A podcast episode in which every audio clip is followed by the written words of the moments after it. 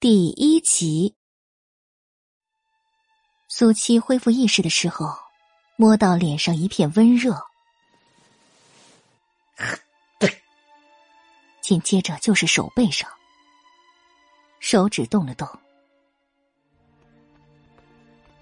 哎，醒了，傻子醒了，傻子。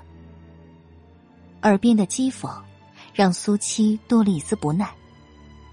那个不要命的，竟然敢来惊扰他的睡眠！该死，活的不耐烦了。他的声音不重，但是绝对足够震慑所有人的，直到一片笑声。傻子做梦呢，说活的不耐烦了。苏七终于意识到不对劲儿了，刚刚不是他的声音。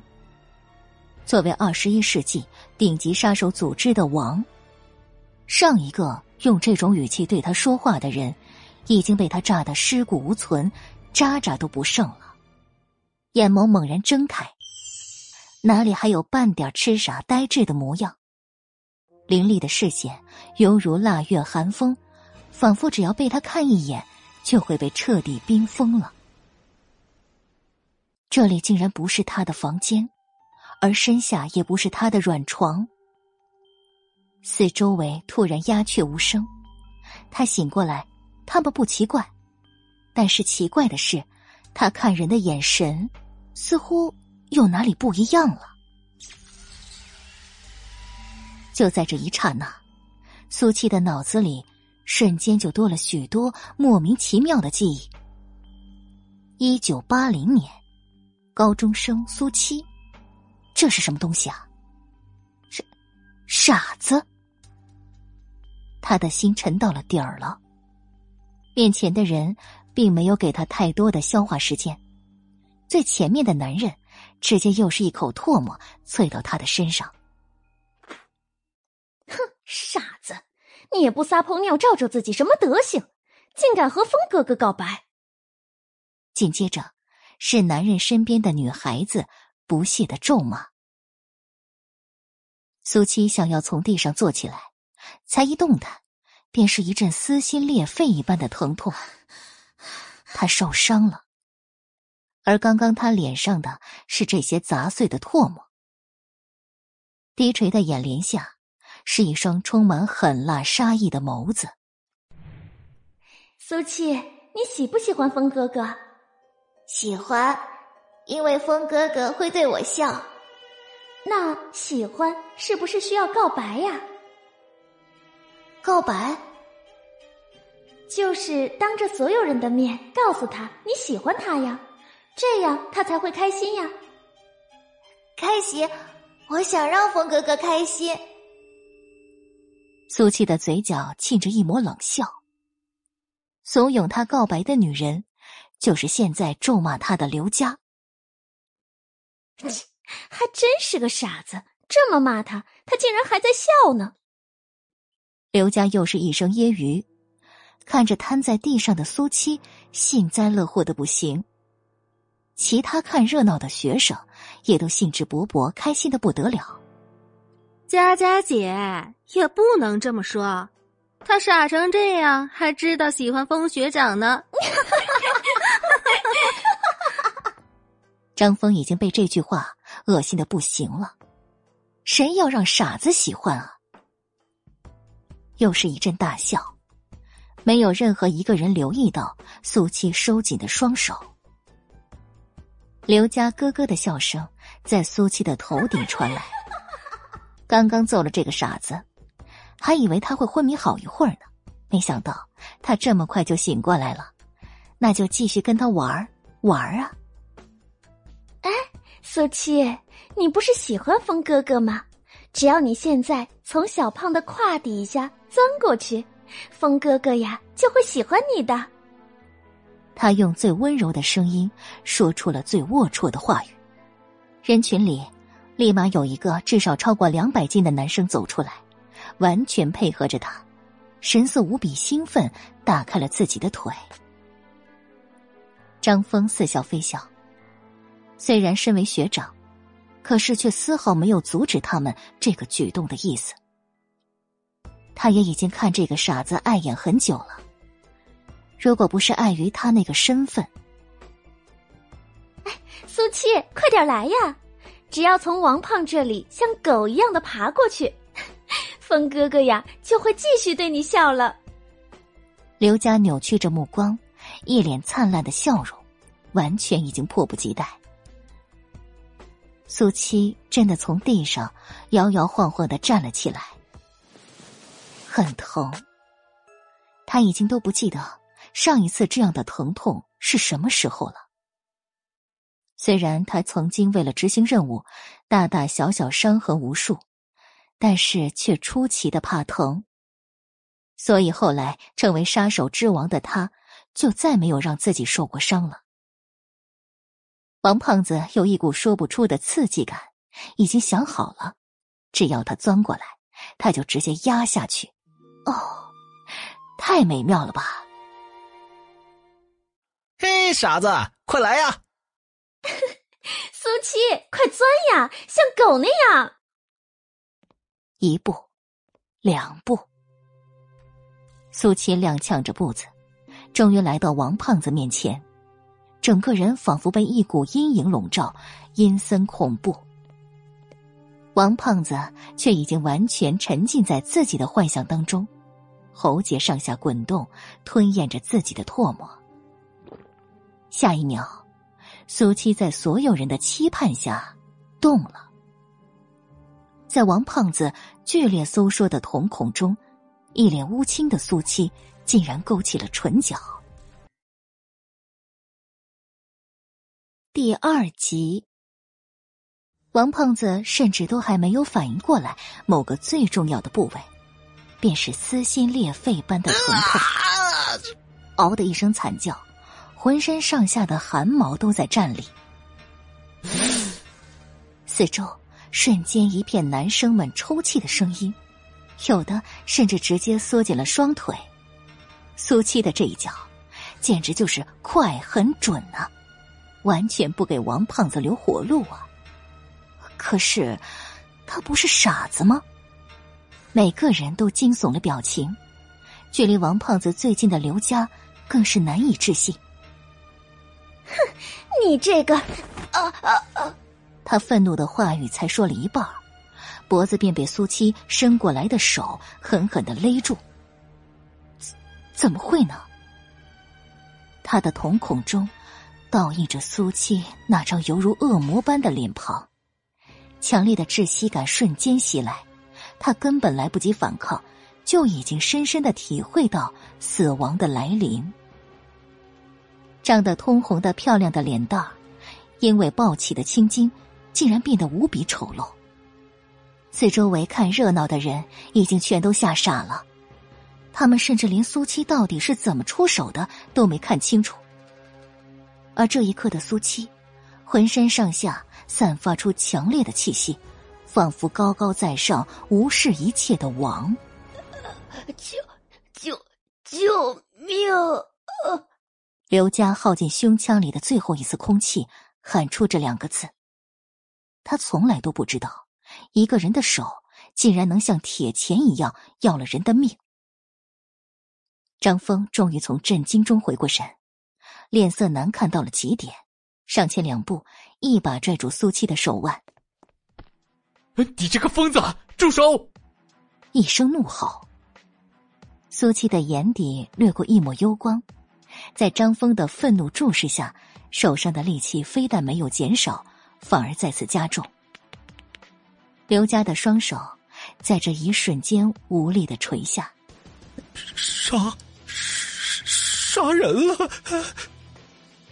王胖子捂住自己的裤裆，巨大的恐惧甚至让他短暂的忘记了疼痛，双腿一软，瘫倒在地，双腿一片温热，缓缓的弥漫。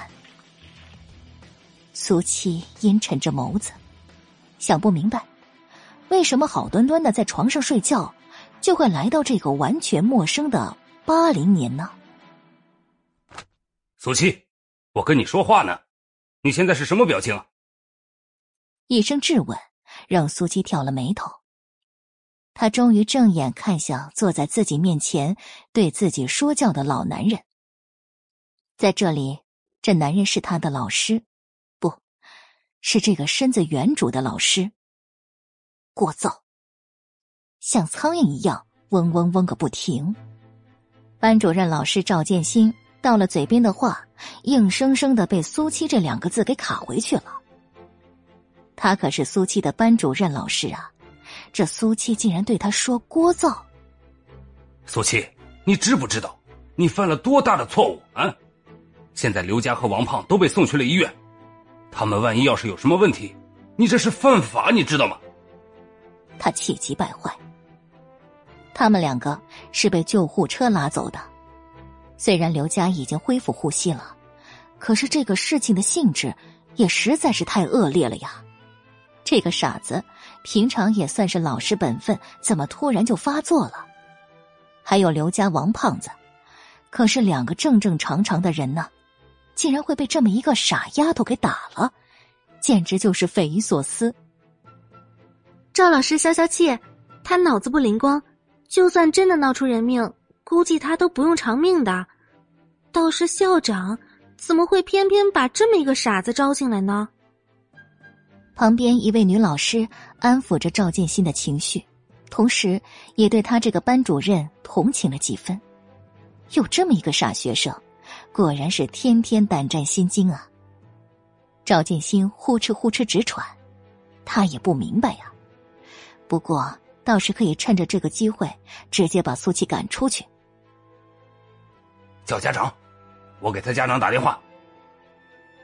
苏琪眼底一抹阴霾，说了这么久，他们都对他的伤视而不见，反而还要兴师动众的找他的麻烦。这种人就该被扔进黄浦江里直接喂鱼。可是他也知道，这个年代，特别是他现在的身份。并不能让他大庭广众之下为所欲为。不过，只要他想，便有一万种办法，让他在这个世界上神不知鬼不觉的消失。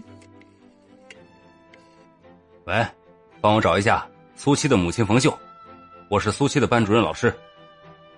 他说：“冯秀，是他现在记忆里的母亲。”你说什么？冯秀现在过不来？为什么？偷盗。好的，我知道了。赵静心很快就挂断了电话，看着苏七的眼神更是充满了鄙夷。赵老师怎么了？女老师也听出了不对劲儿，赶忙询问。赵建新一声冷笑：“哼，还真是上梁不正下梁歪呀！刚刚电话里的人说了。”他妈现在来不了了，正被大院里的街坊们盘问呢。他偷了别人家的东西。苏七呼吸一顿，似乎突然想到了什么，下一秒转身而去。哎，谁让你走的？你给我回来！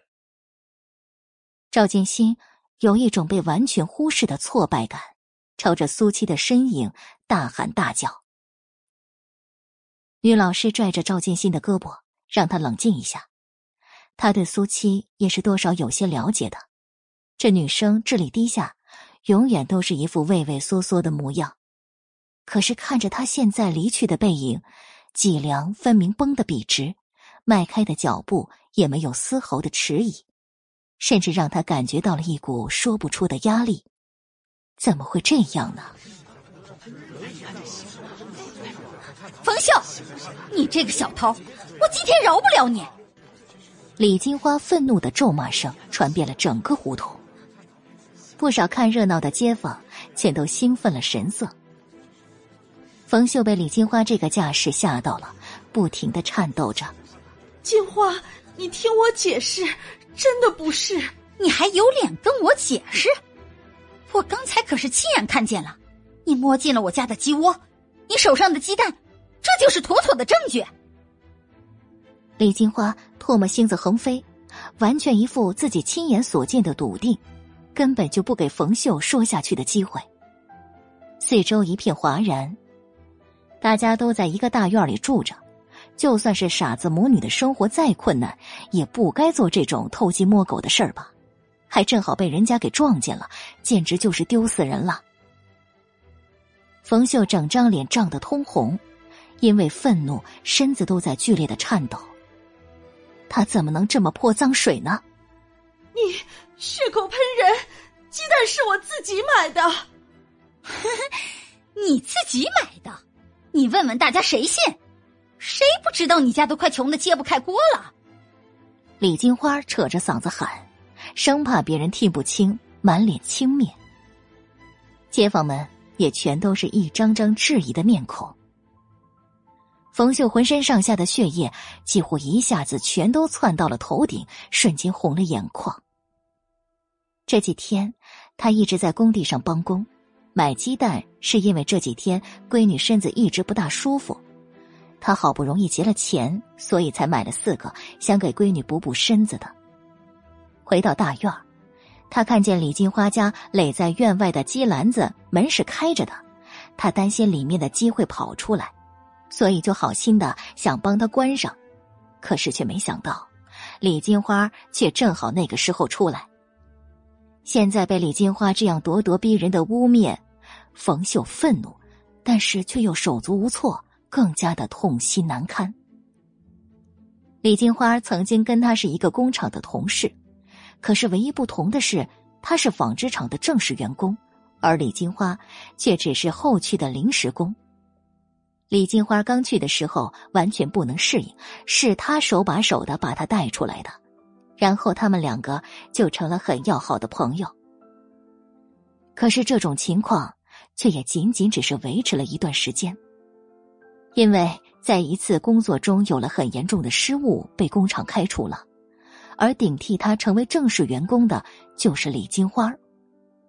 之后的这些年里，李金花在工厂混得风生水起，不但在大院里分到了房子，而且还成了小组长，格外的风光。按理说，他们两个人就算是身份拉开了距离，也不应该特别的生分呢。可是。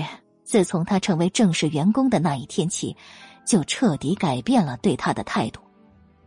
在大院里，不但经常明里暗里的讽刺，就算是见面之后也情分全无。特别是最近这些年，他们母女的日子越来越落魄，李金花对他们就越发的趾高气昂，甚至现在还这样冤枉他。我觉得金花婶子说的是真的，我刚才。好像也看见了冯婶子进鸡窝了。人群里，叶小莲突然开口附和：“苏家的热闹，他可是比任何人都还要积极呢。”冯秀一张脸红的。第三集，冯秀，不是我说你啊，就算你再怎么困难，也犯不着这么做吧？你看看你现在搞得这乌烟瘴气的。这件事情要怎么收场嘛？另外一边的王大树也扯着嗓子开了口，说到最后，痛心疾首的直接就给他定了罪了。所有人看着冯秀，眼神全都变了，就好像他是让人嫌弃的垃圾一样。冯秀再也忍不住这样的羞辱，眼泪吧嗒吧嗒的掉下来。你。你们到底想要怎么样？李金花一声冷笑，似乎就在等着他现在的这句话，挥挥手，示意让大家安静下来。哼，冯秀，这些年来，一直都让你们娘俩留在大院，是大家心善，觉得你们孤儿寡母的太可怜。但是现在，为了大院的名声，还有所有人的财产安全着想。你们还是离开大院吧。他的这番话完全符合了王大树和叶小莲的心意。冯秀的眼泪顿时凝固，难以置信的看着他，垂在身侧的双手紧握成拳，手臂上的青筋都凸了起来。他们母女只剩下这个家了。如果这话从别人嘴里说出来也就罢了。可是，却是从李金花的嘴里。为什么要把他们母女赶尽杀绝呢？我，我绝对不会走的。咬紧牙关开口，语气从来没有过的坚决。这些年来，他在这个大院生存，已经没有任何自尊可言了。但是这一次，就算是为了闺女，他也绝对不会再退让。李金花阴恻恻的笑着。你要是不走，我就去报警。你就是个小偷，让警察来处理。这样一来，也算是给大院除害了。人群里的叶小莲完全一副幸灾乐祸的模样，甚至差点就忍不住笑出了声。冯秀脸如死灰，只是几个鸡蛋而已，而且也不是他家的。金花婶子，就算您报警了。警察怎么会抓一个偷鸡蛋的贼呢？叶小莲又开口了，说到“贼”那个字的时候，尾音拉得长长的。要不我给您出个主意，您听听行不行？他继续对李金花说着。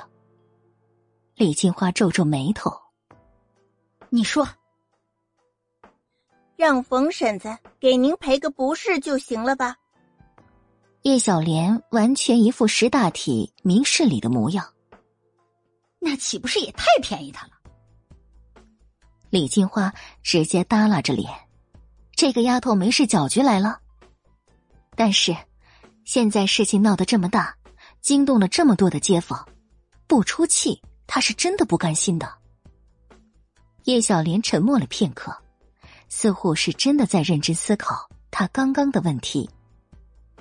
两人一说一答，完全把冯秀当成了空气一样。嗯，也对。为了防止以后这种事情再发生，同时也给冯婶子敲个警钟，就让冯婶子给您跪下来磕一个响头。您看这样行吗？李金花的眼底一抹金光，转瞬即逝，然后给了叶小莲一个赞赏的眼神。这个丫头还真是懂他的心思呢。那就让大家来评评理，这样解决行不行？免得说我欺负了他们这孤儿寡母。只是磕头认错而已，这都便宜他们了，有什么不行的？人群里，王大树先领头答应了。四周围十几个看热闹的街坊，也全都一片附和之声。整个现场简直就是兴奋的不得了，每一个人都好像迫不及待的在等着冯秀给李金花磕头认错，完全没有觉得只是因为几个鸡蛋就要这样的给人难堪有什么不对的。鲜血顺着冯秀紧握的拳头缓缓滴落，他的脸上已经从刚刚的涨红变成了一片惨白。这么多年来，他们母女这个大院不管日子过得多么艰难，不管被街坊怎样的指指点点，他都全部忍下。可是现在，李金花却把他的所有自尊狠狠的踩在脚下。李金花下巴高高的扬起，洋洋得意的看向他。那个曾经让他嫉妒、觉得高不可攀的女人。现在竟然要卑躬屈膝的跪倒在他的面前，当真是没有比这更让人心情愉悦的事情了。上前一步，双手抱在胸前。冯秀，看在咱们也算是朋友一场，你跪下来给我磕一个响头，我就不追究了。磕吧！又是一片兴奋的催促声。你还是赶紧吧，就这么大点事儿，难不成还要等你家苏七回来看见了？哼，那傻丫头看见了又能怎么样？搞不好啊，还会在一边拍手鼓掌呢。周围的讥笑狠狠戳在冯秀的心里，他急促的呼吸，双目赤红，看着那一张张扭曲的面孔，拳头缓缓松开。弯曲了双腿，李金花已经狰狞了神色。就当冯秀还没反应过来的时候，已经被一股力量阻止了继续下跪的姿势。他很明显的愣了一下，然后扭头看向了身边。苏七面无表情看着面前的一切，目光复杂而陌生。七七，你怎么回来了？冯秀脸色顿时就变了。这样的场面是无论如何都不能让苏七看到的呀！你们在做什么？苏七冷冷的开口，掠过在场的每一个人，最后停顿在李金花的身上。所有人都愣住了，苏七这语气怎么没有半点的傻气了？李金花显然没想到他会突然回来，不过回来就回来了，一个傻子而已。李金花愣神的功夫，王大树已经开口调侃，告诉苏七：“你妈偷了人家鸡蛋了，他们都等着让你妈给李金花磕头认罪呢。”苏七淡淡打量他一眼。冷漠的表情中，带着一抹隐隐升腾的杀意。下一秒，嘴角微微上扬，他在笑啊！明明他在笑，但却让所有人都觉得诡异至极。记忆中，这个男人就住在他家前面的院子。之前原生父亲还在的时候，他就像狗一样的巴结他们家。可是这两年，却是变着花样的想把他们撵出大院当然，这么做也不是没有原因的。他是看中了他们家里那三间宅子的地方。他唯一的宝贝儿子今年已经十九岁了，已经到了娶媳妇的年纪，似乎有了对象。可是女方却提出了一个要求，那就是必须有单独的院子过日子。王大树想要在外面置田地，家里的条件却不允许，然后他就动了歪心思。第四集，王大树的歪心思，就是以低价买下他们住的这片房产。对于价格低到什么程度，简直就是仨瓜俩枣了，他们自然是不肯答应的。毕竟离开这里之后。到了外面就是个死啊！苏七，你笑什么？难不成你想和你妈一起给金花婶子磕头道歉吗？苏七的眼珠子转了转，又看向落井下石的叶小莲，这个丫头，那可跟她更是深仇大恨了，有意思。苏苏七，我们问你话呢。叶小莲突然有了一股不祥的预感。不知道为什么，他突然就觉得面前的苏七好像跟以前不一样了。以前这个丫头可是八棍子都打不出一个屁来，在他面前唯唯诺诺，连句大声话都不敢说的。可是现在，他的一双眸子就像是要吃人的野兽一样，哼。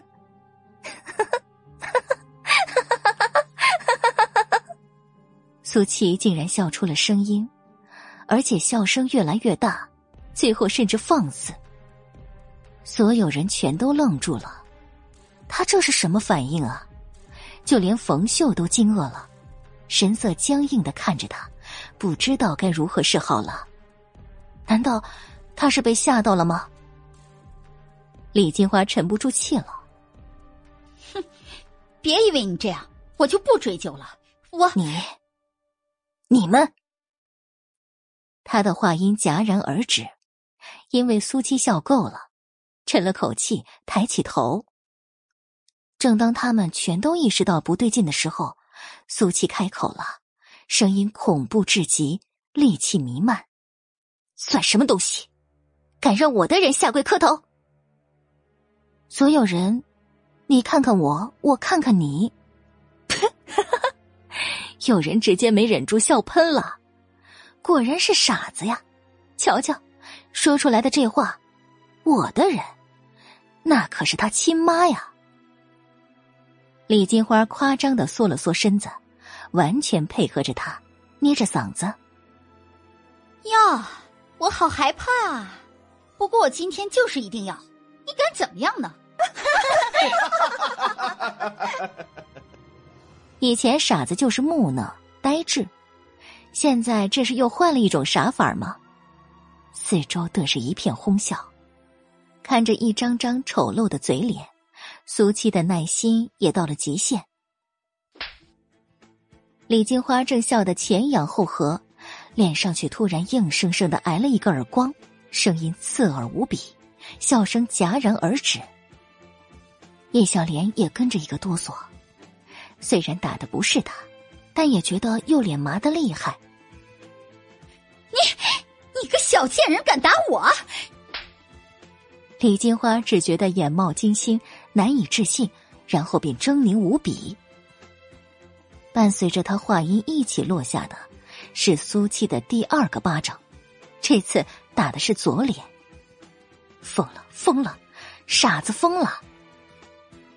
鲜血直接顺着李金花的嘴角流出来，接连被打了两个耳光，他彻底扭曲了表情，想要打回去，胳膊高高抬起，狠狠落下，然后被苏七一把捏住手腕。他撩起眼皮，神色冷酷，蝼蚁一般，竟然还敢妄想动我！五根手指稍微用力，嘎巴一下。李金花甚至还来不及反抗，便惊悚的听到自己骨头碎裂的声音。哎呀！啊！他的哀嚎声让所有人都僵住了，被一股说不出的恐惧笼罩着。冯秀被吓得浑身颤抖，这还是他的闺女吗？李金花一屁股蹲在地上，疼的眼泪都出来了。他竟然被傻子给欺负了。杀人了！傻子要杀人了！大家帮我报警啊！叫救护车呀！我要死了！快让开！厂长来了！不知道是谁喊了一句，人群呼啦啦的散开。周国松迈着大步走进来。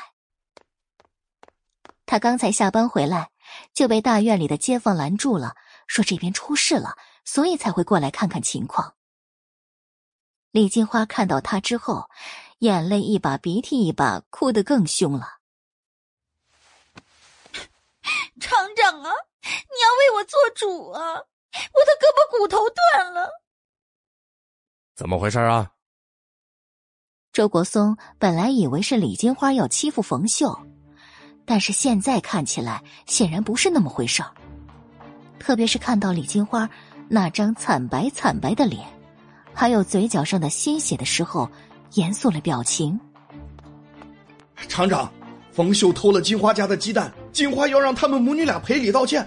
可是没想到苏七这丫头简直就是疯了一样嘛！不但打了金花，还把她的手臂给捏断了。人群里，王大树直接站出来解释着。周国松眉头紧皱，甚至怀疑自己是不是听错了。手臂怎么会被捏断呀？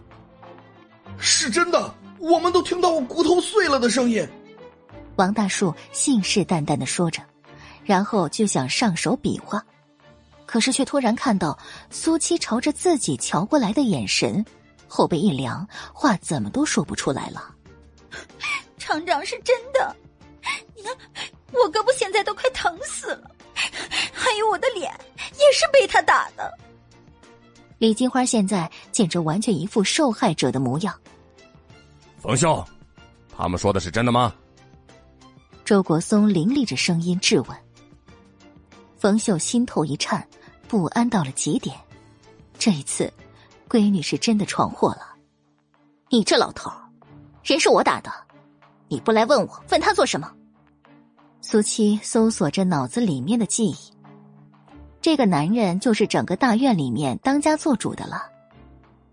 周国松愣了愣，在这个大院子里面，上到八十岁的老者，下到刚刚会说话的小孩子，谁看到他，都要恭恭敬敬的喊一声厂长。可是苏七刚刚却叫他老头儿，周围的街坊们也全都倒吸了一口凉气。虽然知道苏七的脑子不太灵光，但这也太放肆了。厂长，你别跟孩子一般见识，我们真的知道错了。冯秀彻底被吓到了，已经什么都顾不上，直接赔礼道歉。苏七看到他这副唯唯诺诺的样子，也是被气得够呛。这个女人的性子也太软了，都被别人骑到脖子上欺负了，竟然还要道歉。你做错什么了？分明是他们污蔑你在先，捏碎他一条手臂，我已经是手下留情了。冯秀用力拽着苏七的胳膊，这孩子今天到底是怎么了呀？平常他是从来不敢也不会说出这种话来。你拽着我干什么？你这个人就是这样，苦能受，累能受，气不能受。人不犯我，我不犯人。倘若人要犯我，说到这儿，苏七的声音稍微停顿下来，然后看着地上的李金花，阴恻恻的笑着，语速慢到了极点。我就让他死无葬身之地。苏七，你。你不傻了？周国松目光闪烁，短短几句话就已经看出苏七的状态已经完全跟平常不一样了。他的一句话，让所有人的脸色都变得精彩了。哎，别走！第五集。一道道惊愕的视线齐刷刷朝着苏七看过去，冯秀更是急促了呼吸。苏七低垂着眼帘下，一抹金光转瞬即逝。你才傻，你全家都傻，你们都是坏人，欺负我的人，我全都杀了你们！苏七凶狠着目光，警告着所有人：“哼，所以还是傻的呀，苏七。”你别仗着你是个傻子就可以这样逞口舌之快了。你妈刚刚就是偷了金花婶子家的鸡蛋了，这是事实。叶小林觉得其他人好像都被现在的苏七给吓到了，脑子一热就冒出一句话。苏七不怒反笑，冷得渗人。你亲眼看见的？他声音不重，可是却让叶小莲呼吸一颤，竟然犹豫起来。不过，也仅仅只是片刻，他便僵硬的点了点头。哼，你的这双眼睛啊，可以抠出来了。苏七温柔着语气盯着他的双眼，叶小莲头皮瞬间就麻了。这苏七到底傻不傻？怎么会让人觉得这么可怕呀？你你你你你你。控制不住恐惧，颤抖了声音。鸡蛋是从他家鸡屁股里出来的，还是买来的？问问买家就好了。你们这群白痴！哎呦，苏七的话让李金花哭喊戛然而止，一颗心沉到了底儿了。因为紧张，用力的吞咽着自己的唾沫。四周的人也同样是面面相觑，显然没有想到。还有这样简单的办法？冯秀也恍然大悟。对，没错，我的鸡蛋就是在外面的供销社买的，现在应该还没有关门，咱们马上过去。说到最后，他哽咽了声音，所有的委屈似乎都在这一刻爆发了。他是被冤枉的，一道道目光全都朝着李金花看过去。这件事情就是他闹起来的，而且他又说的那样信誓旦旦的，难道真的是他在冤枉冯秀吗？空气仿佛都凝固了一般。李金花已经心虚的不敢去看任何人，甚至连疼都顾不上了。当然是不能去的，去了就穿帮了呀。金花，你还能不能走啊？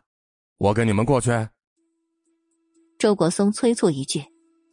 虽然对苏七刚刚的那句话还是耿耿于怀的，但真相还是要搞清楚的。哎呀，我疼的厉害，动不了。李金花龇牙咧嘴，找着借口。苏七却似笑非笑的看着他，只是眼神却说不出的冷。周国松几乎马上就明白到底是怎么回事了，狠狠的瞪了他一眼，然后重新看向了冯秀。不仅是他，看热闹的那些人也都明白了。刚刚还在义愤填膺，反转的实在是太快了，每个人脸上的表情都不太好看。冯秀啊！本来也不是什么大事大家都在一个院子里面住着，还是要以和为贵啊。闹剧一场，也就是这些老娘们儿闲得太无聊了。冯秀又差点忍不住掉下眼泪，总是可以清白了。刚想要点点头，可是却没想到苏七竟然又开了个口：“老头儿，你说不追究就不追究了吗？”屁股歪的真是够可以的。周国松差点一口老血喷出来。他说的这是什么混账话？这绝对不是傻子能说出来的呀！那你还想怎么样啊？人都被你打成这个样子了。苏七眯了眯眼睛，然后看向旁边的王大树和叶小莲。刚才这两个人可是叫唤的最欢，还要让我家人下跪磕头认错。他们两个就是帮凶。现在我给老头你面子，不杀他们，但是他们要向我家人认错。周国松实在是头疼了，说这丫头傻吧，可是她平常木木讷讷的，没这种智力；说她不傻吧，哪个正常人能把杀人挂在嘴边，还说的那么底气十足的？苏七，杀人是不好的。你要是杀人了，那那就是要坐牢的。你你知道坐牢是什么吗？就是把你关在。他说到这儿，朝着四周围打量一下，然后看到李金花家的鸡舍。呃，啊，就跟那个差不多的笼子里。所以你现在听话，啊，跟你妈乖乖回家去。苏七直接咧开嘴笑了，露出满口白牙。老头气他吃傻。故意哄骗他呢，哼！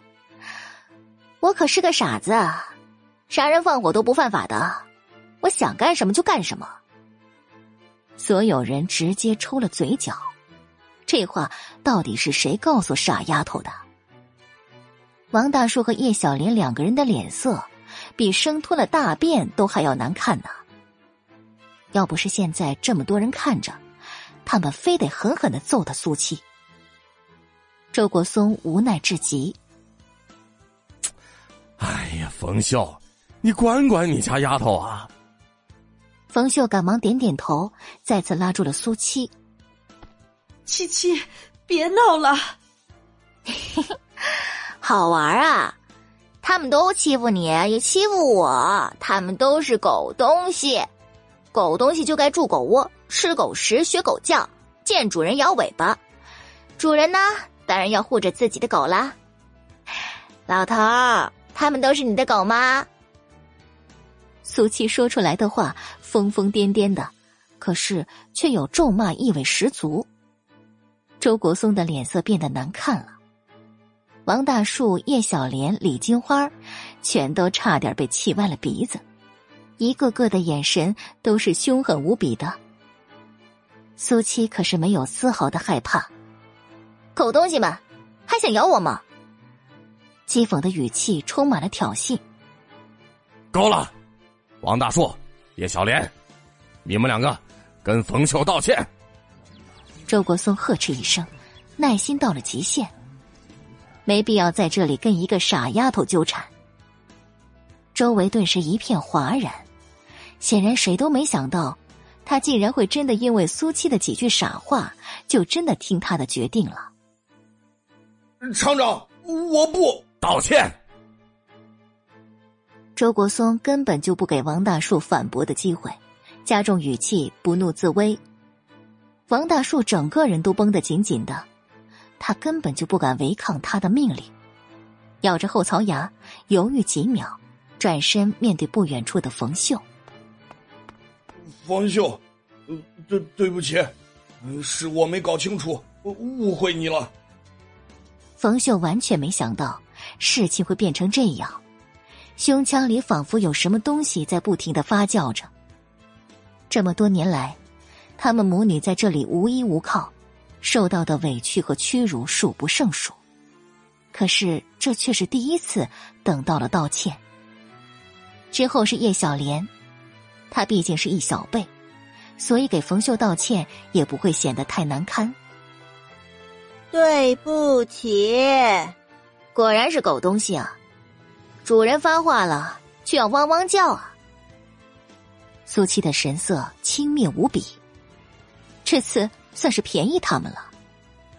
王大叔、叶小莲两个人只觉得脸上火辣辣的烧着，咬紧着后槽牙。嚣张，实在是太嚣张了。第六集，冯秀小心翼翼跟在苏七的身后，大气都不敢喘一下。刚刚发生的一切都不在他们可以理解的范围之内。苏七完全感觉到了，一直注视着他那道目光，不过他完全不在意，按着记忆中的方向走着。当苏七看到面前半截矮墙里面杂草丛生，还有摇摇欲坠的三间土坯房时，整个人都不好了。这是人住的地方吗？这种房子，在他的记忆里面，根本就是不存在的灭绝建筑。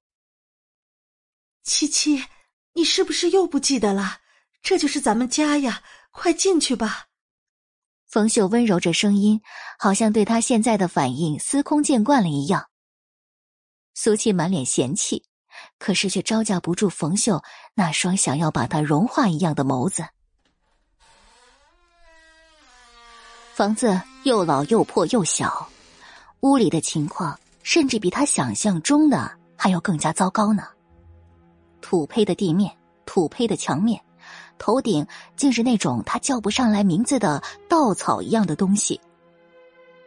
木头窗上糊的是纸，一个矮桌，两个板凳，一口水缸，便是外屋的全部了。七七，你听话，去屋里等着，妈给你煮鸡蛋吃。我不爱吃鸡蛋。苏七直接敷衍一句，现在他根本没办法回神的。你这孩子。说什么傻话呢？回屋吧。冯秀又小心翼翼看了他一眼。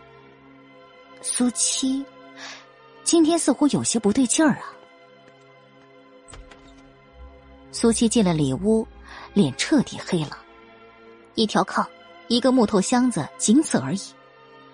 如果非要在这里找到什么亮点，也就只有墙上贴的那张已经泛了黄的大头娃娃年画了。浑身上下的力气，仿佛都被抽离了，瘫坐在炕边屁股硌得生疼。难道，难道这就是他以后要生活的地方吗？没有手机，没有电脑，更没有网络，甚至连电视都没有。此时此刻，他脑子里只剩下一个念头：他要回去啊！回到那个他可以呼风唤雨、为所欲为的世界。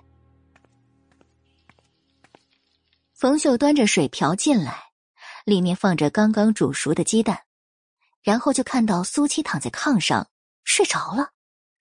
刚才的事儿，他肯定是受到了惊吓。七七，醒醒，吃鸡蛋了。苏七的两只眼睛顿时就睁开了，失望至极。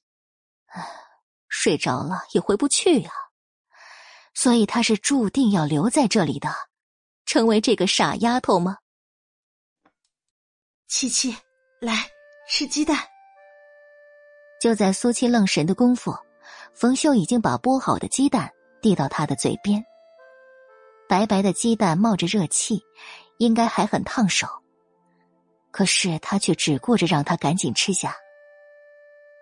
苏七看着女人干瘪而布满皱纹的脸颊，明明狼狈的不得了，但她的表情、眼神却是苏七见过的最温和、最慈祥的。一股完全陌生的情绪，在他心里慢慢发酵。这就是亲情吗？上一世的他什么都有了，更是什么都经历过了，却唯独从来没有体会过亲情。作为一名杀手，作为杀手之王，亲情、爱情是最奢侈的，也是最要命的，也是他最不敢去触碰的。但是现在不一样了，他突然对自己的身份，觉得也不是那么难以接受了。苏七度过了自己人生中最漫长的一夜。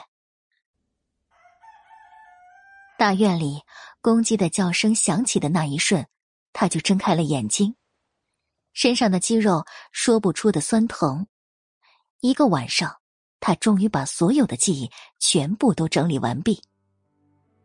原来他并不是出生就是傻的，至少小时候的记忆非常的完整。他的童年似乎还很幸福。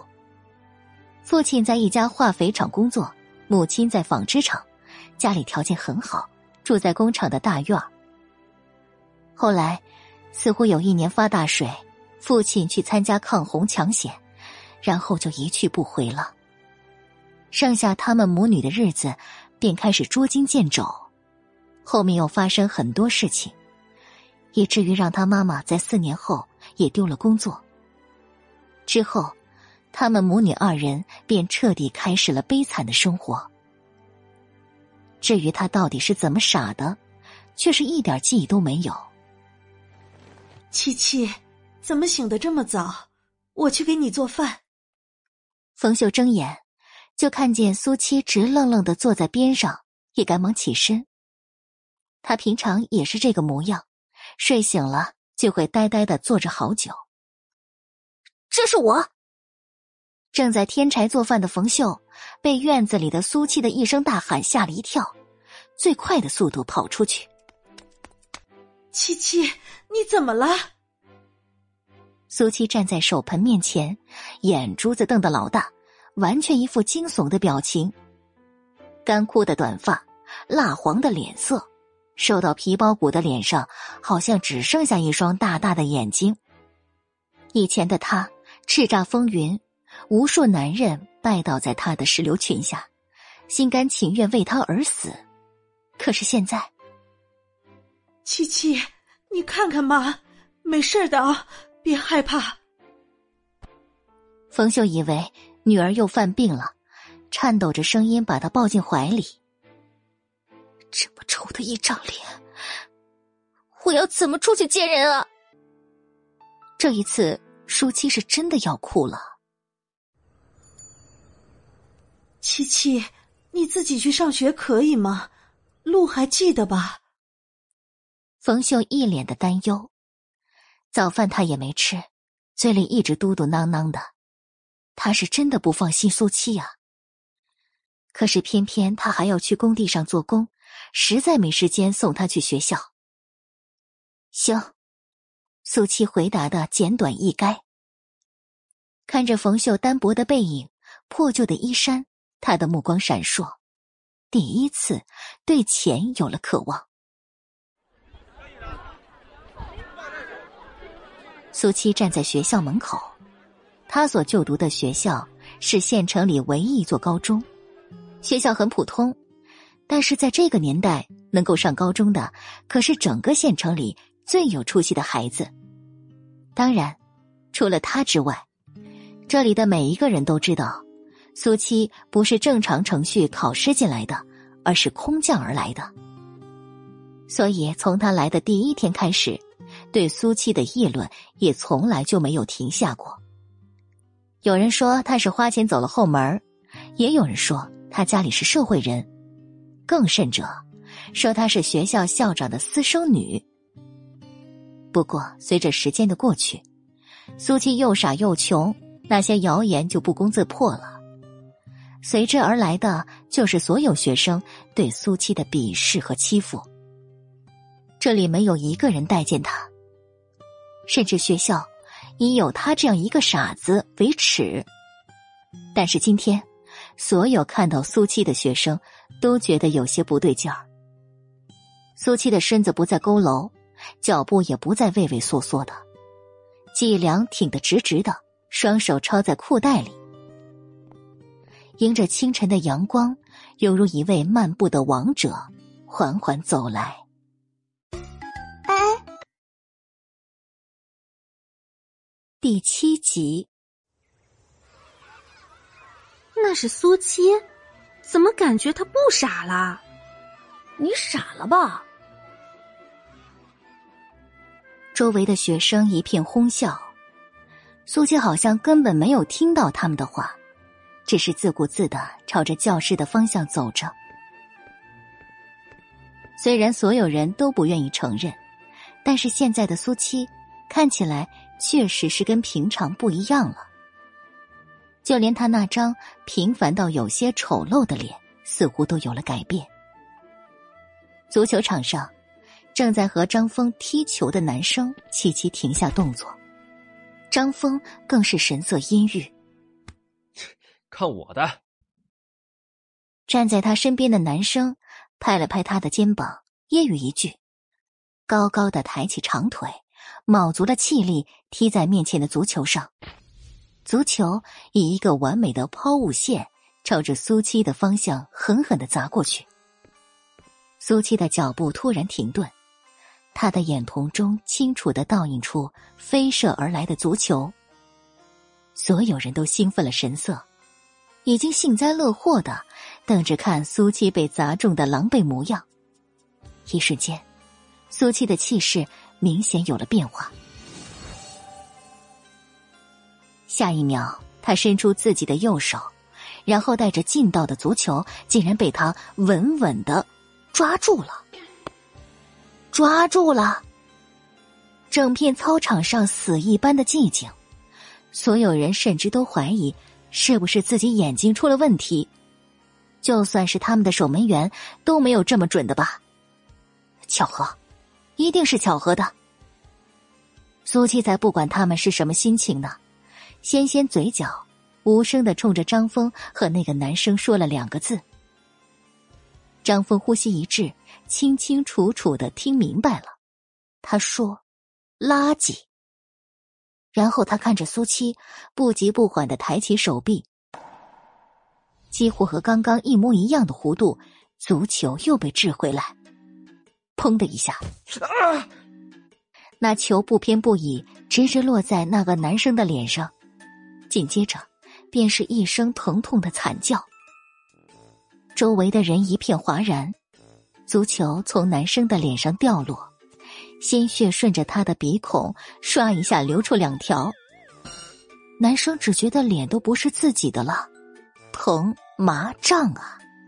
男生旁边的几个人简直感同身受，齐齐倒抽了一口凉气。怎么会这样啊？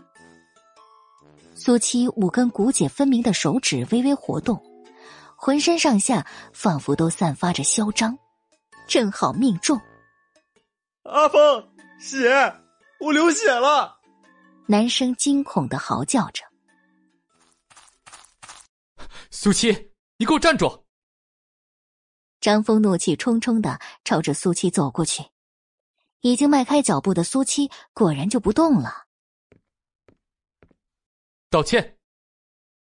张峰盯着他的视线，恨不得将他生吞活剥了一样。苏七淡淡的撩起眼皮，慵懒的打量着他：“你谁啊？”本来不想跟他们这种小崽子一般见识的，但是昨天也有他，现在苏七不高兴了。张峰僵在原地，他是真的不记得他了，还是故意装出来的？可他苏七一个傻子，会装模作样吗？以前他看到自己只会盯着自己的脸傻笑，小心羞涩的喊他峰哥哥。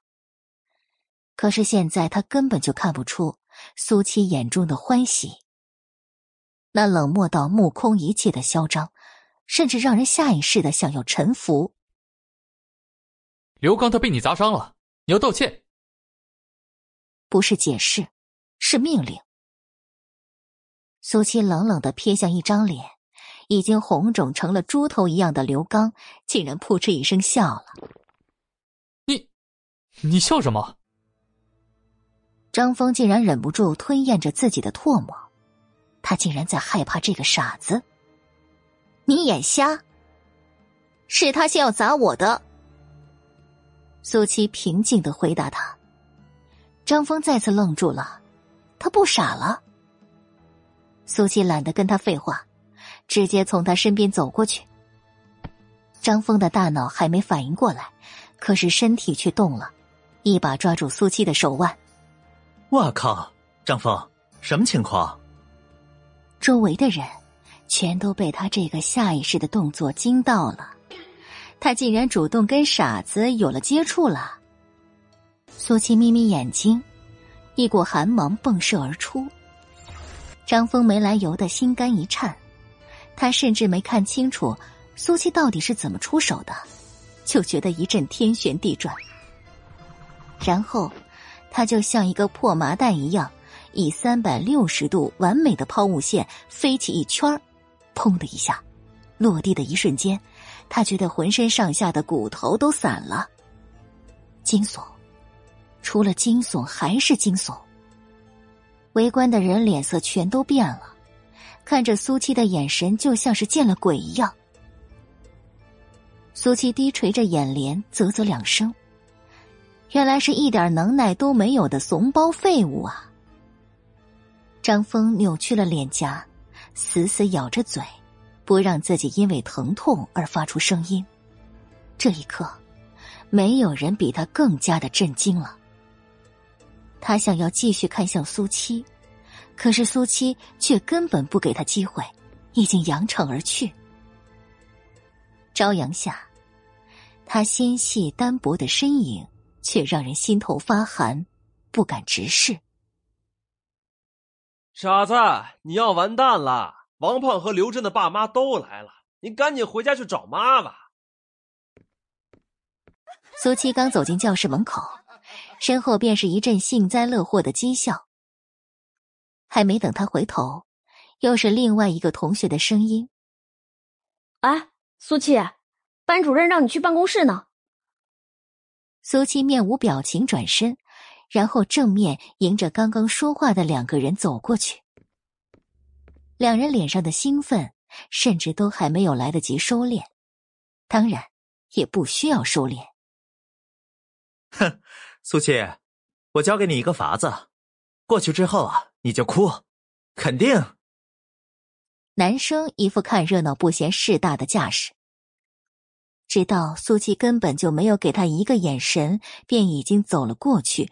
男生一脸的发懵，所以他是被傻子忽视了吗？这件事情，你们学校必须给我们一个交代。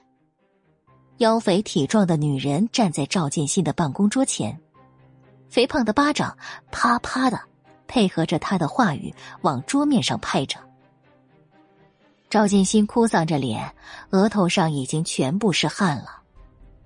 从他教学到现在，带了无数届的学生，还是头一次发现这样恶劣的事情。王胖妈妈，你放心啊，学校一定会严肃处理的。严肃处理就完了吗？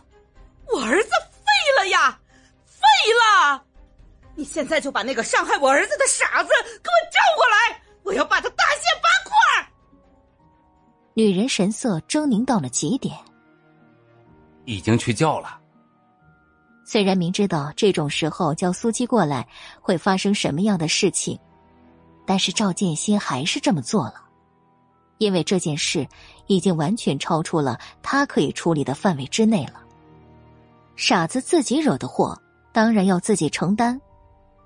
谁找我？苏七冷冰冰的声音从办公室门口响起。王胖爸妈、刘家爸妈一下子全都阴郁了神色，朝着苏七看过去。本集播讲完毕。第八集，苏七双手依然插在裤兜里，不紧不慢的走进来，冰冷狂傲的视线扫过办公室里的每一个人。赵主任，他就是那个伤了我儿子的傻子吗？胖女人咬着后槽牙，跟赵建新确定着。赵建新僵硬的点了点头。胖女人的怒火彻底爆发，蹭一下朝着苏七就扑过去，她要打死这个贱丫头。苏七一侧嘴角微微上扬，只是一个简单的侧身，便刚好躲开女人的撞击。胖女人是卯足了力气的，完全没想到会扑空的，根本就刹不住脚的。一瞬之后，狠狠的撞在办公室的墙面上，整个房子似乎都晃动了起来。胖女人被撞懵了，其他的几人也是一样。这身肥肉，跟我家要宰的母猪一模一样呢。苏七眨巴眨巴眼睛，突然就天真无邪起来。赵建新看着胖女人贴在墙上的动作，又正好听到苏七冒出这么一句，实在是没有忍住笑出声来。不过仅仅一瞬间，他便回了神，赶紧冲过去搀扶住胖女人。还有胖女人的丈夫也跑了过去。疼，疼疼！哎呀！胖女人哀嚎着，好不容易才在他们的搀扶下坐在椅子上。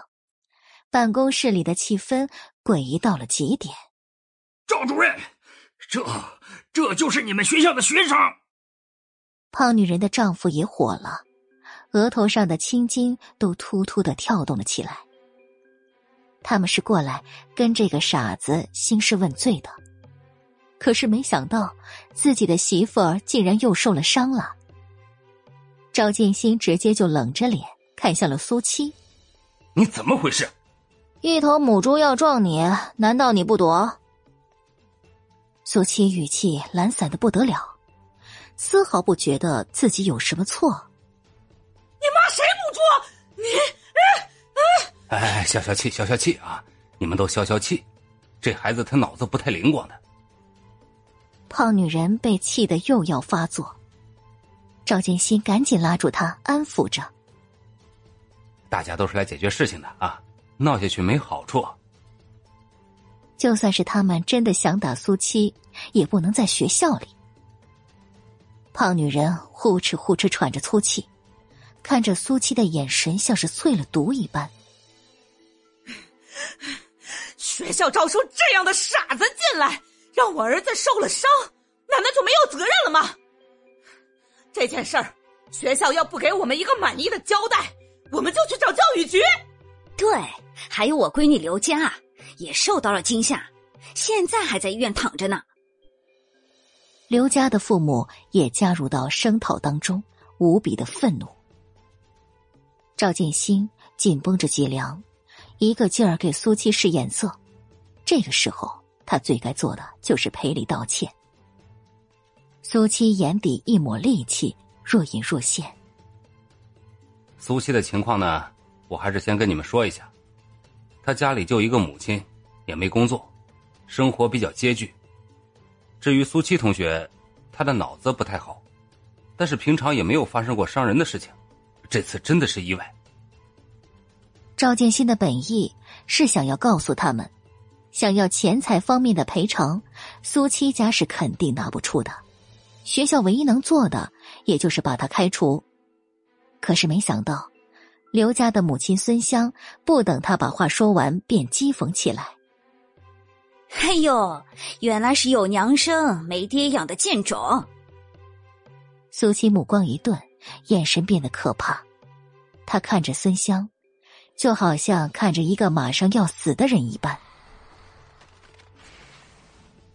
孙香本来还想再多骂两句解解气呢，但是却被苏七的眼神吓到了。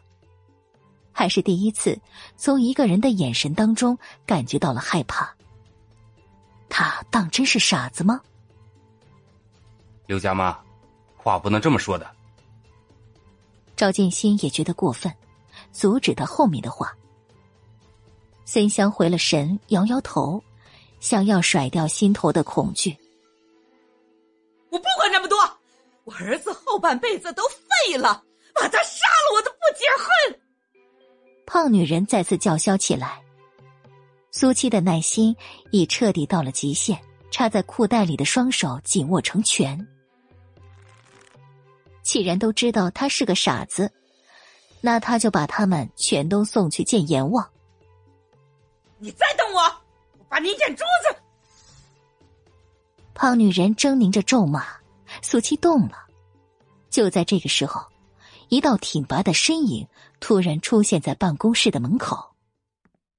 好热闹！一声淡淡的话语打断里面的剑拔弩张。办公室里的所有人都朝着男人看过去，然后鸦雀无声。他们还从来没有见过这样金贵的男人。一身西装，将他完美修长的身躯展现的淋漓尽致，让人仰视的身高，英俊到令人窒息的帅气五官，还有那浑身上下散发出来的高贵气质。无一不在展现他无与伦比的尊贵身份。厉少爷，你怎么会在这里？怎么来了？赵建新和苏七的话语几乎同时响起，前者是恭敬到小心翼翼，后者是惊愕到难以置信。这个男人和他上辈子的死对头长得一模一样。立业却是连看都没有看苏七一眼。径直走到赵建新的面前。这件事儿我来负责。他没听错吧？大名鼎鼎的厉家少爷竟然要负责？等等，他和苏七什么关系啊？为什么要管苏七的事啊？你出去。立业依然没回头，只是给苏七一个侧脸，命令着。霸道无比，苏七整个人仿佛被一股阴影笼罩，阴森恐怖。他都已经到了这个年代了，没想到竟然还能遇见这个该死的男人。难道他和自己一样也是穿越过来的吗？为什么他可以连身体一起，而他却是要活在这个傻丫头的身上？立业见他一动不动。似乎没有听懂自己的话，微微挑眉，显示自己的不悦。带他出去。这句话是吩咐赵建新的。赵建新二话不说，最快的速度走到苏七的身边，拽着他往外走，同时也重重的松了口气。既然厉少爷说这件事他负责，那就完完全全没有问题了。很快。办公室里只剩下立业和王胖刘家的父母。苏七啊，你看着赵老师，告诉赵老师，你和厉少爷到底是什么关系啊？赵建新到了外面的走廊，对苏七的态度简直换了个人一样，温和的不得了。他现在真的是好奇，对苏七的身份又忍不住揣测起来。苏七眼神晃动。一把揪住了赵建新的衣领，沉声低吼：“你说他姓厉，不姓傅？”赵建新的冷汗唰一下就流下来，呼吸都困难了几分。看着苏七眼底的狰狞，被吓到了。完了，这傻孩子又犯病了啊！第九集。苏七，冷静，冷静啊！深呼吸啊！赵建新脸红脖子粗的，还要安抚他。说。苏七不为所动。你你让我说什么？如果是往常，赵建新早就已经端出老师的架子了，可是现在他却只能忍着。那个男人，到底是怎么回事？苏七确实是失控了。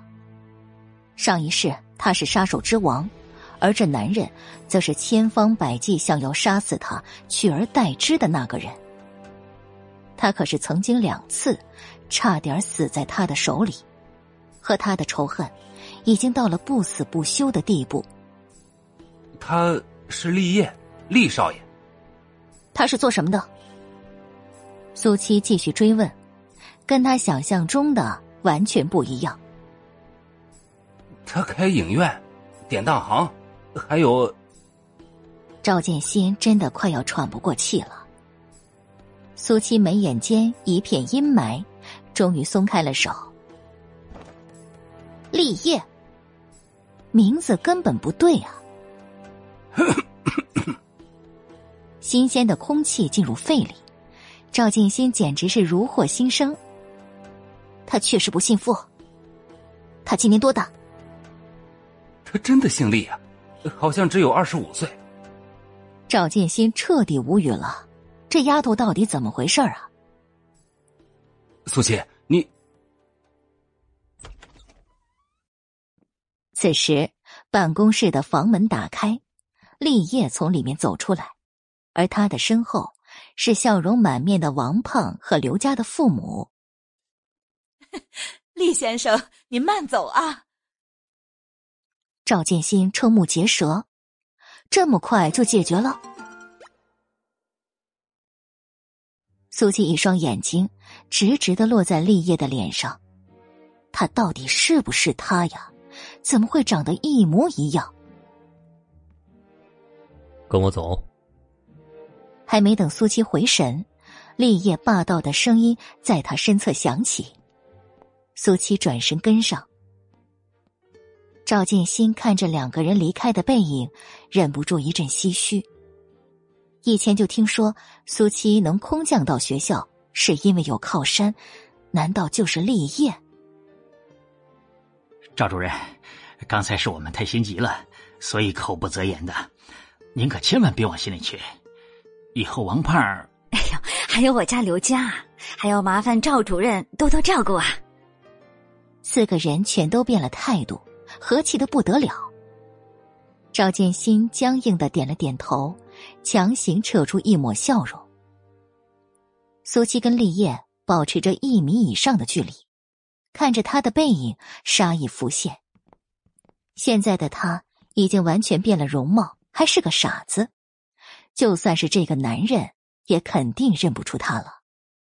所以苏七要做的，就是试探出这个男人到底是不是那个该死的男人。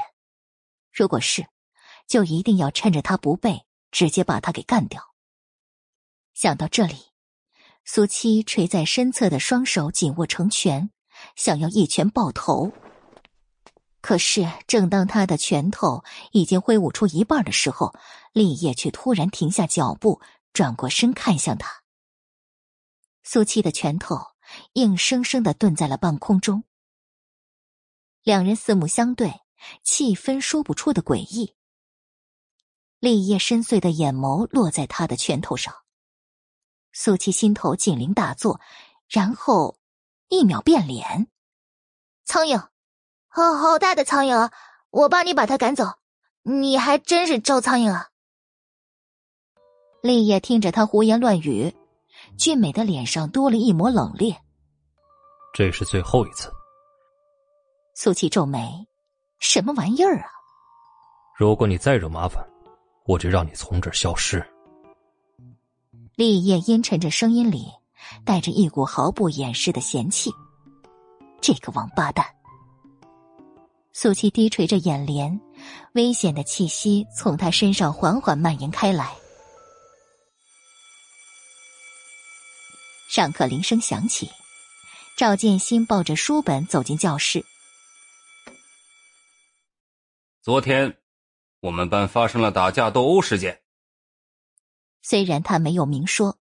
但是全班的学生都心知肚明，今天王胖和刘家的父母都找来，苏七那个傻子绝对会被开除了。但是经过我的了解，对方是挑衅在先，苏七只是出于自保反抗，所以经过学校的研究决定，这一次就给予苏七口头警告。教室里一片哗然，才口头警告吗？赵建新早就已经料到现在他们的反应，清清嗓子继续说下去。还有你们啊，彼此之间都是同学，不能随便鄙视任何一个同学，更不能随便欺负。不管是谁，如果学校一旦发现，绝不姑息。以前他们对苏七怎么样，学校都只是睁一只眼闭一只眼。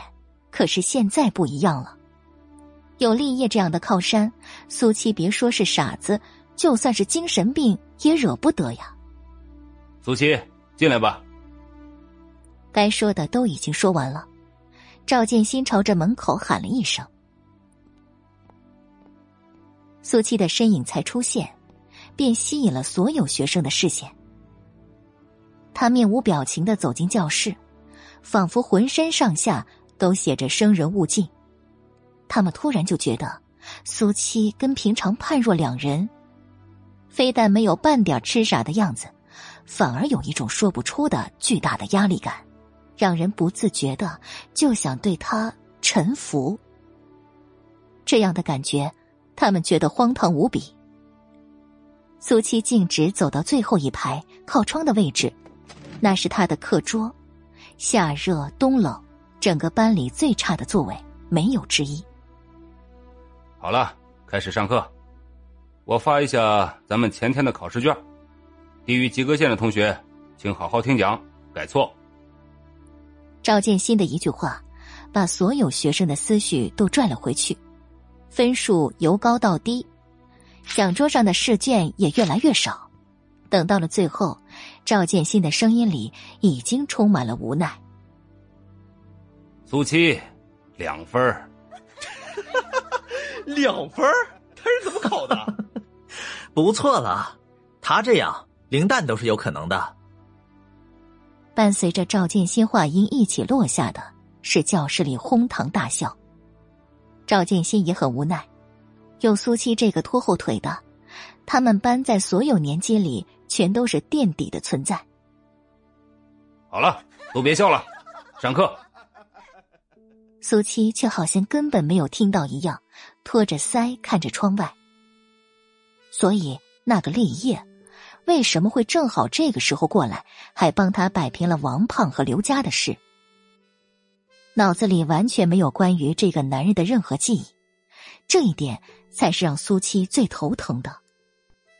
香香，你好厉害啊！竟然又是全班第一啊！下课之后。教室里立马就热闹起来，坐在第二排正中央的吴香香身边，更是站了不少讨好的女生。吴香香不但学习成绩好，而且还是班花，父母还都是知识分子，典型的别人家的孩子。听到这样的话，他只是笑了笑，说没什么，他就是随便考考而已的。可是。那差十分就满分的试卷，却招摇的摆在了课桌上。香香，听说你投给校刊的文章已经过了一选了，那如果能够被最后选中的话，是不是每周都能在上面看到你的连载了？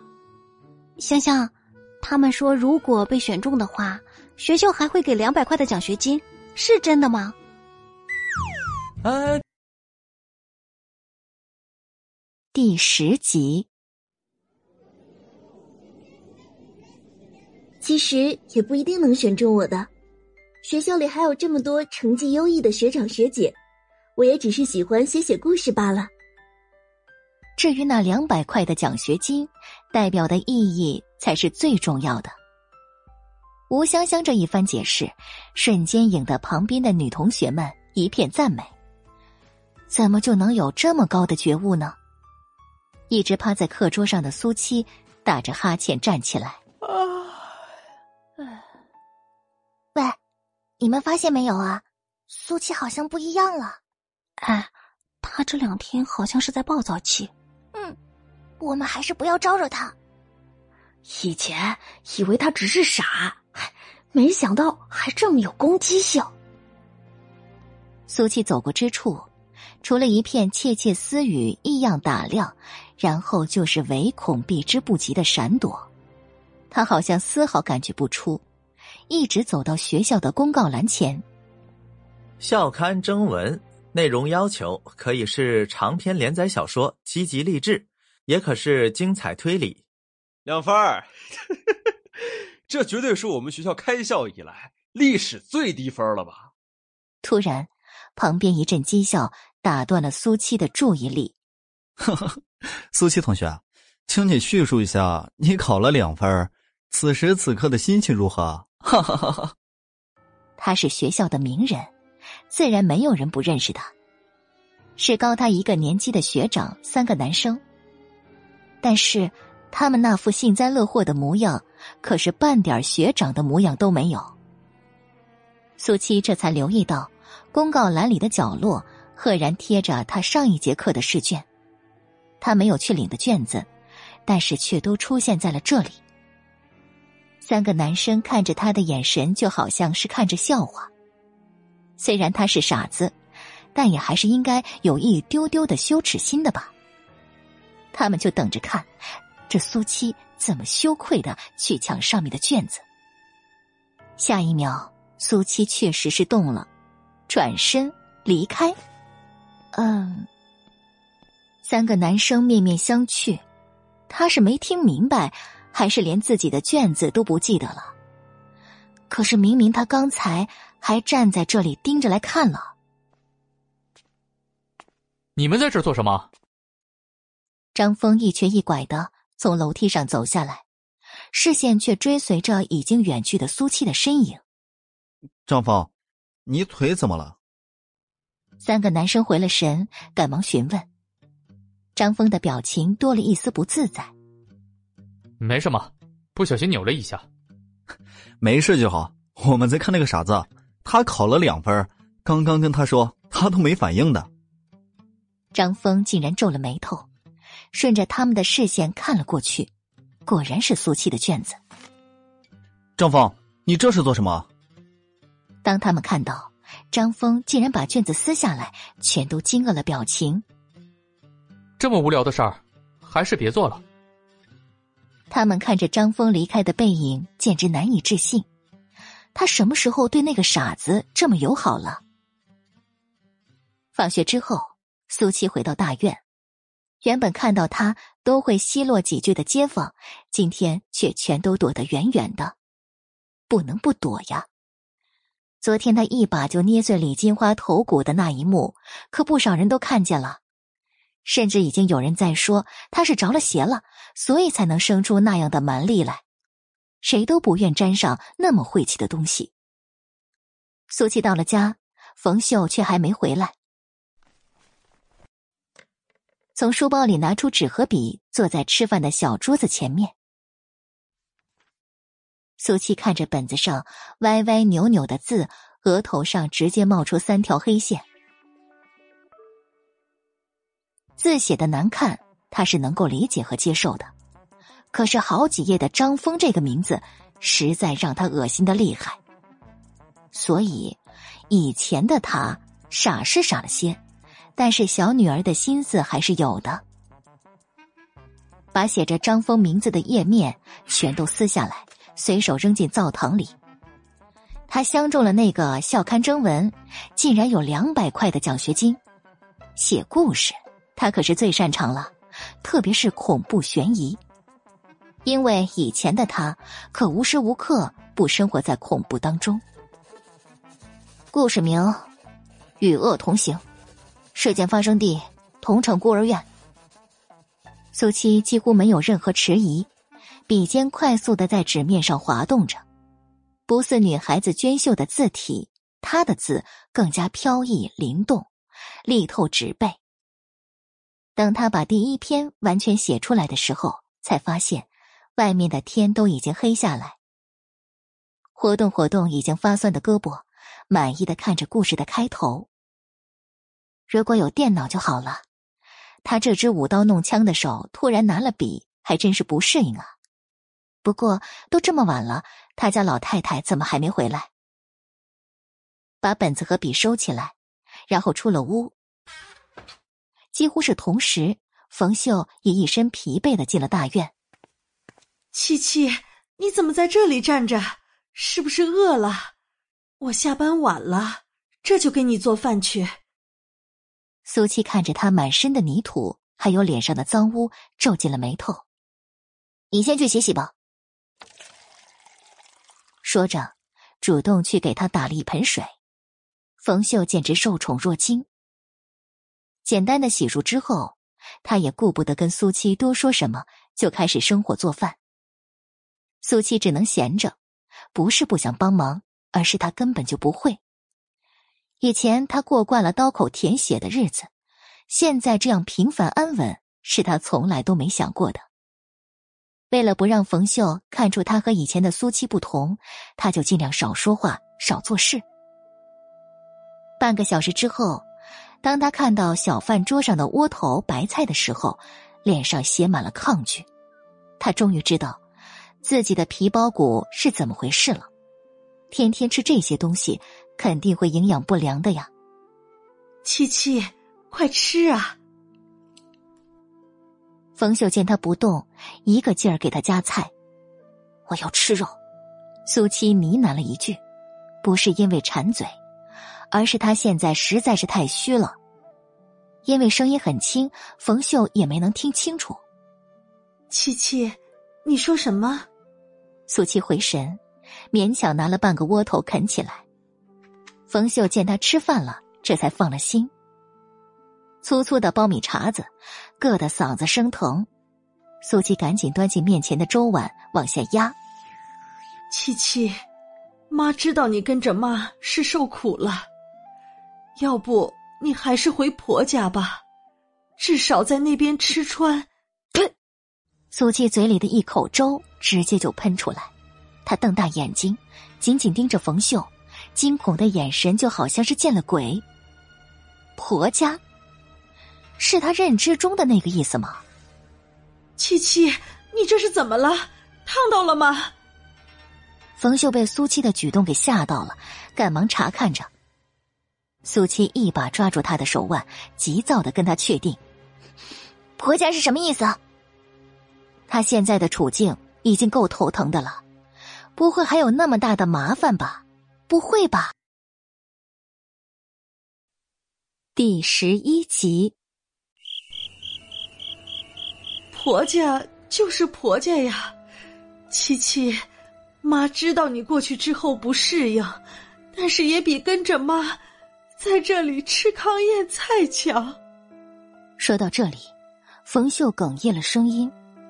如果她和其他女孩子一样，他肯定开开心心的让她回去。可是他这样，苏七的心沉了底了。这是哪里出了问题了？等等，我不是才十八岁吗？怎么就能结婚了？这太荒唐了！饭自然是吃不下去了，他现在杀人的心思都有了。冯秀没想到，他竟然会这么大的反应。也不知道是哪里又刺激到了他。七七，你又不记得了？不是结婚，是先把婚定下来了。在苏七看来，订婚也就和结婚没有什么区别了，早晚的事情而已。不过解释这些，他也听不懂啊。七七，那边也是你的家，而且那个家里能吃好吃的。穿好看的衣服，过去之后，你只要好好的，不哭不闹就可以的。别说了，让我冷静冷静。苏七一声怒吼，虽然不是真的结婚，但是订婚他也不接受。整个小屋里的空气仿佛都瞬间凝固了，冯秀的脸色顿时就变了，完全的不知所措。这还是他闺女第一次这样吼他呢。苏七意识到他的不安，勉强放低了声音：“我，我我不是针对你，我是针对我我自己，我脑子太乱了，让我想想行吗？”冯秀赶忙点点头，再也不敢刺激他。三天后，教室。苏七一如既往趴在桌子上打瞌睡，然后清楚的感觉到一道怨毒的视线落在自己身上，他眼皮都没有动一下。佳佳，你好了吗？这几天我们可真是想死你了。嗯，没事儿了。刘佳在几个女生的簇拥下走向自己的座位，不过他的眼神却始终没有从最后面苏七身上离开。在这个傻子身上吃了那么大的亏，他是绝对不会善罢甘休的。姐姐，暂时还是别惹他了，他这几天怪得很。旁边的女生看出了他的心思，压低嗓子提醒着他。刘佳这才收回视线，轻蔑了一声：“切，我才不会和傻子一般见识呢。”学生会，这些都是很优秀的文章作品，这就难选了。都整理出来，然后给校务处送过去，我们负责挑选，最后校刊发表哪一篇？由副校长定夺。张峰作为学生会的会长，处理起事务还是有条不紊的。嗯，这个是新的投稿吗？说话的方宇在一堆被淘汰的稿子里看到了一个新的信封，打开，果然是几张密密麻麻写满字的稿子。笔名是女王。咱们学校里的这些女生还真的喜欢各种幻想，公主都不行了，都改成女王了。哪个班的？张峰心不在焉的询问着。对于这种哗众取宠、吸引眼球的方式，甚至有些不屑。方宇马上翻找起来，然后摇摇头：“呃，只有一个笔名，没有班级和名字。”是。闹着玩呢。张峰皱了皱眉头。哎，好歹写了这么多，我先看看怎么样。故事名是《与恶同行》。方宇其实主要还是被上面的字吸引了，他还真的极少看到这么好看的字体。学生会里鸦雀无声。张峰看了一眼时间，已经过去半个小时。方宇，该去上课了。坐在他对面的方宇依然保持着一个姿势，一动不动。张峰站起来，来到他身边，低垂下视线，看向他手里的稿子。方宇一边说，一边拍在他的肩膀上。啊！方宇一声大叫，呼吸急促，完全一副受到了惊吓的样子。啊，方宇。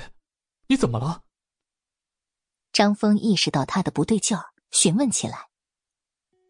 方宇这才觉得自己回到了现实，擦擦额头上的冷汗，眼睛里的惊恐还没有退下去，便被兴奋的光芒取代。阿峰，我们可能捡到宝贝了。这个，就是女王的这个故事，实在是太精彩，太引人入胜，太惊悚了。这。这真的是我们学校学生写的吗？他他怎么连个真名也没有写呢？后面又发生了什么？哎呀，我等不及了呀！方宇从椅子上站起来，已经语无伦次了。张峰还是第一次看到方宇这么失控的样子。真的有那么好看？哎呀，你自己看，这种程度，我觉得都可以直接出版了。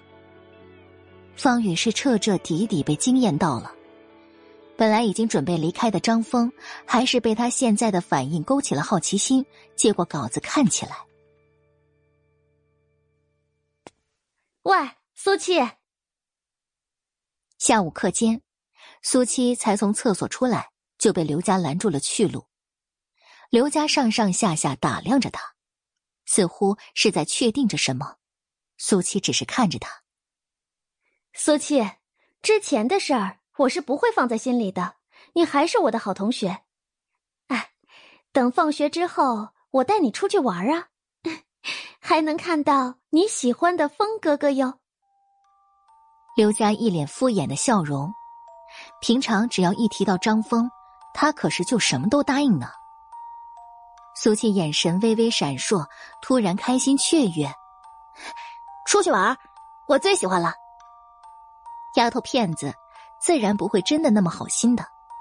上次留了他一条命，这么快又沉不住气了，那就看看，到底是谁玩谁。刘家眼底一抹金光。他们都还说苏七变了，他可是一点都没看出来，他到底哪儿变了。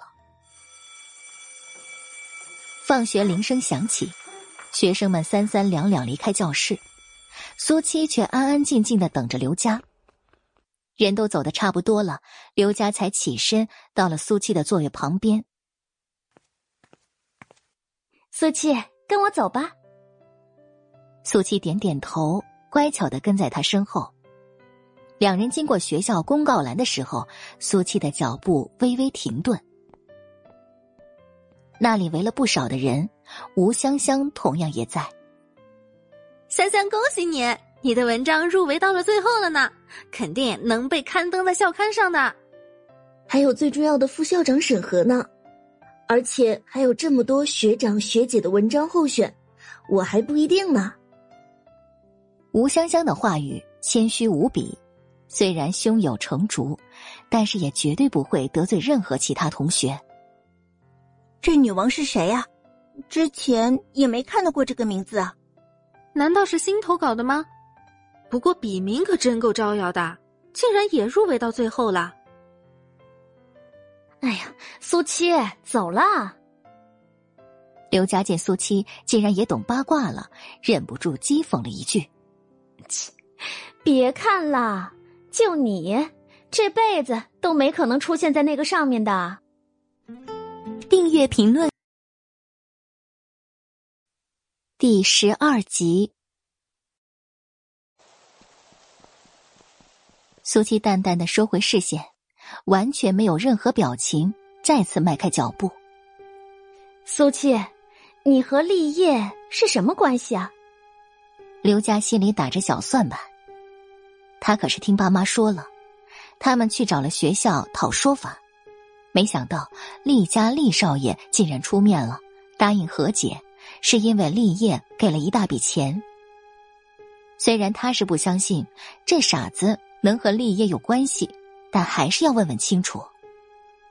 立业是谁？苏七一本正经的询问。刘家啧啧两声，摇摇脑袋，他竟然会问这个傻子。不知道那就算了，啊，去换上衣服吧。说着，直接把手里的衣服塞到了苏七的怀里。他们现在都还穿着校服，可是去不了那种地方的。苏七低垂着眼帘，然后点了点头。衣服自然是不合身的。当刘佳看着一身粗布衣裳松松垮垮套在苏七身上的时候。直接就被他这副狼狈的样子逗乐了，挺好的，我也觉得挺好的。苏七附和一句，嘴角一抹上扬的弧度，意味深长。坤哥，那这就是我的小姐妹。苏七面前的男人二十七八岁的年纪，叼着烟，穿着白色背心、人字拖。脖子上一条大金链子，完全一副社会人的打扮。他打量苏七一眼，然后又看向刘佳，脑袋一歪：“你确定他可以？”刘佳赶紧点了点头，凑到男人身边，用只有他们两个人能听到的声音说着：“他是个傻子，把他带过去，是不是我欠你的那笔钱就可以顶了？”嗯。差不多吧。刘佳听男人这么说，简直喜出望外，赶紧示意苏七跟上。苏七不急不缓，始终跟他们保持一米以上的距离。哎，阿峰，你猜我刚才看到什么了？张峰收拾好书包，准备离开学生会。方宇特意找到了他。又怎么了？我看到你女朋友。跟苏七一起离开了。我女朋友。张峰诧异的表情，他怎么不知道自己有女朋友了？方宇看到他这个神色，一脸的坏笑，捶捶他的胸口，还不好意思承认吗？刘佳呀，她不就是你女朋友吗？你说刘佳和苏七走了？张峰变了脸色。是啊，本来我还以为刘佳很讨厌苏七呢，没想到……方宇的话还没说完，只觉得眼前一阵风，张峰就跑出了学生会。这小子怎么这么紧张？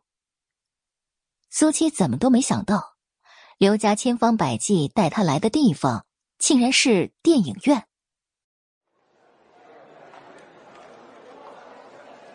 在这种三流都不算的小县城里，还能有这种规模的电影院，也真是个稀奇事。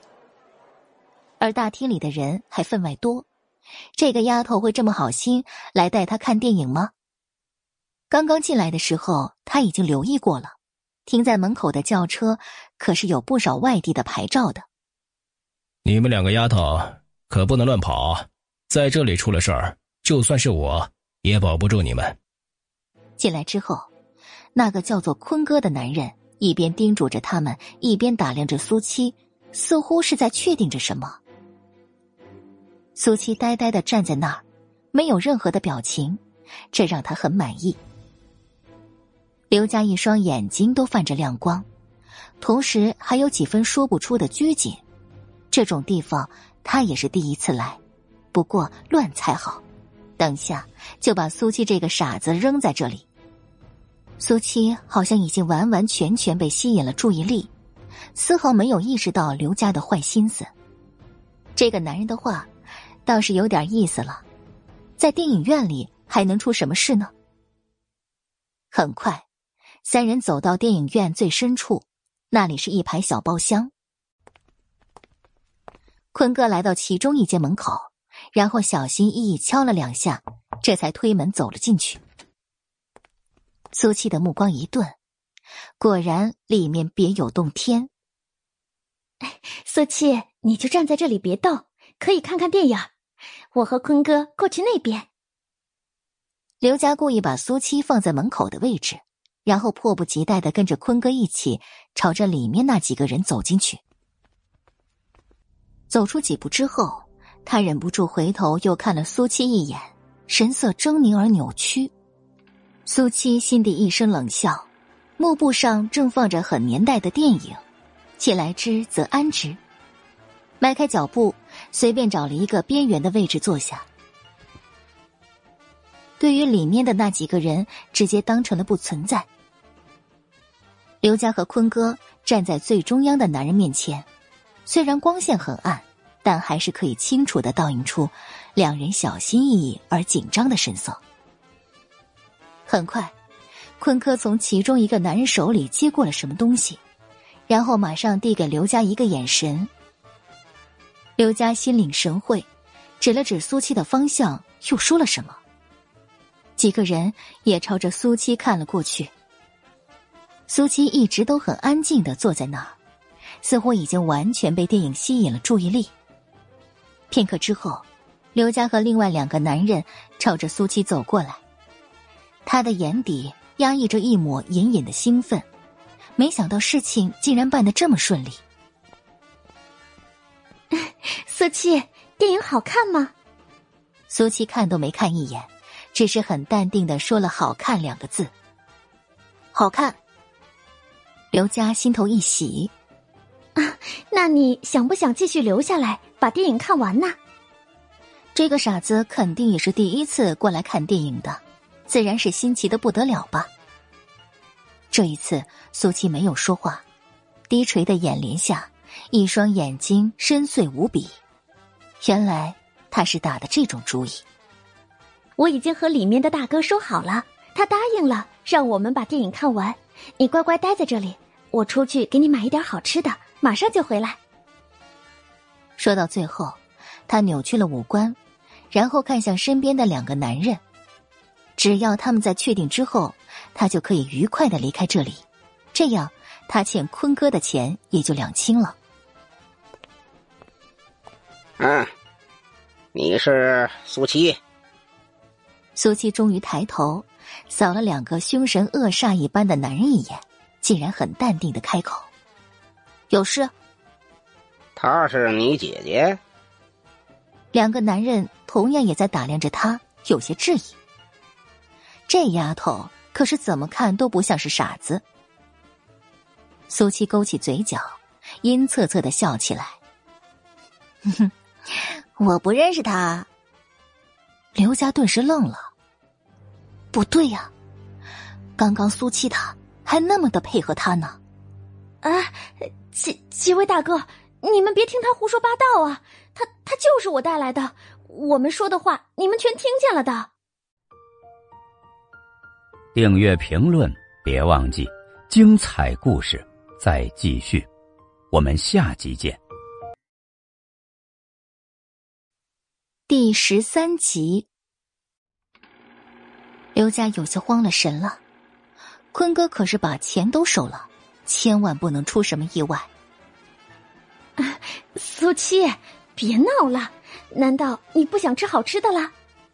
苏七双手抱在胸前，完全一副看热闹的神色。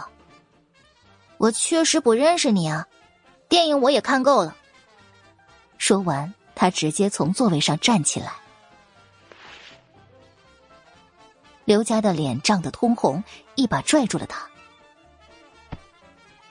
哎呀，苏七，我是刘佳呀，你忘了？你身上的衣服都是我给你的。冷静，他一定可以哄骗这个傻子的。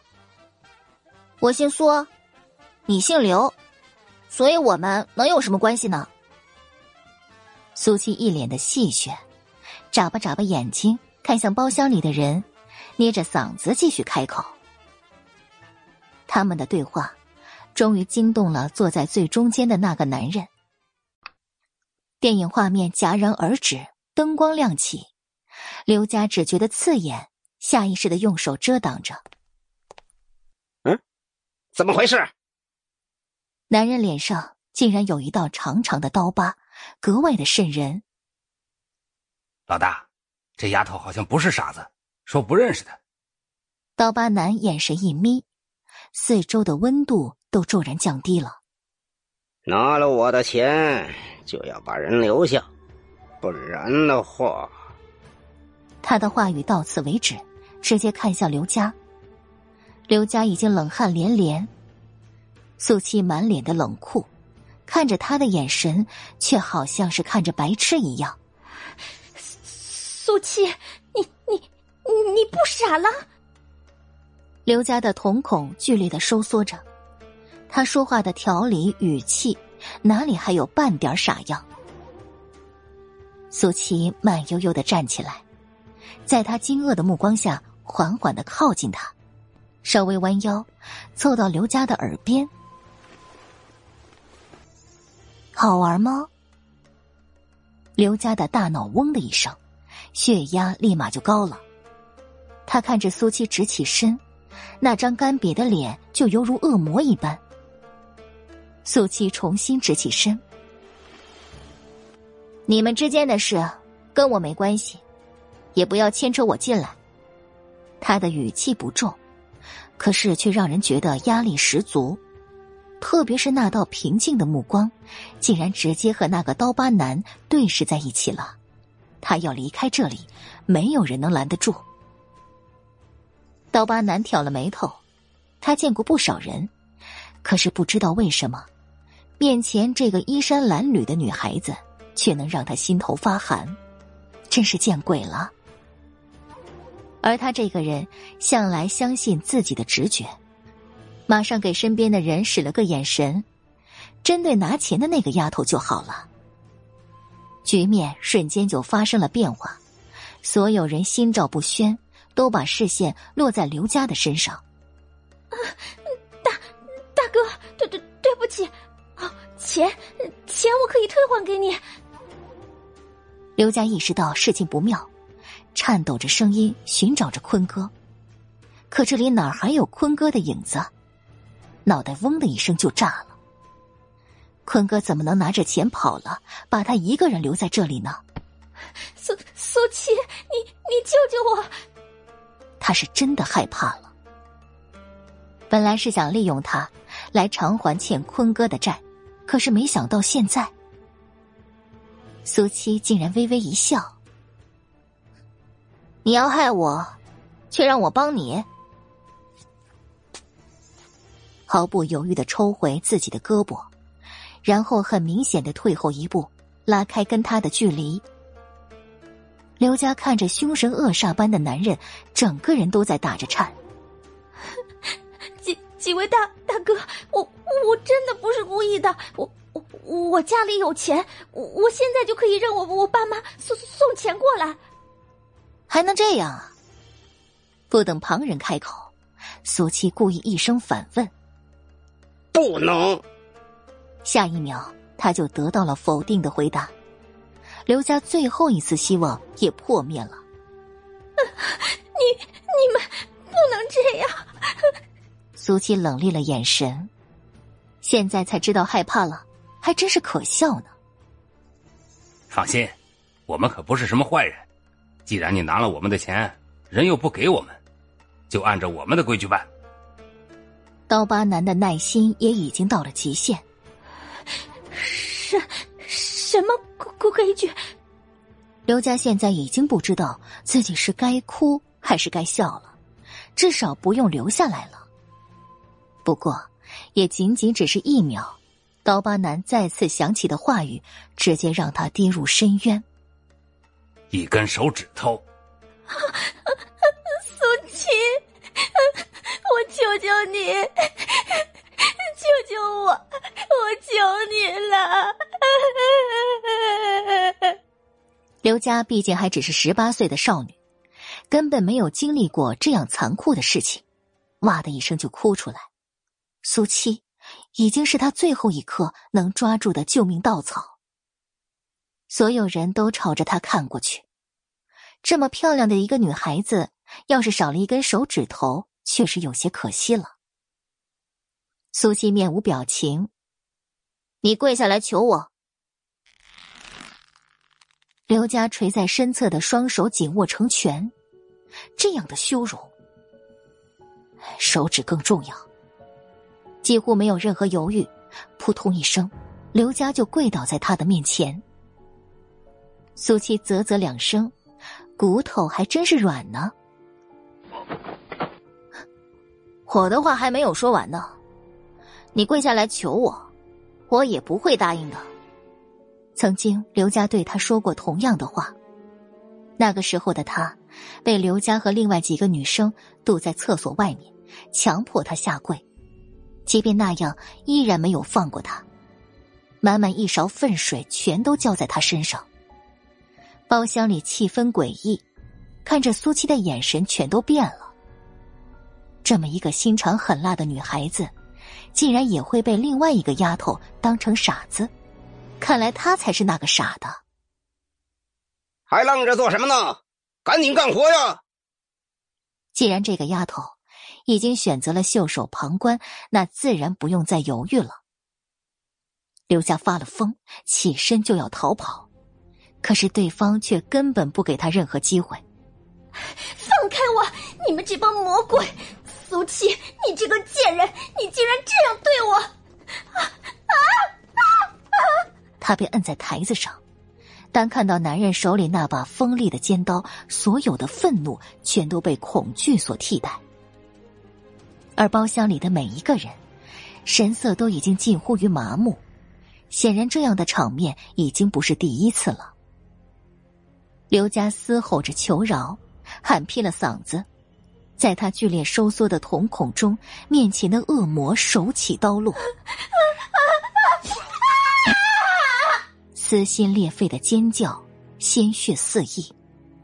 这样血腥的画面可不是随便谁都能受得了的。可是苏七就站在那儿一动也不动，看着从刘家身上断下的手指，嘴角勾起一抹摄魂夺魄般的灿烂笑容。有人来了！门口突然一道急躁的报信声响起：“别乱！”所有人都从后门离开，这个女的直接扔出去。刀疤男有条不紊的安排着，显然已经有所准备。人群呼啦啦的散开，但苏七却不慌不忙的瞄准把台子上的一把钱，等他们人都离开了，揣进了自己的兜里。这些钱够他们母女吃喝一阵了。爆点击，快订阅！今第十四集，刘佳是真的被丢了出去。不大一会儿，苏七也从里面走了出来。苏七，当他看到无缘无故出现在这里的张峰时，就知道麻烦来了。张峰抱着已经疼得昏迷的刘佳，不知所措。同样震惊不已，然后看着苏七，竟然完好无损的走出来，不知道为什么就怒火中烧。刘佳的手到底是怎么回事？苏七一脸的冷漠，不知道。这里可是后门啊，他竟然也能找得到。张峰直接放下刘家，两个箭步冲到他面前，凶狠的目光。恨不得将他生吞活剥了。你们是一起过来的，你怎么会不知道？他被人伤成这样，你都不管他吗？苏七的眼神一厉，我又不是他妈，管得着他？张峰呼吸一滞，脸色变了。啊，你果然不傻了。虽然不知道他为什么就正常了，但是正常的苏七比傻的时候。更让人厌恶。苏七懒得再跟他废话，迈开脚步。你不能走，刘夏被伤成这样，是不是你的原因？苏七，以前我只是觉得你傻，可是现在的你真的可怕。就因为我不喜欢你，你就能对一个无辜的人做出这样的事情吗？张峰霸道的拦在他的身前，直接宣布了他的恶。苏七被气到了。人的自恋还真是。现在就让我明确的告诉你，我张峰是永远都不会喜欢你这样心思歹毒的女生的。张峰的眼中，他苏七俨然已经像蛇蝎一般了。苏七眼底一抹阴霾。那我可谢谢你了，让开。没眼睛的森冷让人不寒而栗。这个时候。两人不远处，几个警察出现。都别动！包厢里的人都已经跑光了，而这里正好是后门，特别是地上还躺着一个浑身是血、已经昏迷的女孩子，当然要控制现场。这一瞬，苏七对张峰是真的动了杀机。赶紧叫救护车！你们两个认识他吗？张峰也没有想到他们会过来的这么快。对于警察的询问，他竟然有了一秒的犹豫。他是我同学，刚刚被人从里面扔出来的。那他呢？警察马上又看向苏七。他，警察叔叔，我就是路过而已。苏七很淡定的回答：“不是的，他们两个之前是在一起的。”张峰几乎瞬间就戳破了他的谎言。苏七扭头看向他，神色平静到令人发指。张峰的手心冒出一层冷汗，明明他所做的一切都是对的，但是这一刻却怎么都无法面对苏七的眼睛。同学，你先把他送到医院，然后负责联系一下他的家人。至于你，跟我们走一趟。警察神色严厉。现在已经发生了伤人事件，自然是要调查清楚。警察叔叔，他……张峰开口，可是后面的话却卡在喉咙里面。他竟然不希望苏七被警察带走。苏七深深的看了他一眼，完全配合的跟在几个警察身边。张峰看着苏七远去的背影，心情却是从来没有过的复杂。我说的已经很明白了，我们里面可是正规的电影院，客人在包厢里做了什么，我们也不太清楚的。警察局里，苏七独自一个人坐在角落，听着警察对电影院经理还有服务生们的盘问，乖巧的就好像是被吓到了一样。那受伤的女孩呢？谁受伤了？我怎么不知道呢？包厢里面隔音很好，外面声音又太杂了，我们是真的没有听到。电影院的经理应付的绰绰有余，显然已经经历过太多这样的情况了。赶紧老实交代。真的就是这样。电影院经理说到这儿，直接就闭上了嘴巴。你叫什么名字？警察见这些人问不出什么，索性就暂时放下，开始盘问苏七。他们确实在里面没有找到任何证据，只能说包厢里的那些人都是老油条，早就已经意料到这种情况了。苏七，多大年纪了？不知道。警察愣了愣，这丫头看起来老老实实的，原来竟然也这么嘴硬。突然，警察啪的一巴掌狠狠的拍在桌子上，想要给苏七造成压力。你知道这里是什么地方吗？我问你什么，你最好就回答什么。不知道。警察的怒火更盛了几分。那你为什么会在那里？不知道。苏七，你这样对你完全没有任何的帮助。好，好吓人啊！苏七突然蜷缩成一团，憋着嘴巴，好像下一秒就会哭出来。电影院的经理愣了愣，警察也没想到苏七会这样。明明是平平无奇的一张脸，可是他一委屈，就让他觉得自己做了什么十恶不赦的坏事一样。这丫头吧，好像不大对劲呐。电影院的经理突然冒出了这么一句，说完之后，连他自己都觉得意外的不得了。不对劲。几个警察面面相觑，再次认真打量着苏七，确实有几分木讷。怪不得带他回来的时候，他一句话都没有说，还以为他是被吓的。瞧瞧你们都做了什么！这样的孩子竟然也能进那种地方！我都说了，不是。苏琪，那你告诉警察叔叔，你在里面都看到了什么？只要你说完，警察叔叔就放你回去。或者让你家里人来接你。警察马上温和了声音，想让他说出来。只要他说出来，有利于找到那些包厢里的人。苏琪眨巴眨巴眼睛，看向电影院的经理，还有坐在他后面的那些人。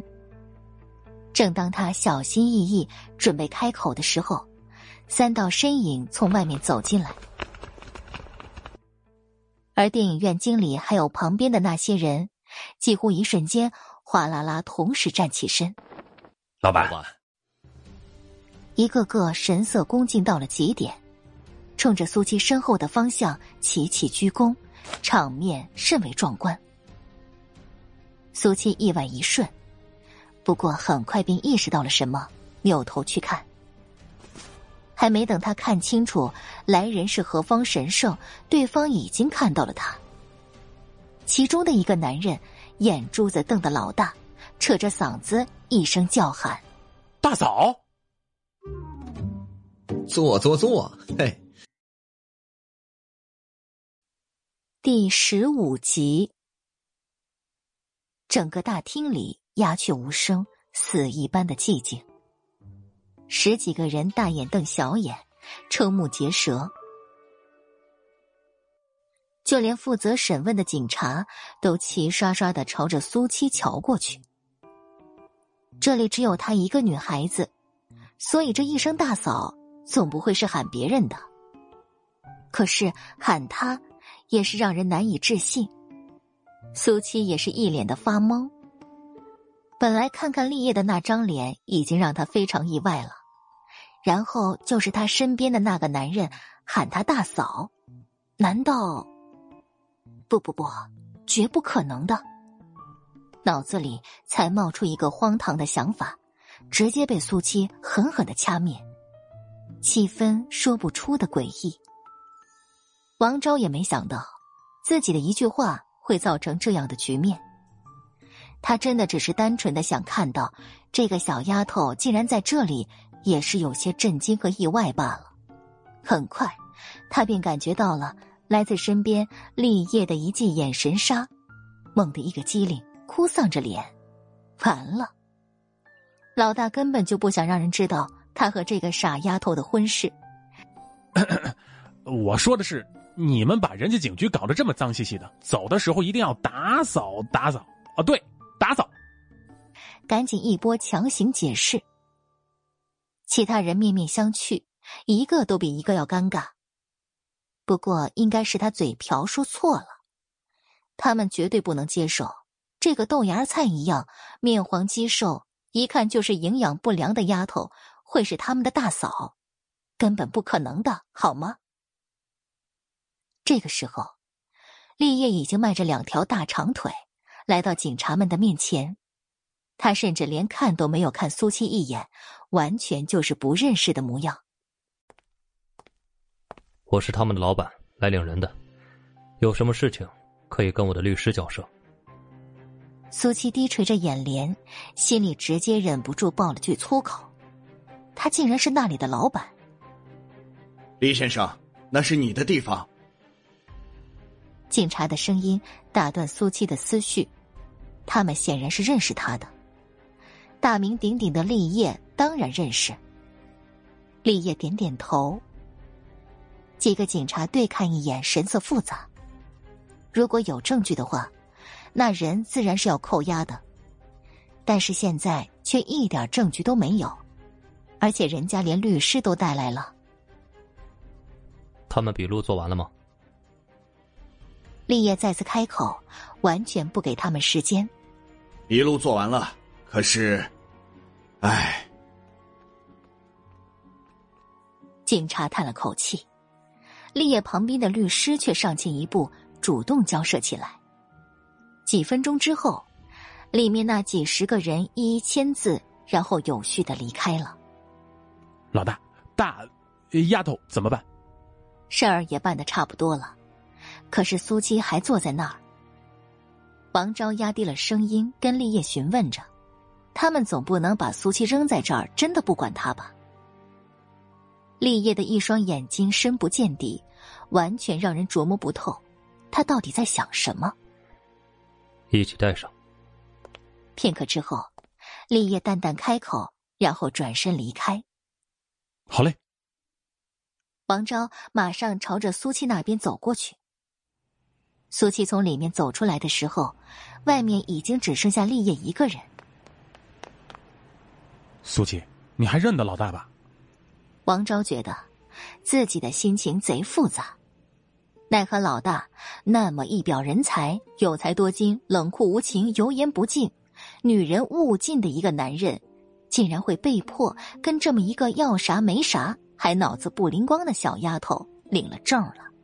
真是天妒英才呀！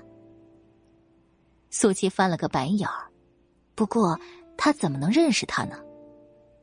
又想到这小子之前那声大嫂，虽然苏七已经知道自己是有夫之妇了，但是却根本没有问他妈妈那个该死的男人到底是谁，因为不管是谁，他都会在尽快把对方给休了。如果真的是这个男人，他是造了什么孽呀？王昭看着他这副傻愣愣的样子，也没了办法。老大，你看，立业却根本没有去看他的意思，抬腿就走。苏七看着立业挺拔的身影，深深的感觉到来自他的鄙视和厌恶。这已经是第二次了，之前在学校里也是这样。顿时，苏七怒火中烧，站住！立业目光一沉，脚步停下。王昭甚至怀疑是不是幻听了。苏七说：“站住！”他让老大站住。就连他们，可是都从来不敢跟老大这样的语气说话。这丫头以前见过老大，可是都被吓得瑟瑟发抖，有多远就躲多远。苏七气势汹汹走到立业的面前，视线直接顶上去。他的眼中还带着怒火，甚至有一股很明显的蔑视。以后再多管我的闲事，我就让你从这里消失。立业直接挑了眉头，这分明是自己之前警告过他苏七的话。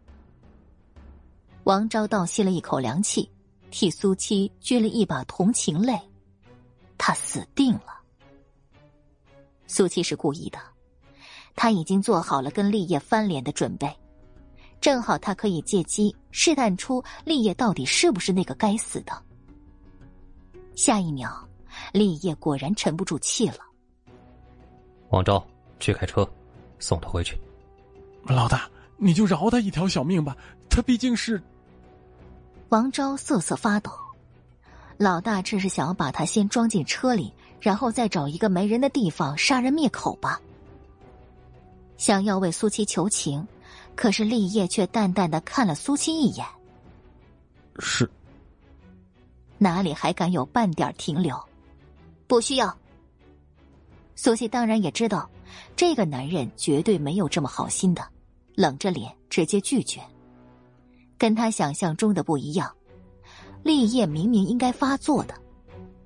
等等，这个男人是怎么知道他家在哪儿的？这个时候，车子已经停到两个人的面前。上车。立业的声音再次响起，不是催促，而是命令。苏西大脑快速冷静，至少要先搞清楚事情是不是他以为的那样。然后前一秒还强横的说着不需要的他，后一秒直接听话的上了车子。车里的气氛压抑到了极点，苏七看着车窗上倒映出的男人的脸庞，竟然出现了一瞬间的恍惚，仿佛现在依然是他的那个世界。突然。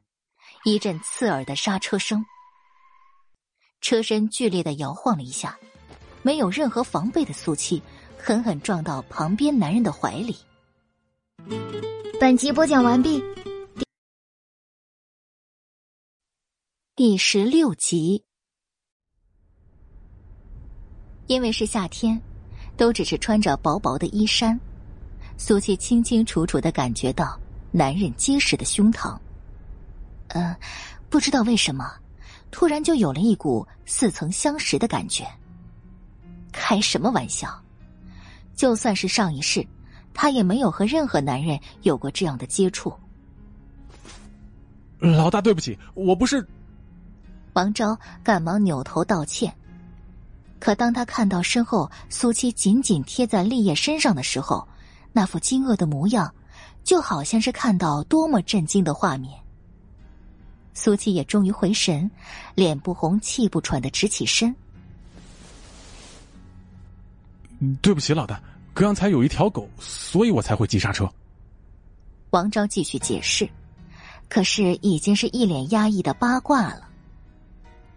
立业脸色阴沉的吓人，王昭最快的速度重新发动车子，生怕晚了一步，他就会直接命令自己把苏七给丢下去了。冯秀站在大院外面的胡同里，已经急得满头大汗了。天马上就要黑了，可是苏七却依然没有回来。虽然他是有些木讷，但回家的路还是认识的。不远处，一辆轿车缓缓行驶而来。冯秀只是看了一眼，又朝着路上看着。让他没想到的是，片刻之后，那辆小汽车竟然在他的不远处停下。冯秀的第一个反应就是后退，不能挡了人家的路。直到车门打开，苏七竟然从上面走下来。七七，他满脸的难以置信。你怎么在这儿？苏七皱着眉头。这个女人不会一直都站在这里等着他吧？我等你回来呀！你怎么？是您，您呢？冯秀询问的话语只说了一半，神色突然就变了，小心翼翼且恭恭敬敬。立业来到他面前，我送他回来。冯秀一时间竟然反应不过来，谢谢谢您。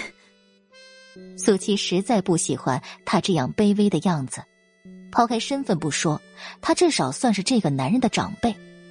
他刚准备开口，立业的声音再次响起：“不用谢，但是以后要看好他，不要让他再去电影院那种地方了。”这一刻，苏七差点破口大骂。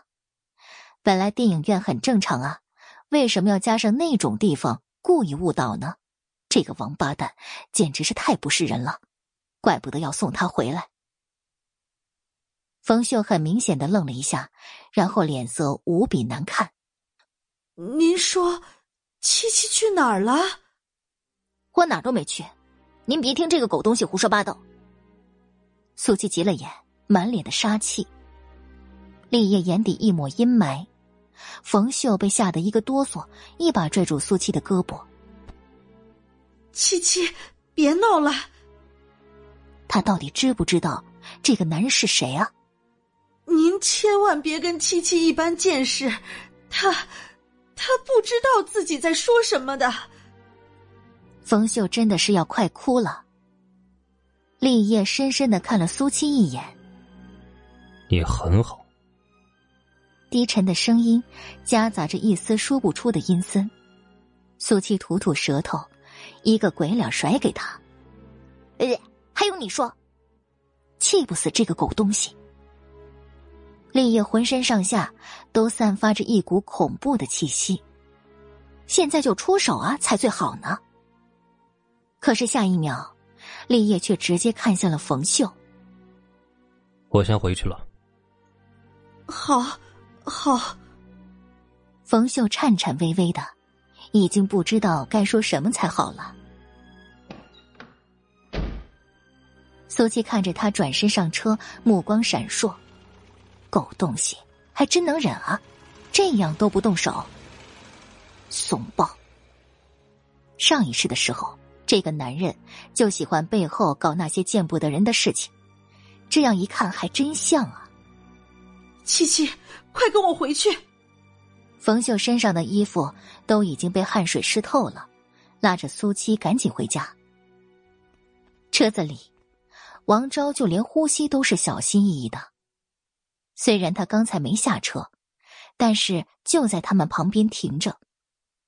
苏七那声狗东西，他可是听得清清楚楚，三魂都被吓掉了两个了。见过不怕死的，还真没见过苏七这么不怕死的。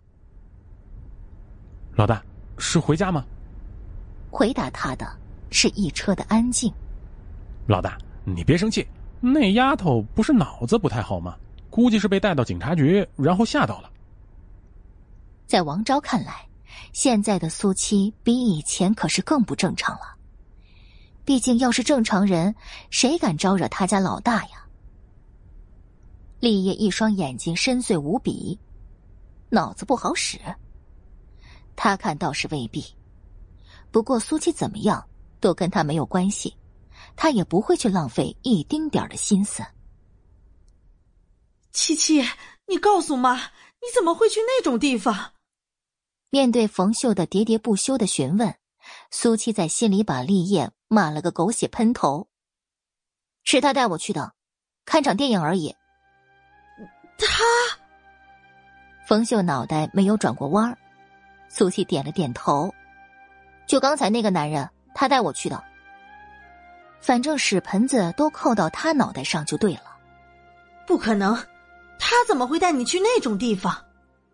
冯秀几乎想都没想就反驳了他。我又不会说谎。再说电影院怎么了？很正经的。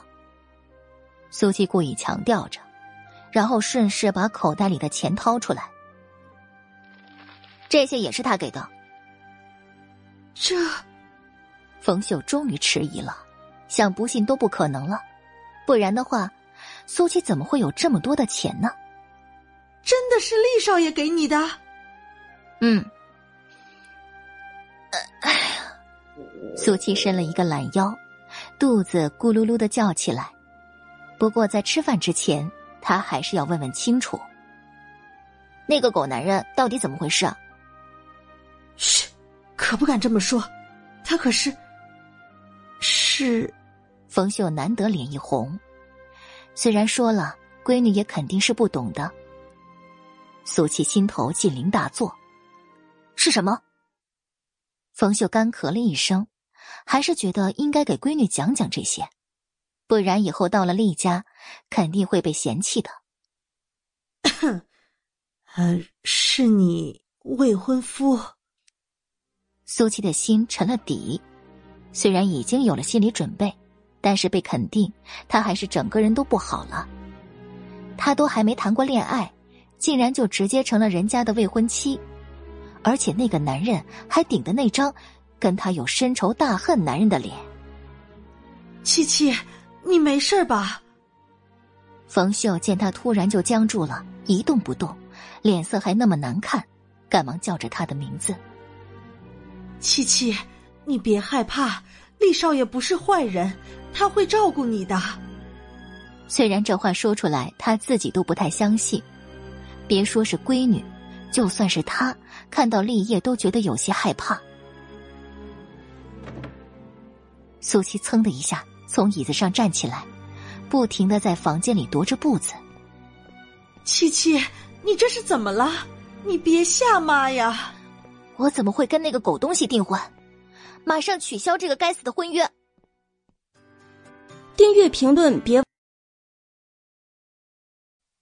第十七集，七七，你别这样！冯秀强行拽住苏七，把他拉开。他不懂事，却知道取消婚约。七七，你告诉妈，是厉少爷跟你说了这些吗？思来想去，只有这种可能性了。毕竟是他们高攀了人家。不是，是我自己。我跟那个狗东西从上辈子开始就已经不死不休了。苏七简直怒火中烧。冯秀听他这么说，竟然隐隐松了一口气。不是厉少爷就好，七七。婚都已经定了，婚书咱们也签了，等你再过两年到了年纪，就可以领证结婚了，所以是不能取消的。冯秀开始耐着性子安抚着苏七的情绪。什么婚书？现在就给我，我撕了它，那就跟这狗东西没有瓜葛了。苏七简直就是觉得匪夷所思，都什么年代了，还搞这种玩意儿呢？冯秀却是无奈的摇摇头。七七，订婚这事儿是妈好不容易才帮你求来的，而且，你和厉少爷签的那个婚书，也没在咱们家。求来的。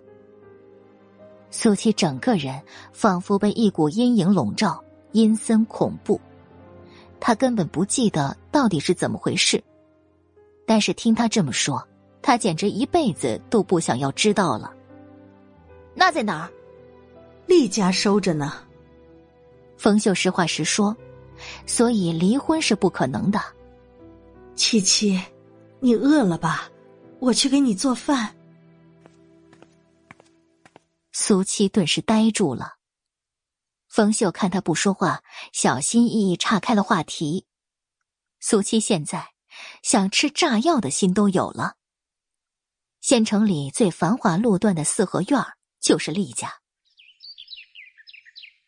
李业，给我站住！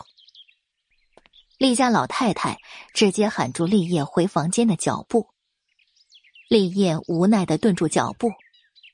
奶奶有事吗？你还知道我是你奶奶呀？啊！你都多少天没回来了？老太太怒气冲冲，一声质问。我最近工作比较忙。立业尽量让自己的声音温和了几分。你就是不想见我这个老婆子，也是。我都这么一大把年纪了，谁愿意陪着我呢？老太太一边说，一边委屈的哽咽了声音。立业顿时不知如何说了。每次奶奶都是一样的说辞。他说的不累，他听的都累了。哎呀，我这个老婆子命苦，年纪轻轻就守了寡，一把屎一把尿的把你爸拉扯大，可是没想到，奶奶，我以后会经常回来的。立业实在是忍不住打断了他，老太太眼睛一瞪：“你半个月前也是这么敷衍我的，我昨天晚上可是都跟你爸妈说了，你越大越不孝顺我这个老太婆了。”奶奶，他们都已经去世三年了。立业面无表情陈述着这个事实，老太太直接拔高了音量：“我做梦看见他们了，不行吗？啊，你这臭小子啊，就知道惹奶奶生气！我看我也很快去下面见他们了。”立业嘴角抽了抽，这么不吉利的话，偏偏被他奶奶天天挂在嘴边那您想怎么样？最后妥协的也永远是他了。老太太强忍着心头的笑意，咳嗽了一声：“ 你自己忙也就算了，我可是好不容易才有了孙媳妇儿，你去把他接回来，跟我作伴。”立业两条眉毛中间直接挤出一个川字，要求过分了，怎么？你不答应啊？老太太又委屈了。虽然那丫头是木讷了些，但是对她也是言听计从的，乖巧的不得了。都怪自己这个孙子吓跑了人家。我给你安排几个伶俐的保姆。我不要，我就要孙媳妇儿。再说了，你们两个都已经订婚了，你把人家接到家里住也没什么不对呀。老太太是铁了心的，一定要让他把苏七接回来。立业依然沉默，他的沉默就是拒绝。立业呀，你就对奶奶给你挑的媳妇这么不满意吗？老太太终于严肃了神色。嗯。立业只用了一个字表达自己的不满。谁家的长辈？会因为女方的爷爷是他的初恋，而他没能跟初恋在一起，就一定要让自己的孙子娶那个男人的孙女啊？而且还是以死相逼呢？人家姑娘能看上你就不错了，你不也听听你这些年在外面名声有多差呀？老太太被气得够呛，呼吸都不平稳了。立业今年可是都二十六岁了，正常人家这个年纪孩子都会打酱油了，可是他呢，别说是结婚，从小到大身边连个女孩子都没有，外头可是什么污言碎语都有的。我不管，你要是不给我把孙媳妇接回来，我我就我我就绝食。他太了解自己这个孙子了，不用点狠手段，他就不会听话的。奶奶，您已经不是小孩子了。立业头疼的厉害，突然觉得自己今天不该回来。老太太站起身，管家，晚饭别做了，我绝食。管家哭丧着脸看向立业，这可是今年第三次绝食了。第二日，七七，我去上班，放了学你就赶紧回来。哪里都不要去，知道吗？冯秀临走的时候再三叮嘱着，苏七敷衍的点点头。这五毛钱你拿着，中午自己买饭吃，晚上妈回来带你吃好吃的。冯秀又哄了一句，毕竟昨天晚上他给了他那么多钱，之后几个月他们母女的生活不至于太艰难了。苏七看着他有些佝偻的背影，绷紧了脸颊。取消跟狗东西的订婚，挣钱，这两件事，他必须要尽快。你们听说了吗？刘家又出事儿了。他怎么了？听说他欠了外面人的钱，然后还不起，被人把手指头给剁下来了。假的吧？他昨天不是跟苏七一起走的吗？教室里议论纷纷，然后齐刷刷朝着最后一排的苏七看过去。这个傻子可是好端端的来了学校呢。这时候，苏七站起身，在众人的注视下，从后门走出教室，实在是太聒噪了。哎哎，阿峰，你看那那个是不是苏七？马上就要上课了，他这是要去哪儿啊？方宇和张峰刚从学生会出来，正好看到晃晃悠悠朝着教学楼后面走的苏七。张峰一双眼睛深不见底，受伤的刘佳恐怕一辈子都不能回到学校，可是他却一副什么事都没发生的模样。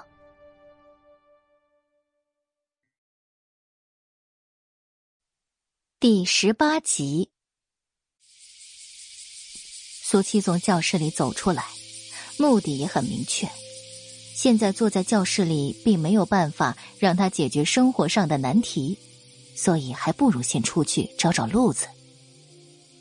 不到放学时间，校门是不允许出入的，但是只要他想出去，自然有太多的办法。苏七站在教学楼后面的院墙边目测有两米左右的高度，沉了口气，刚刚准备有动作，身后却突然传来一道声音：“你在这里做什么？”即便不用回头，苏七也知道多管闲事的人是谁了。张峰几步来到苏七面前，脸上带着一抹说不出的怒火：“我和你说话呢。”苏七一脸冷漠，与你无关。张峰神色更是阴沉。你知不知道，刘家他，他疯了。昨天刘家被送去医院，醒过来之后一直都在哭喊。当时只是以为他是受到了惊吓，可是今天早上他不放心，又过去看了刘家，刘家竟然已经连他都不认识了。医生说。刘家的情绪已经崩溃了，很可能永远都没办法恢复正常。刘家的母亲甚至都已经哭晕了好几次了。疯了也好，苏七面无表情的回着。既然他有胆子算计自己，就算不疯，自己也不会放过他的。张峰难以置信，他是要让苏七自责，让他愧疚的。苏七，你到底还是不是人？刘家可是你的同学，你都没有心的吗？还是说，你苏七根本就希望刘家是被伤害，你在借机报复？而苏七这样的人，就活该被所有人讨厌。张峰说到最后，他几乎一字一顿，无比的唾弃。苏七缓缓收敛神色。看着张峰的眼底一抹阴霾，你当自己是谁啊？有资格指责我？那个地方是他要去的，钱是他自己欠的，被人砍了手指头也是他自作自受。你，张峰的一张脸涨得通红，他还是第一次被人怼到这样哑口无言的。让让，你挡我的路了。苏七耐心到了极限，不想再和眼前这个人费口舌了。张峰气血上涌，垂在身侧的双手紧握成拳。这个时候，上课铃声响起。苏七，我现在用学生会会长的身份，命令你马上回去上课。学生会会长，他可被吓死了。苏七一声嗤笑。直接把张峰当成空气一样，朝着院墙纵身一跃，双手正好攀上墙顶，然后一个利落的撑起，整个人就上去了。张峰眼睁睁的看着他坐在上面，给自己一个挑衅而放肆的眼神，之后一跃而下，彻底消失在他的视线当中。苏七就这么明目张胆的在他面前逃课了。他不仅不傻了，而且连性子也彻底改变了。八零年的小县城比苏七想象中的还要萧条，高楼大厦全都没有，有的都只是砖瓦房子。路上别说小汽车了，就连自行车都极为少见。他又想到昨天那个狗男人的车子，看来他可是风光的很呢。漫无目的在街上闲逛着，想要挣钱做事业，就要先搞清楚这个年代的风土人情。走着走着，他停在了一个二手服装店的门口。现在他还穿着校服，很多事情都很不方便。昨天他把钱给了冯秀。但是自己也还是留了一部分的。小铺子不大，长长的柜台便占用了大部分的空间。因为这个年代的经济水平还有民风都提倡节约，所以大部分人家不穿的衣服都会回收到这种地方，经过清洗缝补后二次或者是三次售卖。衣服虽然破旧，但是并不脏。最重要的是，比外面的新衣服要便宜了三分之二都不止呢。苏七在一堆里面挑挑拣拣，总算是找到两件能看得过去的。同学，你眼光不错呀，这上衣和裤子都还是八成新的呢，都是有钱人家孩子淘汰下来的。胖胖的老板娘一边夸一边打量着苏七。这丫头挑的可是男人穿的衣服，多少钱？苏七面无表情的问。我这人做生意啊，最实在了。你挑的这些啊，多少钱？老板娘这才伸出三根手指头。两件给你三块钱好了。说完，他就等着苏七还价了。可是没想到，苏七却一句话都没说，直接掏出三块钱扔在柜台上。草率了，这丫头看着可是穷酸的很呢。这个一起。苏七拿起柜台角落里一包口罩，扬长而去。武馆那边又开擂了，大家快去看热闹啊！县城东北角有一间武馆，是一年前开起来的。武馆的规模还可以，主要是对外招收学生、开班授课的。可是这个年代，穷人家的孩子温饱都成问题，没钱学的；富裕人家的孩子都养活着金贵，不愿意学，所以武馆的状态也一直是要死不活的，勉强维持。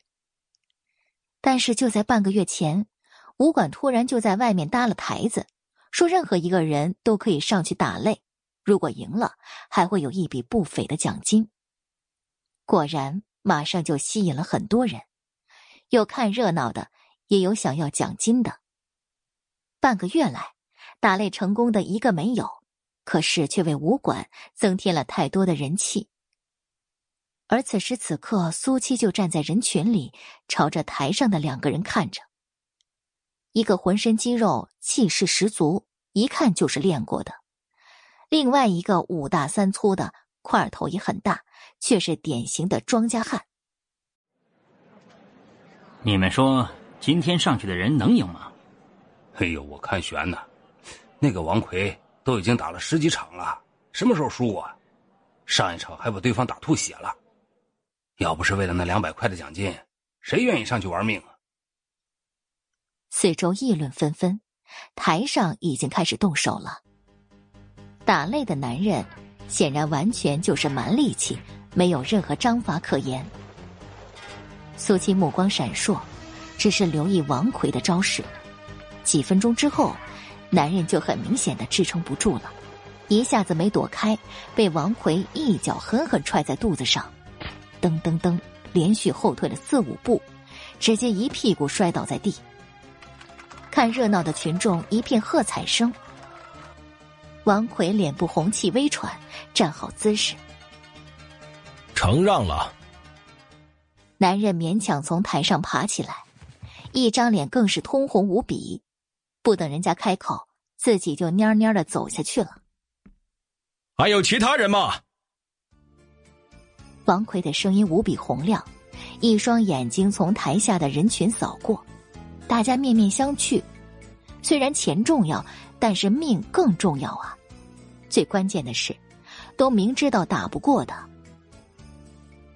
王奎眼底一抹笑意，看来今天又要到此为止了。我来试试。正当王奎准备宣布结束的时候，台下一道慵懒的声音传了出来。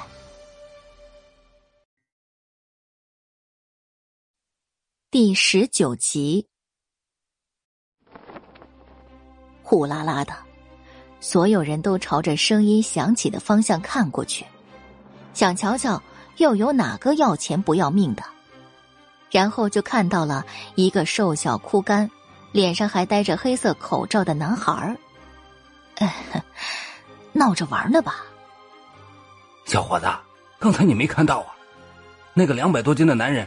可是都被王师傅一脚踢飞了。是啊，你整个人都还没王师傅的胳膊粗，可不敢开玩笑。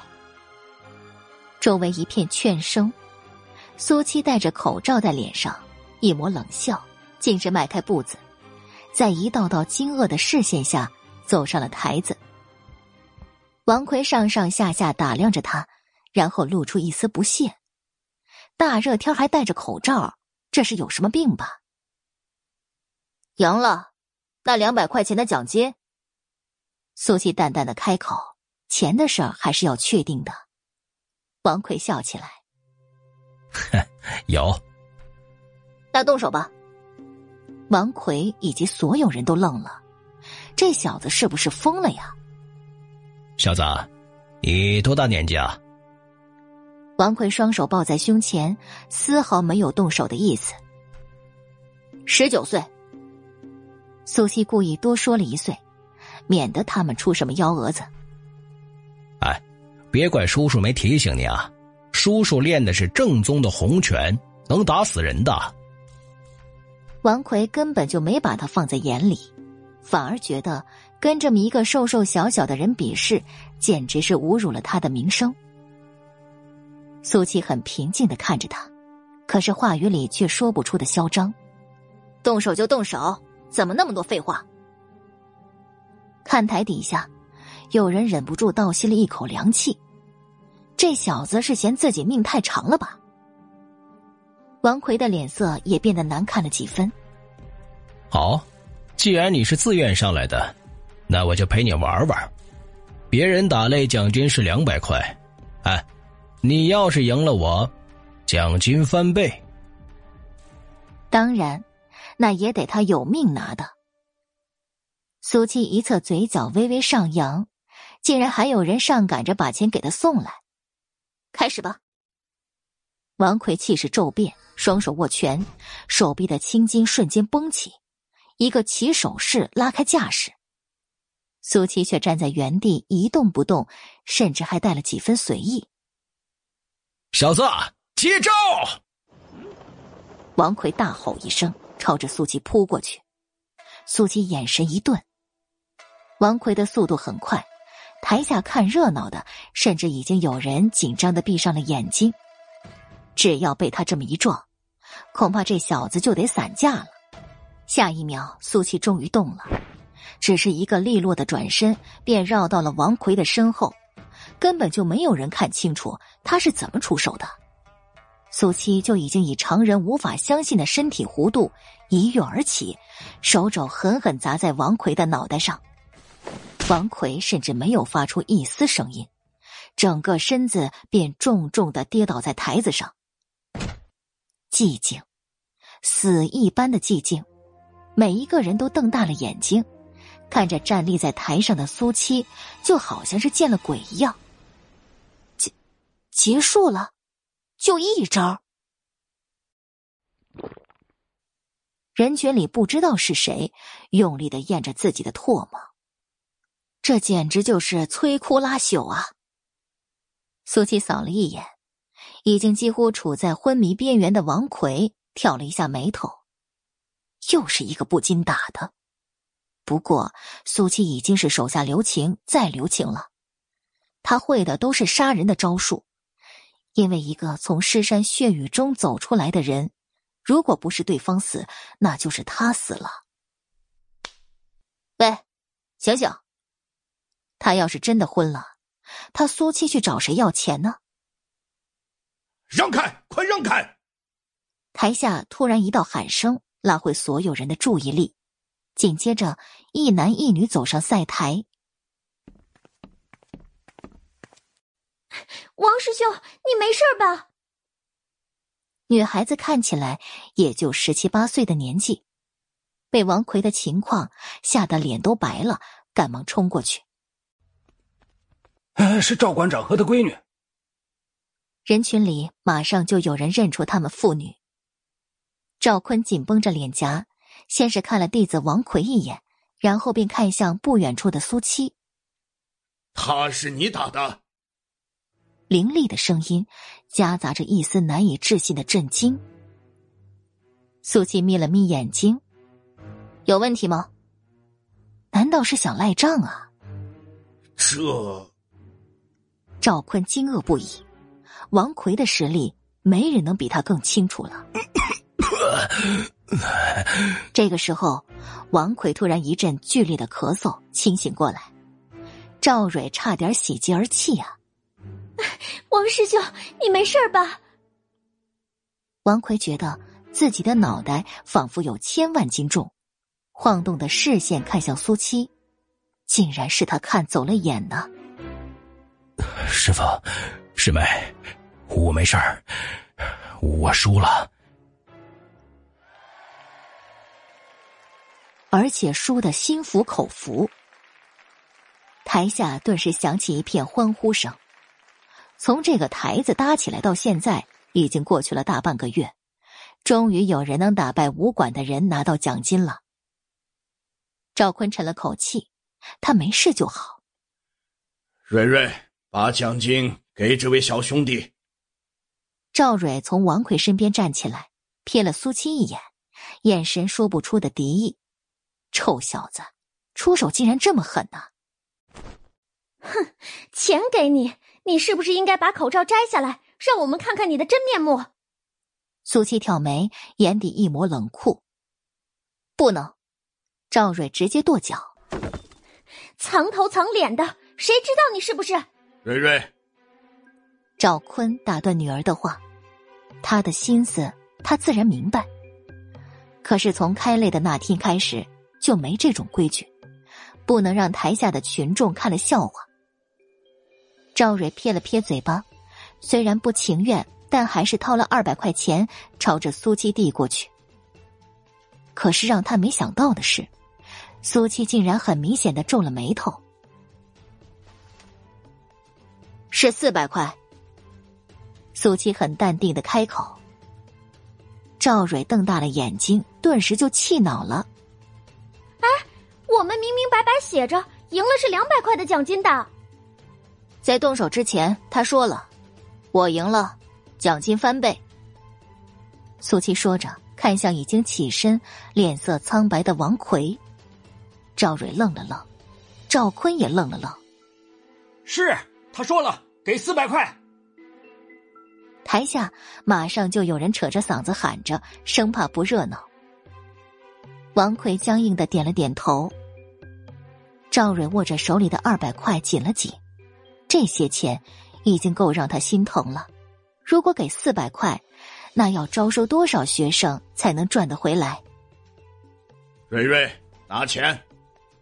赵坤只是犹豫一瞬，便再次开口：“爸，拿钱。”赵坤根本就不给他多说话的机会，没必要为了四百块钱污了武馆的名声。赵蕊抿着嘴角。纵然再不愿，也不敢违抗父亲的话。我去拿。他身上显然没有那么多的钱，直接走下台子，进了武馆里面。在等他的时间，赵坤忍不住跟苏七说了话：“哎哎，别走。”第二十集，小兄弟。我看你的样子有二十岁了吗？赵坤对苏七的长相十分好奇，他怎么不知道县城里还有这么厉害的孩子？十九岁。那比我家蕊蕊大一岁，你是在哪里学的功夫呀？师傅是谁呀？赵坤尽量温和着声音。馆长问的这么仔细，是想为你徒弟报仇吗？苏西反问一句。赵坤尴尬了神色，这小子怎么能这么想呢？这时候，赵蕊从武馆里走出来，回到苏七面前。那给你。苏七接过去，然后当着所有人的面数起来。这里最大面值的是二十的票子，也是厚厚一沓的。赵蕊一张脸拧巴成一团。放心吧，一分钱都不会少你的。苏七好像根本没有听出他的讽刺，数完钱揣进口袋，转身下台。啊，这小子也太傲慢了吧！赵蕊心疼被打的王奎，更心疼给出去的四百块钱。赵坤眼眸深邃，一直跟随着苏七的身影彻底消失不见。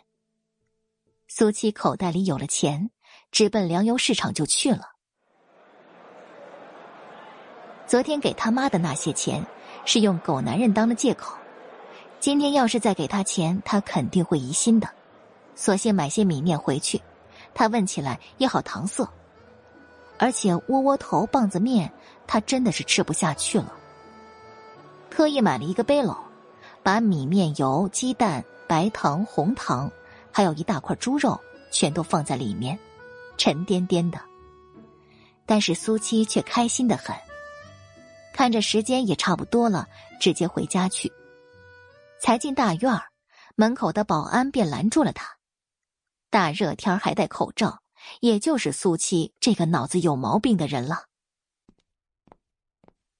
苏七，你今天是不是逃课了？你班主任打电话过来了，让我通知你妈呢。苏七阴沉了脸。我妈回来了吗？还没呢。保安听着他说话挺正常，反而觉得不对劲儿，想看看他的表情，奈何他脸上被口罩遮住了大半儿。那就不要说了。苏七的话不是祈求，而是命令。保安很明显的就愣了一下。特别是看着他那双深不见底的眼睛，突然就觉得有些瘆得慌。以后学校再来任何电话，你就当没接过就好。苏七的声音不重，可是那副霸道的语气却让保安兴不起半点说不的勇气。等他回过神的时候，苏七已经进了大院擦擦额头上的汗水，实在是很难把他跟傻子联系在一起。傍晚，冯秀从工地回来，家里的烟筒已经烟雾缭绕了。他被吓到，跑着进了家门。当看到灰头土脸的苏七的时候，第一个反应就是他被烧到了。我没事就是做饭来着。这个灶也太难烧了，至少换成煤气灶。苏七嘟囔一句：“他这是又说什么胡言乱语呢？煤气灶。”那又是个什么东西啊？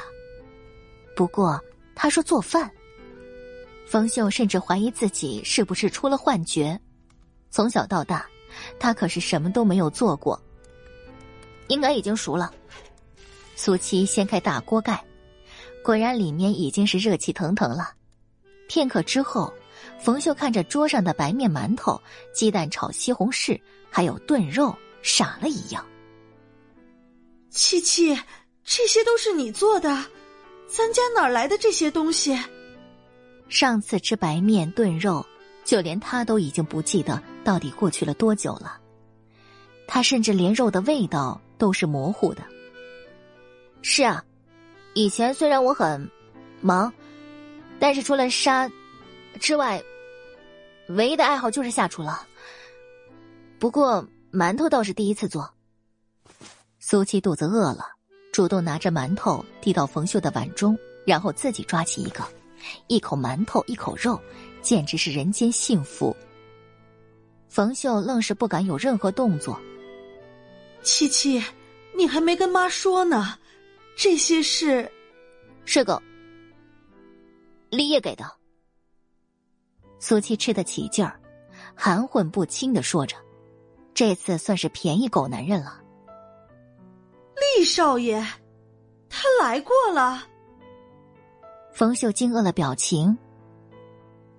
他没来家里，给我送去学校了，应该是觉得我们过的日子太苦了，有损他的颜面。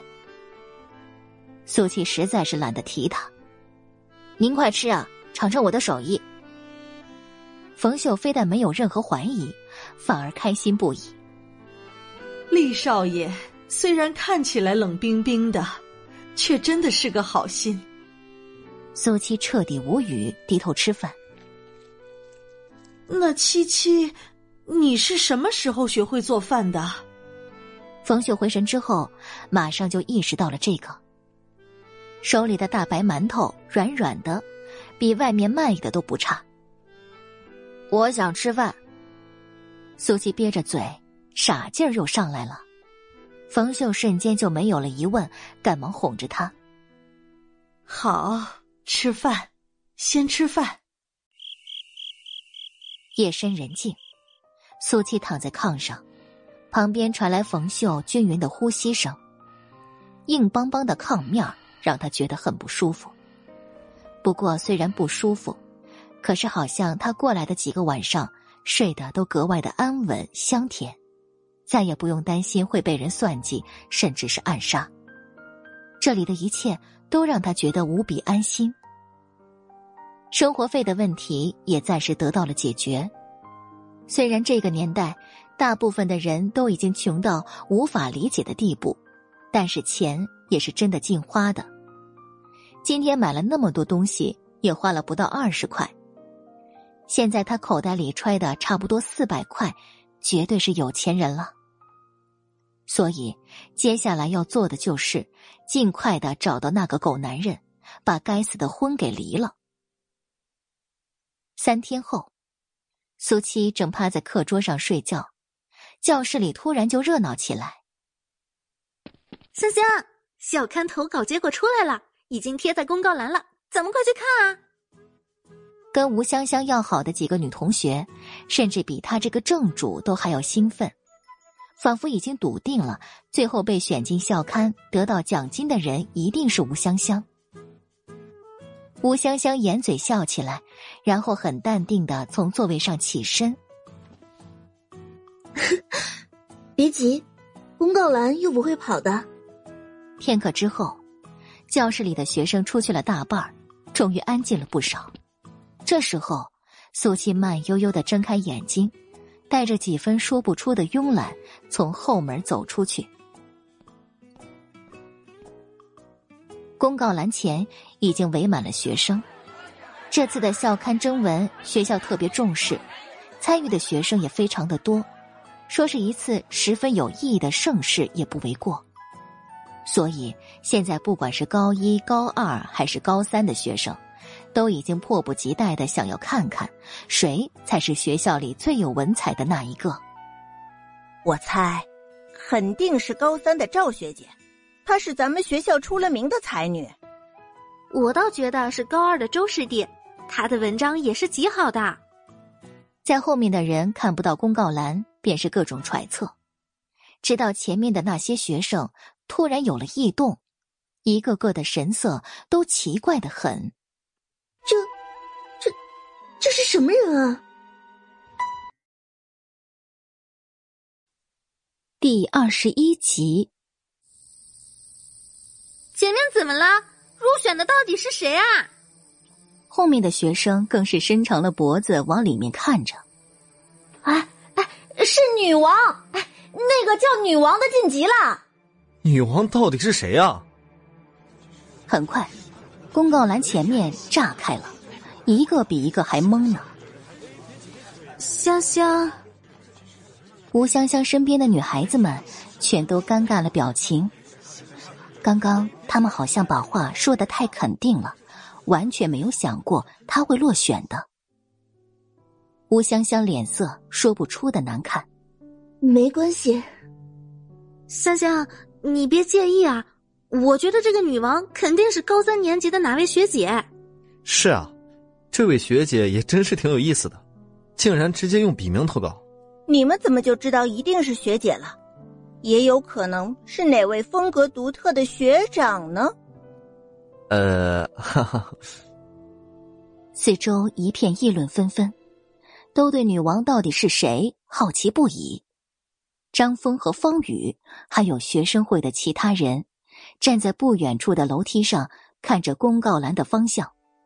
你看，我就说女王的故事一定会入选的。我现在真的是已经迫不及待，想要看看后面的发展了。方宇兴致勃勃，完全一副上瘾的模样。哎，阿峰，方宇，女王到底是谁啊？学生会其他人也忍不住好奇起来。一般同学投稿几乎都是用自己的真名，像女王这样的也是少见。可是让他们没有想到的是，张峰和方宇竟然也摇了摇头。不会吧？你们也不知道？这下。所有人都意外了。哎，你们急什么？现在他的文章已经入选校刊了，还有奖学金要领，肯定会出现的呀。方宇理所当然的说着，然后看向身边的张峰。哎，阿峰，你说是吧？张峰却好像根本没有听他说话，一双眼睛朝着公告栏的方向看着。他怎么也来了？苏七才刚刚出现，周围的学生便自动的避开他，仿佛他是什么洪水猛兽一样。苏七双手插在裤袋里，浑身上下都散发着一股慵懒，丝毫不在意周围的视线，漫不经心的看向广告栏，然后收回目光。哎，你们发现了没有？苏七好像跟平常不太一样了。方宇压低声音开口说着：“以前的苏七，痴痴傻傻的，从来不敢出现在人多的地方。可是现在的苏七，看起来人畜无害，但有时候那双眼睛就好像会吃人。”其他人点头附和，唯独张峰没有任何反应。不过，所有人都想不明白，苏七为什么会来公告栏这边。他们可从来都不知道，傻子也投稿了，估计写出来的也是个傻故事。苏七，跟我去办公室。一声喊声打断所有人的思绪。赵建新不知什么时候站在苏七身后不远处，脸色阴沉如水。苏七转身看向他，赵建新已经双手背在身后，迈开脚步。看来傻子又要挨训了。是啊，所有学生全都幸灾乐祸起来。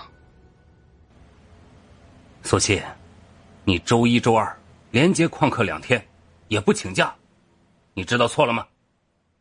办公室里，赵建新强压着怒火，他已经给苏七家里打电话了，可是每次门卫都说了会转达。但是他等了两天，也没等到苏七的家长。苏七没有说话。你家长呢？让他明天和你一起过来。赵建新对他这个样子也是见怪不怪了，跟他自然也没什么好说的。他没空，你跟我说就行了。苏七开口，带着几分说不出的嚣张和放肆。赵建新黑了脸。他这是在顶撞师长吗？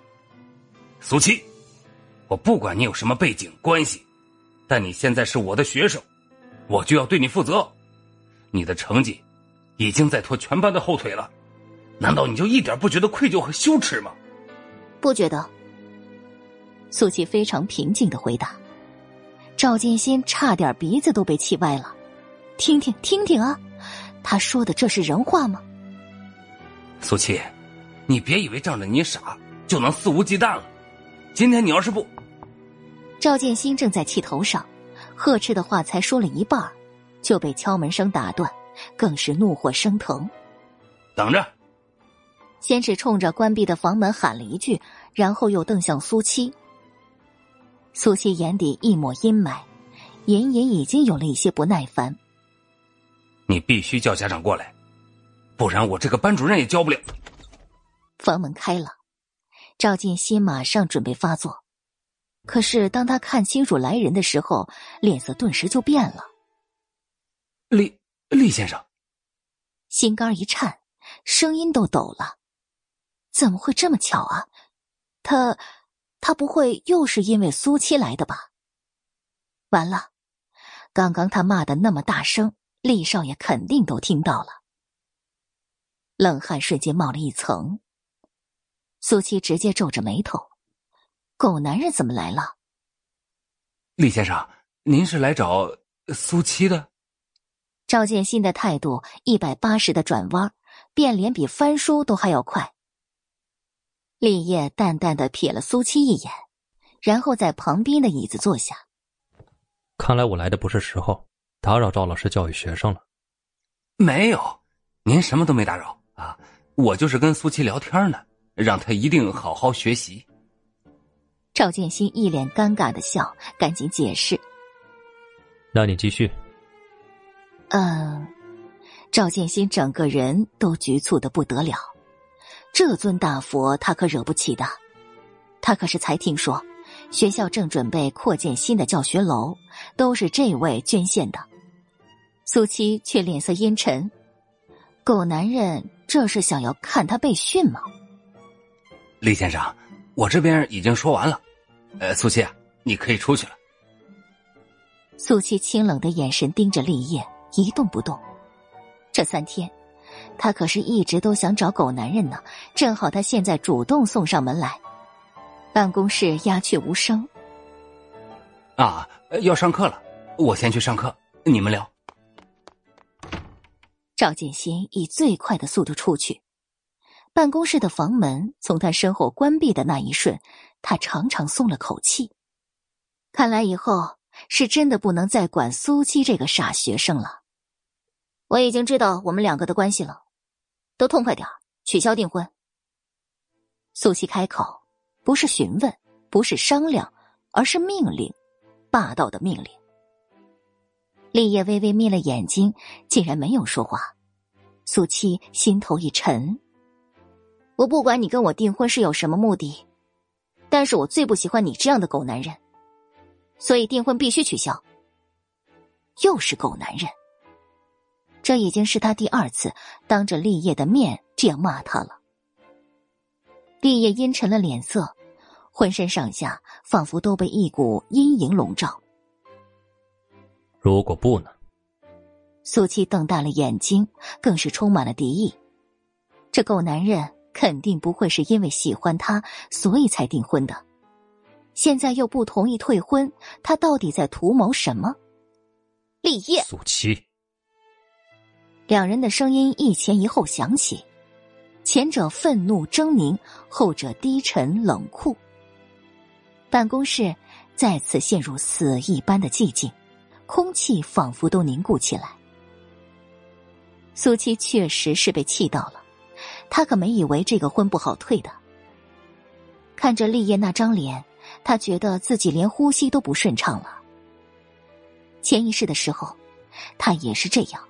处处忤逆他，跟他作对，他已经恨不得直接把这个男人的脑袋给拧下来。冷静，先把关系解除了，才更是要紧的。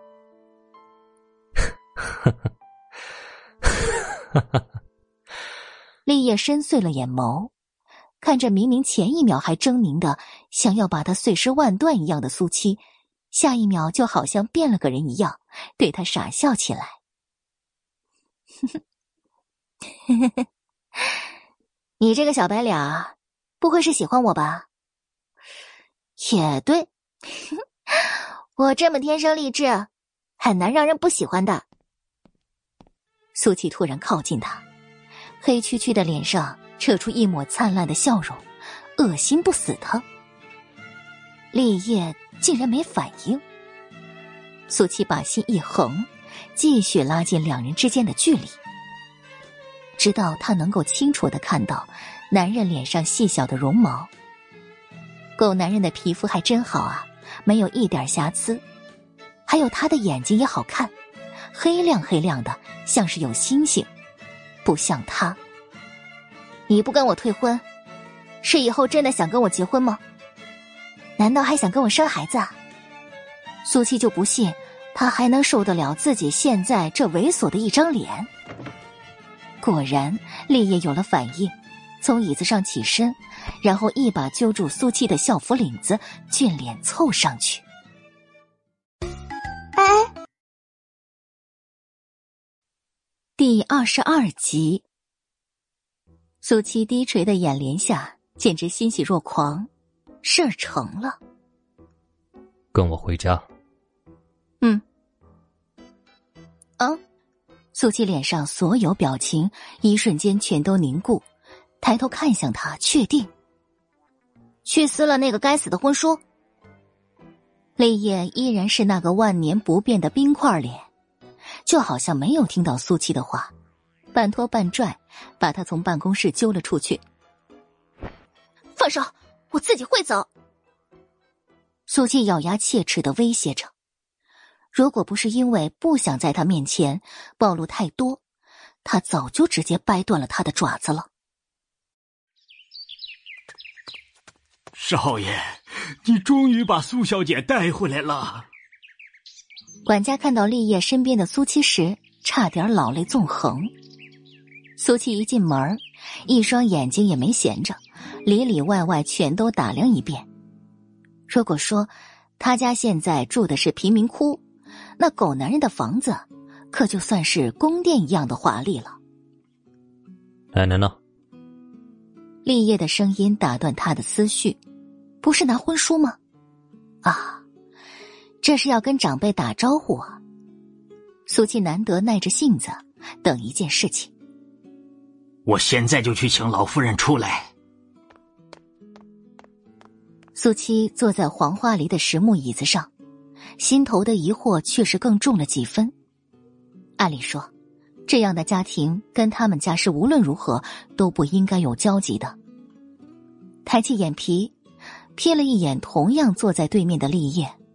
等到离婚的时候，他最好永远都别出现在他面前。七七，哎呀，七七呀，我的乖孙媳妇儿，你可算是回来了。不远处，老太太一道沙哑而又喜悦的声音，突然让苏七有了一股不祥的预感。这个时候，立业已经起身迎上去。奶奶，哼，你还知道我是你奶奶呀？啊！差点就把我这个老婆子饿死了！你这个不孝子孙！老太太嘴上骂着，脸上可没有半分生气的模样。立业直接选择闭嘴吧。如果不是他真的已经绝食两三天了，他是无论如何都不会带苏七过来的。管家呀，去拿汤。说话的功夫，老太太已经走到苏七的跟前。哎呦我的丫头啊啊，才十几天不见，怎么又瘦了这么多呢？一边说，一边心疼的伸手去摸，可是苏七却几乎是下意识的后退一步，凌厉了眼眸。前世的他，从来不允许任何人轻易触碰，这已经成为他的潜意识里自我的防备。老太太的手顿在半空中，有些难以置信。立业探究了眼神，一时间气氛说不出的僵硬。苏七也意识到自己的反应有些过度了，干咳一声：“ 您是？”脑子里确实没有半点儿他们这些人的记忆。老太太满脸的委屈：“七七呀，竟然又不认得我这个奶奶了。哎，不过没关系啊，以后……”你就跟奶奶一起过日子，总会记得的啊！等等，我为什么要跟你过日子？我来是要跟立业退婚的。苏七看这个老太太似乎是搞错了什么，很清楚的解释着。老太太明显愣住了。苏七不在乎别人怎么想，他的目的都非常的明确，直接递给立业一个眼神，让他赶紧去说。立业面无表情，让人琢磨不透此时此刻的他到底在想什么。下一秒，让苏七根本没有想到的一幕发生了。老太太突然发了火，拎起手里的拐杖，朝着立业就打下去。哎呀，你这个不孝的孙子啊！你真是要把我气死了呀！啊，你到底对我可怜的七七说了什么呀？竟然要跟你退婚！你们要是退婚了，我我我也不活了呀！我苏七的额头冒出三条黑线，怎么都没想到会是这样。奶奶，我什么都没做。既然他要退，那就退好了。立业对于这件事完全没有任何意见，那副淡定的面孔，仿佛就好像是等着苏七主动提出来一样。你们，你们想都不要想！老太太呼哧呼哧直喘，她可是好不容易才有了准孙媳妇，这件事没得商量。苏七一颗心沉到了底儿了。原来问题出在老太太身上了。我要退婚。他能管立业那个孙子，却管不到他的。老太太直勾勾的看着他，泪花在眼眶中打转。苏琪突然就觉得，自己好像是做了什么十恶不赦的坏事一样。琪琪呀，是奶奶哪里做的不好吗？你跟奶奶说呀，奶奶可以改的呀。你看奶奶都这么一大把年纪了，一直都是孤零零的一个人呢。而且不瞒你说呀，奶奶，奶奶已经，已已经。说到这儿，老太太用力的吸了吸鼻子，没有多久好活了呀。琪琪呀，你就再忍忍，给臭小子一次机会吧！啊！立业顿时黑了脸了。奶奶，本集播讲完毕。第二十三集，老太太直接一记眼神杀，阻断立业后面要说的话。现在哪里还有他说话的份儿啊？苏七微微皱了眉，打量着老太太的脸，确实能够一眼看出的虚弱。所以他是得了什么重病，活不长了，所以狗男人才跟他订婚，完成这位老太太的最后遗愿。苏小姐，你就听听老夫人的话吧。老夫人为了您，都已经三天没吃饭了。身子都快顶不住了，管家也过来，在一旁附和着。苏七脑袋都有些大了，婚约是必须要取消的。可是，七七呀，还是亲家母对立业有什么不满的地方啊？管家，去备车，我们现在就去亲家母家里。老太太绷着声音吩咐着。苏七一听要去他家，有些急了。他妈可是根本还不知道这件事情呢。我家没人，而且我妈也没对他不满。老太太眼底马上就一抹金光。那我就去你家里等着。我这个老太婆可是亲口答应了你妈妈的，一定会照顾好你的。可是现在你却要退婚。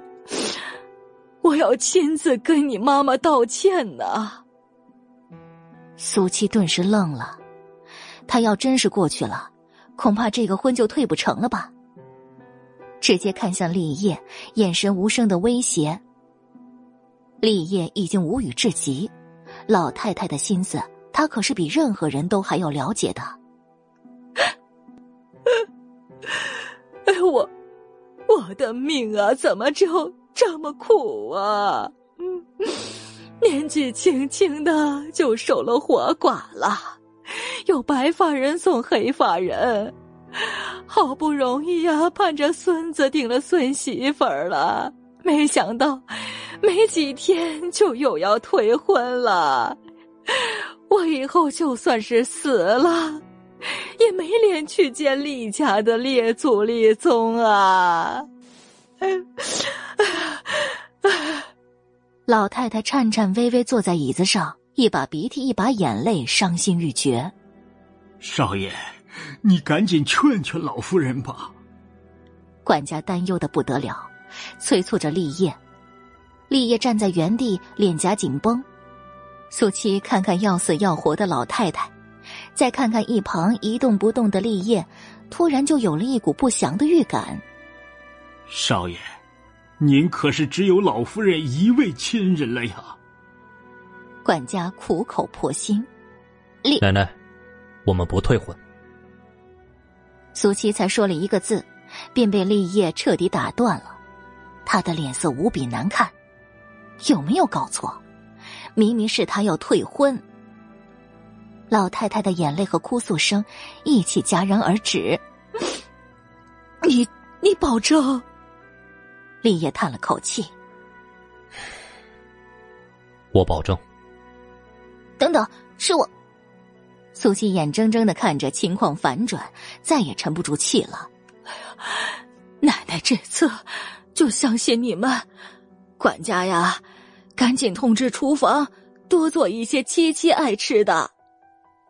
老太太喜笑颜开，至于苏七的话，她是选择直接忽视了。苏七的神色阴森恐怖，恨不得用眼神在立业身上戳几个窟窿。立业呀，你带七七回房间，让他也冷静冷静。顺便洗漱、换身衣服啊！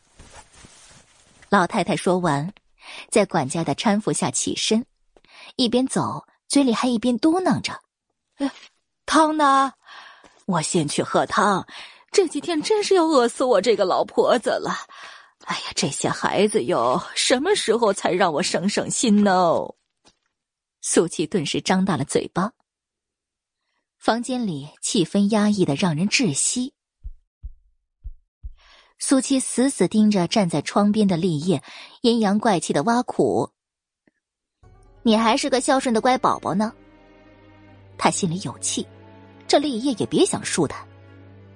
立业的眉头微微蹙起，脸上同样带着一抹明显的不悦。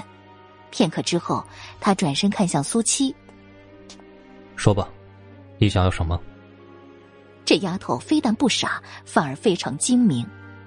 之前他们订婚的时候，他家里可是就连一分钱都没有要的。本来立业的想法也很简单，他是他奶奶看上的人，虽然不喜欢苏七，但是订了婚敷衍老太太，以后就各过各的日子，谁都不会招惹到谁的。前面的几个月也确实就是这样过来的。可是苏七现在突然提出要退婚，恐怕退婚是假。想要达到什么目的才是真的？我要退婚。苏七从嗓子里硬挤出这四个字，难道他说的还不够清楚明白吗？立业看着他那张黑黢黢的、干瘪瘦又张扬跋扈的脸，真的是一秒钟都不想跟他在一起。但是，不可能。立业，别以为你们家有几个臭钱就了不起了。我的婚姻绝对不会允许任何人摆布。苏七的目光直直顶上他阴沉的视线，士气十足。立业的眼睛微微眯起来，无知者无畏，在苏七的身上还真是表现的淋漓尽致啊！你的婚姻确实可以随我摆布。苏七气血上涌，垂在身侧的双手紧握成拳。找死！不过你放心，只要你乖乖听我的话，我会想办法说服我奶奶的。立业的耐心也已经到了极限，他可是比苏七更想要解除这段荒唐的关系。苏七压下眼底若隐若现的狰狞，冷静。问题确实出在那个老太太身上。现在跟立业撕破脸，恐怕事情会更糟糕的。刚刚老太太也说了，她剩下的日子不多了，只要她死了，那所有的问题就可以迎刃而解了。你说的尽快是多久？苏七的忍耐也是有限的。半年，以前你是怎么过日子，以后我也不会干涉。还有，不要在外面惹麻烦，更不要提起我跟你的关系。立业冷酷着声音提醒，警告的意味十足。他没兴趣知道苏七为什么会突然变了性子，两相无事，各自安好。同样的话，我也送给你。苏七对他也是嫌弃的不得了，就差直接在脑门上刻上“我不认识狗男人”七个大字了。少爷，苏小姐，吃饭了。苏七撇撇嘴角，他现在吃人的心思都有了。我回家。这句话既是对管家说的，也是对立业。管家求救的目光朝着立业看过去，老夫人可是都已经在餐桌前等着了。如果你想回去之后就在你家看到我奶奶，那就随便。立业很平静的提醒，马上就让苏七顿住了脚步。他看着立业的目光像是淬了毒，别欺人太甚。立业直接从他身边走过，然后丢下一句话：“你要是有本事让我奶奶像我一样嫌弃你，那这个婚现在就能退了。”苏七盯着他离开的背影，直接在心里爆了粗口：“狗男人，明摆着是在利用他。”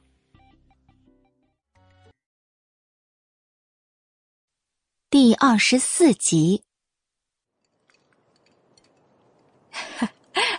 琪琪呀，来吃个鸡腿儿。老太太夹起一块肥鸡腿，放到苏七的碗里。她这么瘦，是该好好补补。可是所有人都没有想到的是，苏七竟然嫌弃的直接就把鸡腿扔出去。我最讨厌吃鸡腿了。饭桌上的气氛顿时尴尬，就连立业都停下了筷子。苏七一个挑衅的眼神递给他，他不是要让老太太讨厌他吗？那就如他所愿好了。哎呀，没想到我家七七也有脾气了啊！那吃鱼就好了。奶奶记得你以前不就是喜欢吃鱼吗？老太太也就只是愣了一秒，然后便又和颜悦色的招呼着。苏七撇了撇嘴巴。鱼刺那么多，你想扎死我？立业低垂的眼帘下凌厉了目光。他是让苏七不讨奶奶欢心，但是没有让他目无尊长啊！怕死就别吃。声音不重，可是却压力十足。老太太立马瞪了立业一眼。未婚妻是用来疼的，可不是用来凶的。你，给七七把鱼刺儿都挑出来。立业愣了，难道他老人家一点都不生气吗？他自己又不是没长手，让你挑你就挑啊！老太太直接命令。苏七看着立业，虽然立业脸上依然没有什么情绪，但他就是看出来立业现在咬牙切齿的。原来这个老太太就是狗男人的软肋，这可太好玩了。嗯。挑鱼刺吧。立燕面对苏七的幸灾乐祸，深邃了眼神，但却真是按着老太太说的去做了。很快，捣得稀烂的鱼肉被放到苏七的面前。苏七只是看了一眼，便一点食欲都没有了，甚至觉得有些恶心。这狗男人故意的。七七呀，既然你已经回来了。那就别回去了啊！不行，老太太的话还没说完呢，苏七完全没有任何余地打断了他。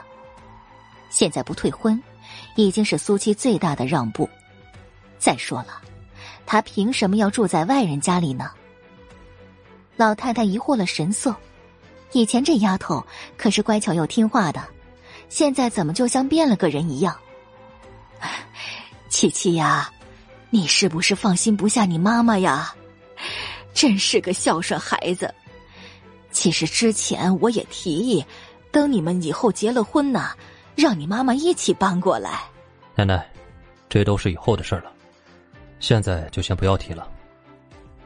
这次立业终于开口了，老太太皱了眉头，迟疑了片刻，还是点了点头。才刚刚说服他们两个不退婚，也确实不能追得太紧了。下午，苏西回到大院，走进胡同，正好跟同样出来的李金花碰了个正着。她的胳膊还带着绷带，看到苏七的那一瞬，一张脸马上就耷拉到了地上。可是现在的苏七跟以前已经明显不一样了，所以不能直接跟他冲突，眼珠子一转。计上心来，苏七啊，婶子给你道个歉啊！上次的事儿其实都是误会呢。苏七本来就因为不能退婚而心里不爽，冷着眼看着李金花这满脸的算计，突然就阴恻恻的笑起来，撒气的地方有了。他都没有说话，李金花便自顾自的说下去：“苏七啊，我屋里蒸了肉包子。”你要不要进去吃个包子啊？你手都断了，还能蒸包子？苏七故意一声疑问。李金花听他竟然还有脸提他的手，眼神更是阴沉。婶子这只手是好的呀，你快点跟我进来吧。他可是已经迫不及待了。苏七果然迈开脚步跟在他身后。苏七来，你坐这儿，我进屋里。去给你拿肉包子。李金花搬来一把小木凳，示意让苏七坐下。他家院子要比苏七家的大了一倍都不止呢，地面也全都是用红砖铺的，简直就是气派的很呢。苏七目光闪烁，想到最早的时候，这个外地女人来到这里举目无亲，要不是他妈妈一时好心收留了她。哪里又有她现在的好日子？这女人不仅不知恩图报，反而还恩将仇报，不该留在这个世界上。李金花看着苏七坐在边上呆滞的样子，直接反手插了大门，然后脸上一抹阴森的笑容。苏七自然没有错过他这个小动作，幽深的视线在院子里扫过一圈。然后落在角落里趴着的狗身上。整个大院里几乎没人不知道这条畜生凶得很呢，几乎不能靠近招惹。所以李金花家里也一直都用大粗链子拴着狼狗，轻易不放开的。原本正在熟睡的大狼狗，就好像是察觉到有人盯着他，突然就睁开了眼睛，呲呲獠牙。苏七一侧嘴角微微上扬，神色却是说不出的冷酷。小畜生。这个时候，李金花端着一盆东西走出来。虽然苏琪不知道是什么，但绝对不是包子就对了。苏琪啊，我才想起来，我家大黑还没喂呢，你等等我，喂完了大黑就给你肉包子。李金花敷衍的安抚。然后就朝那条狼狗走过去。反正大门已经上了锁了，等一会儿这个傻子就算想要跑都出不去的。直接让大黑把他咬死或者是咬残了，再推脱说是大黑发了狂，自己挣脱了链子。到时候虽然会损失一条狗，可是他的仇也算是彻底报了。他满心的好算计。想到这里，已经扭曲了五官，忍不住笑起来。因为他是背对着苏七，所以也不用担心苏七能看到他现在的神情。但是他也同样没有看到苏七手里突然多出来的一把匕首。这个也是苏七前两天在二手市场上淘来的，然后便一直放在腰间。不管是前世还是今生。苏七是绝对不会允许自己手无寸铁。苏七，大院里的人都说你被恶鬼附身了。已经走到大狼狗身边的李金花，已经开始动手去解狗链子了。他阴森着声音呢喃着。当那条铁链解开的一瞬，彻底露出自己恐怖的真面目。今天我倒是要看看，是你身上的恶鬼厉害，还是我家大黑更厉害。大狼狗没有了狗链的束缚，顿时就呲起了獠牙。李金花终于把盆里放着的东西拿出来，竟然是一根长长的擀面杖，朝着大狼狗的屁股狠狠的打下去。畜生吃痛，喉咙里发出渗人的低吼，一双眸子变得血红。大黑，咬死这个贱丫头！伴随着李金花狰狞的声音落下。大狼狗张开血盆大口，朝着不远处的苏七扑了过去。哎，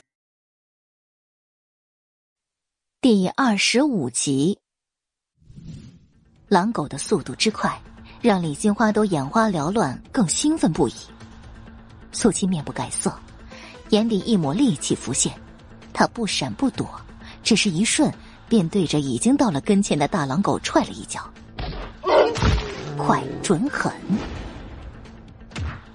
凶残无比的狼狗就好像是沙袋一样，被蹬出去四五米，狠狠的撞到了院墙上。李金花才转过身，就看到狼狗飞出去，惊愕的嘴里直接发出了怪声：“怎，怎么回事啊？”还没有等他回神呢，苏气动了，他的速度。是他根本就不能理解的快。苏七的目标非常明确，只有那条畜生，趁他病要他命啊！向来是苏七出手的原则。大狼狗仿佛也意识到强烈的危机，再次呲起獠牙。不过苏七根本就没有给他机会，直接手起刀落，鲜红的血液从狼狗的脖颈上喷涌而出。苏七只要再稍微用力，他就会立马身首异处。可是偏偏他突然收回了力道，一跃而起，拉开与狼狗的距离。大狼狗因为剧烈的疼痛，彻底发了狂，出于本能，开始寻找着所有可以攻击的一切。李金花活了大半辈子，还是第一次看到这样血腥的场面，吓得三魂丢了两魄。现在他的眼里，自家的狗简直就成了会吃人的怪兽一样，而此时此刻，这个怪兽已经张着他血盆大口，朝着他扑过来。他的眼瞳剧烈的收缩着，脸上惨白一片，明明想要逃跑的，可是那两条腿却好像生了根一样，动弹不得。别，别，别过来，别过来！啊一声尖叫，终于能够拔腿跑了。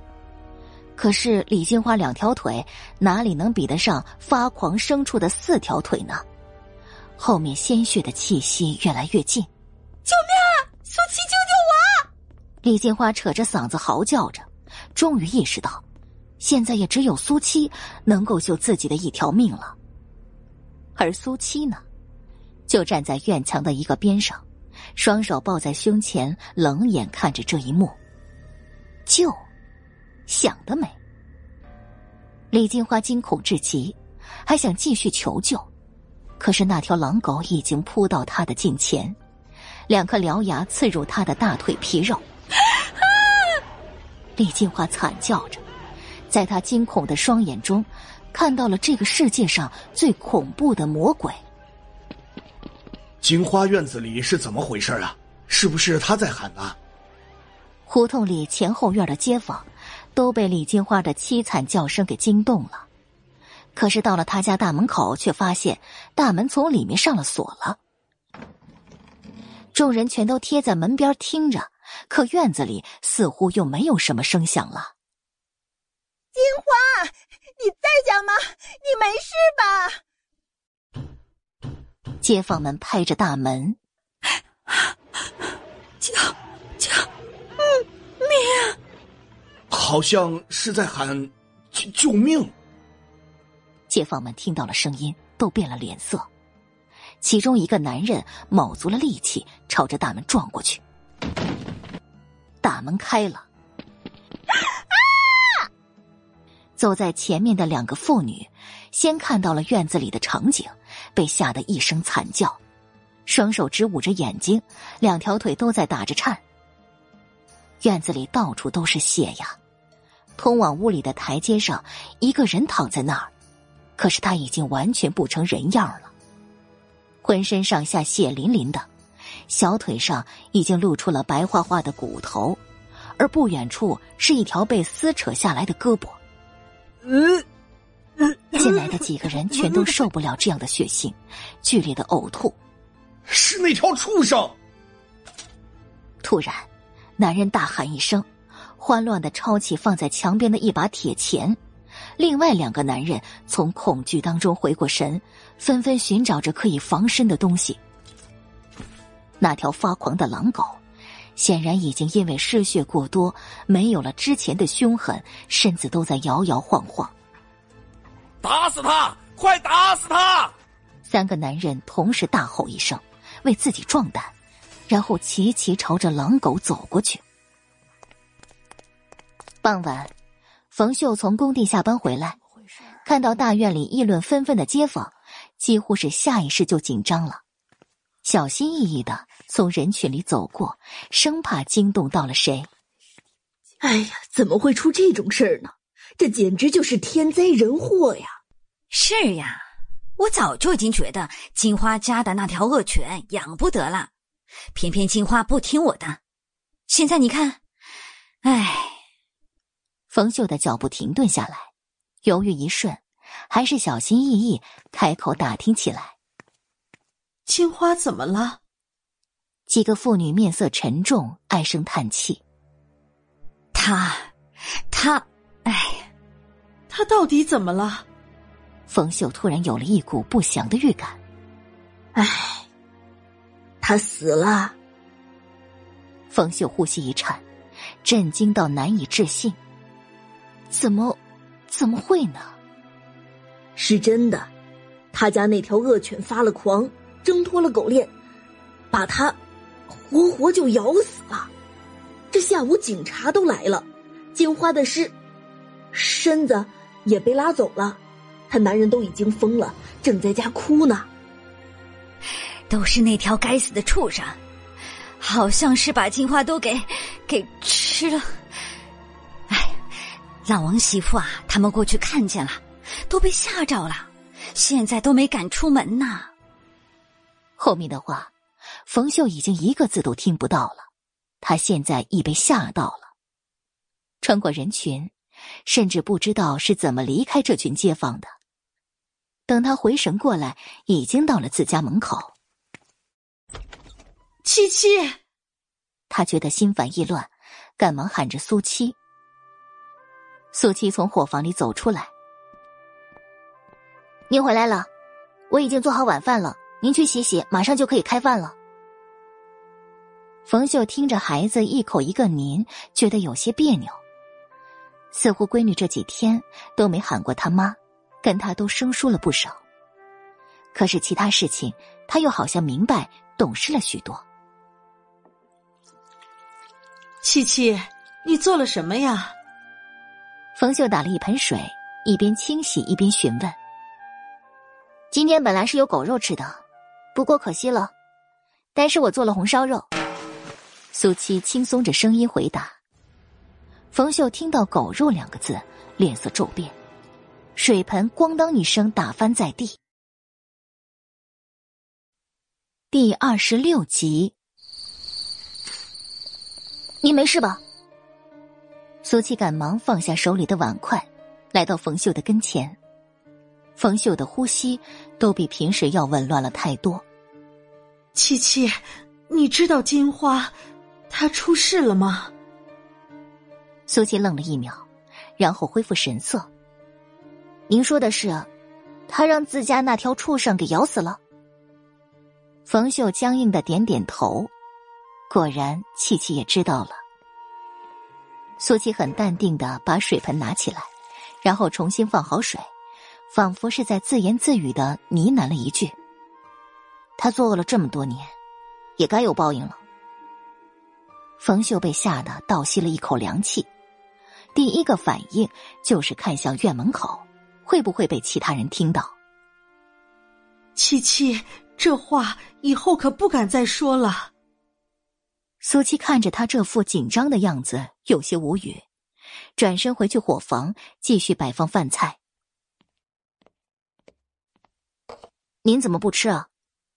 饭桌上，冯秀很明显的食不下咽，苏七也跟着放下筷子。我，我。冯秀张张嘴，可却还是什么都没说出来。不过他不说，苏七也知道是为了什么。又不是我们自己家的事情，为了那种人不吃饭，可不值得。说完，主动夹起一块肉，放到冯秀的碗中。我就是觉得太突然了。冯秀心情是从来都没有过的复杂。这么多年来，他们母女经常受到李金花的排挤和嘲笑，但是他也没想过李金花最后会是这样的结局。苏七一声冷笑，继续吃自己的饭。自作自受罢了，想害人，反而把自己给作死了。人都已经死了，我们也不应该在背后说这些。冯秀忍不住提醒着苏七。有些话在家里说说没什么，可是万一他要是在外面这么说，就不好了。我说的是事实啊，那个女人本来就该死，而且我要是猜的没错的话，几年前您在纺织厂工作出现失误被厂里开除，这件事也跟他脱不了关系。农夫与蛇，他就是那条歹毒的蛇。苏七陈述着这个事实，凉薄无比。冯秀直勾勾的看着他，真的很难相信这句话是从苏七的嘴里说出来的。七七，你怎么能这么想呢？或许金花是有对不住我们的地方，但是也罪不至死啊。做人不能太尖锐，该退让的时候还是要退让的。苏七对他这些话，只是一只耳朵进，一只耳朵出罢了。苏七的字典里可是从来都没有“退让”这两个字的。第二日，李金花家的胡同已经摆满了花圈，因为他死的实在是太惨了，大院里的所有人都忌讳不已，所以几乎每家都送了花圈过来。苏七从他家门口经过，停下脚步，朝着院子里看过去。一侧嘴角微微上扬，苏七，苏七，赶紧过来！胡同口有个跟苏七妈关系还不错的妇女，急忙的朝着苏七招着手。这个傻丫头，没事可不敢站在那里的。苏七收回视线，朝他走过去。苏七啊，听婶子的话。以后就尽量绕着这边走啊！为什么？苏七很淡定的问：“你那个金花婶子啊，死的实在是太……说了你也不懂，听话就对了。”妇女才说一半都觉得后背凉飕飕的，不敢再继续说下去了。苏七倒是明白了他的意思，我知道，他被咬死了，死无全尸。昨天他可是亲眼看着的，然后等那些街坊们到了门口，才翻墙离开的。这种麻烦自然不能惹到自己身上。妇女的脸色更是难看几分，还真是童言无忌呀。学生会，阿凤，昨天入选校刊的结果已经发布出来了，你说女王今天会不会来领奖学金呢？方宇神色兴奋。他可是一大早就过来了，生怕错过了女王。张峰淡淡的瞥了他一眼：“你什么时候对一个女生这么感兴趣了？”“哎哎哎，我那是喜欢她的故事。”“哎，等等，你怎么知道是女生？”方宇亮了一双眼睛：“如果真的漂亮的话，当然也不是不能考虑追追看的。”张峰看他这个样子，已经完全无语了。突然响起的敲门声，让他们两个下意识的对看一眼，同时认真了神色。特别是方宇，马上从扭扭歪歪坐直了身子。进来吧。两人同时朝着门口看过去，期待了表情。可是，一瞬之后，便又齐齐失望了。张峰学长、方宇学长，你们怎么了？进来的同学见到他们两个人的神色似乎不太对劲儿，赶忙询问。没事儿。张峰收回视线，继续整理面前的资料。香香，我已经打听过了，那个女王是高三年级的学姐。课间，教室里依然热闹。从昨天到今天，几乎所有人都在好奇，入选校刊的女王到底是谁？怎么我听说是高主任的女儿？你们说的都不对，好像是赵副校长的侄女呢。如果要是真的，那这就不公平了吧？入选校刊是要看文章的，怎么能看身份呢？很快就有学生提出了自己的不满。他的一句话，顿时引起了四周一片的赞同。本来投稿都是公开的，偏偏就这个入选的人只用了一个笔名，摆明着有问题。大家都别说了，下周一女王的文章就会在校刊上登出来，到底是不是凭实力晋级的，看看不就知道了吗？一直坐在座位上没有说话的吴香香，一句话。便让质疑不断的所有人都安静下来。这话倒是对的。女王的文章到底是真的好，还是被学校内定的？一看便知。上课铃声响起来，所有人都回去了自己的位置。苏七始终趴在桌子上。数学老师抱着一沓卷子走进来，他紧绷的脸颊显然心情很不好，严肃的视线。扫过教室一周，当看到最后一排在睡觉的苏七时，更是怒气上涌。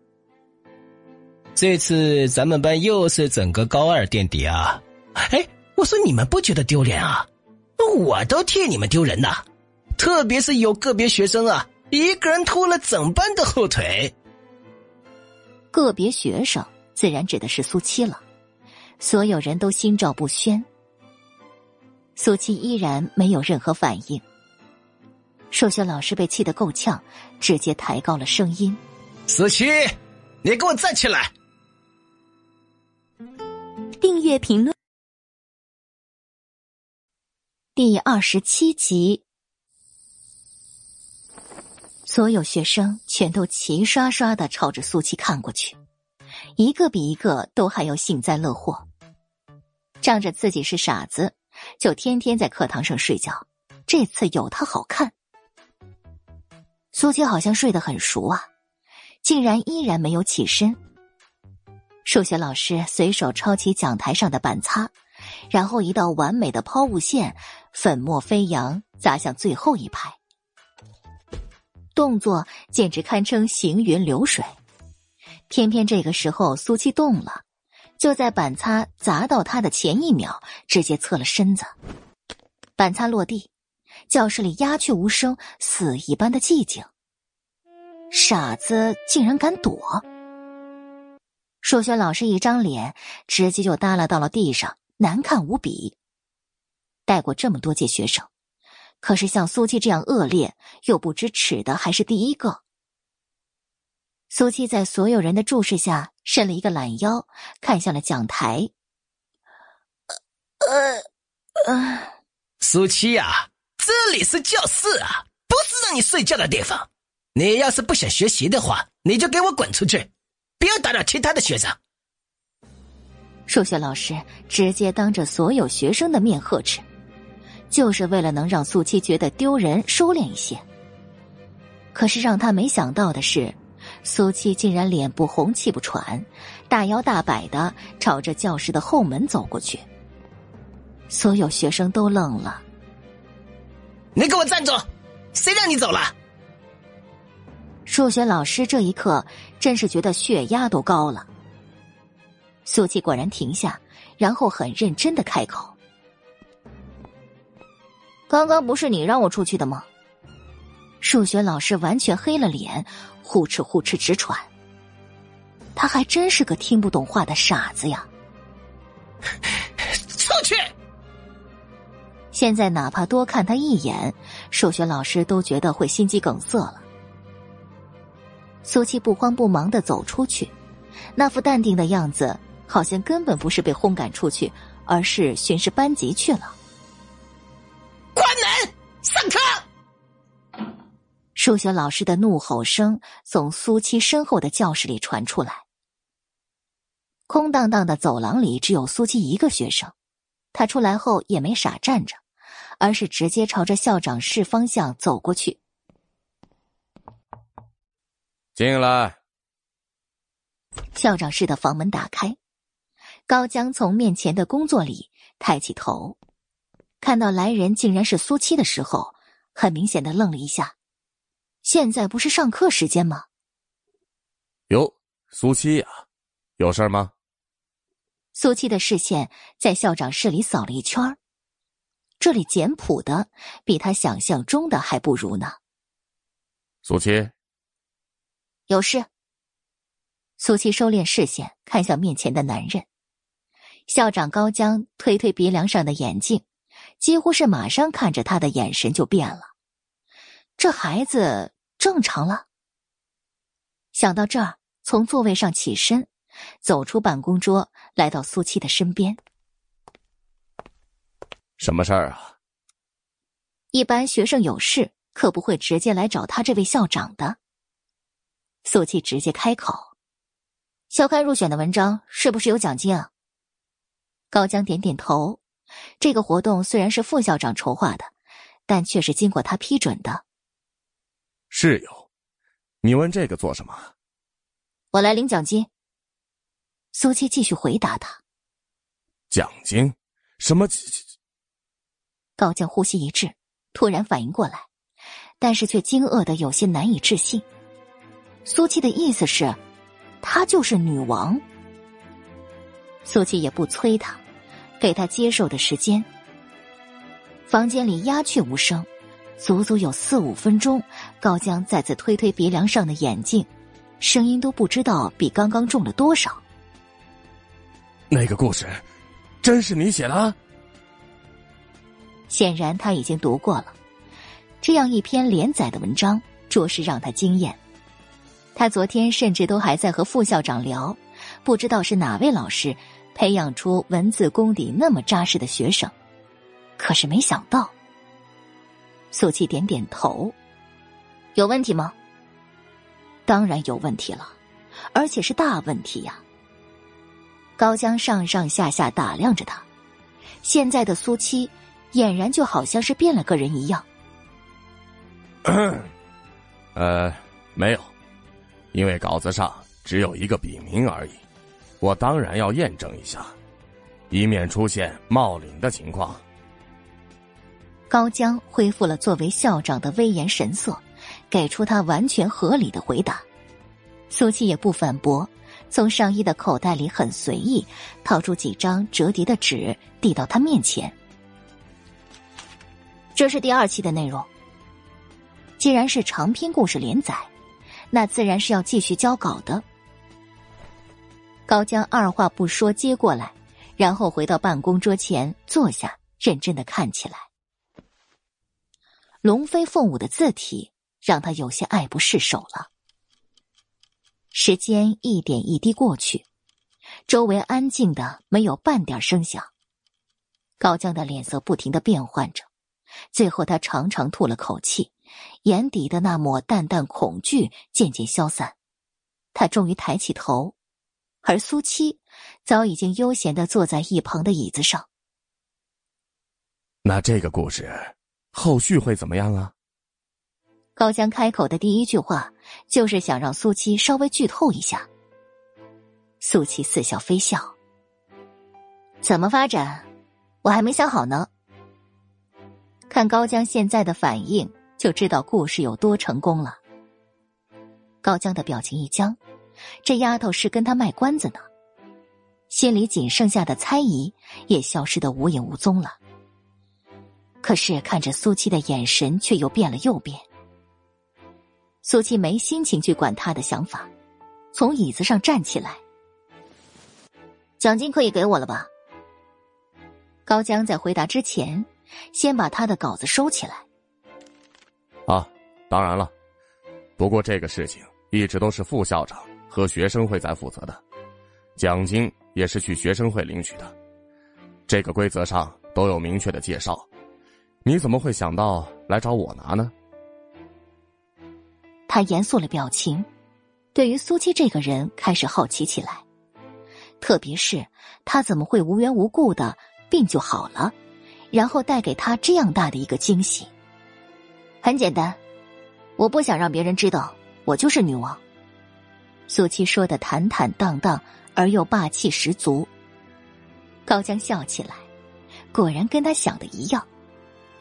不过，如果学校里的人知道了故事是出自于苏七，恐怕真的会引起轰动了吧？毕竟，就连他都被震惊到了。现在都还觉得匪夷所思。哦，所以你是在提醒我，要替你保守这个秘密。苏西点点头，淡定的理所当然。高江还是真的第一次遇到这样的孩子，不要说对校长的敬畏和胆怯，就连对长辈的尊敬，似乎都没有太多。这副成熟老练的模样，就好像完全是面对平辈人的从容。你是不是想让其他人知道你恢复正常了？不过你又怎么知道我一定会答应呢？订阅评论别忘记，精彩故事再继续，我们下集见。第二十八集，四目相对，气氛说不出的诡异。高江在等着苏七的回答。苏七却扑哧一声笑了，高校长，您这样的身份，跟我一个学生这么调侃，真的好吗？一件小事而已，他难道会大嘴巴到处宣传吗？我只是好奇，你怎么就选择信任我呢？难道就因为他是校长？其实直接去找副校长更容易，毕竟这件事。是由副校长负责的。苏七缓缓收敛脸上的笑意，并没有直接回答他的问题，而是一声反问：“我来这里念书，是经过您的特批吧？”高江深邃了眼眸，这个丫头简直是突然精明的过分了。行了，我个人先把奖金垫付给你，不过这样的事情下不为例。苏七眼底一抹金光，看来这位校长确实是有事情在瞒着他。为什么会特批一个脑子有些痴傻的孩子进学校？恐怕就算是苏七追问，这校长也不会告诉他吧。给。高江将钱递过去，苏七接过数了一下，然后皱了眉头：“这么少？”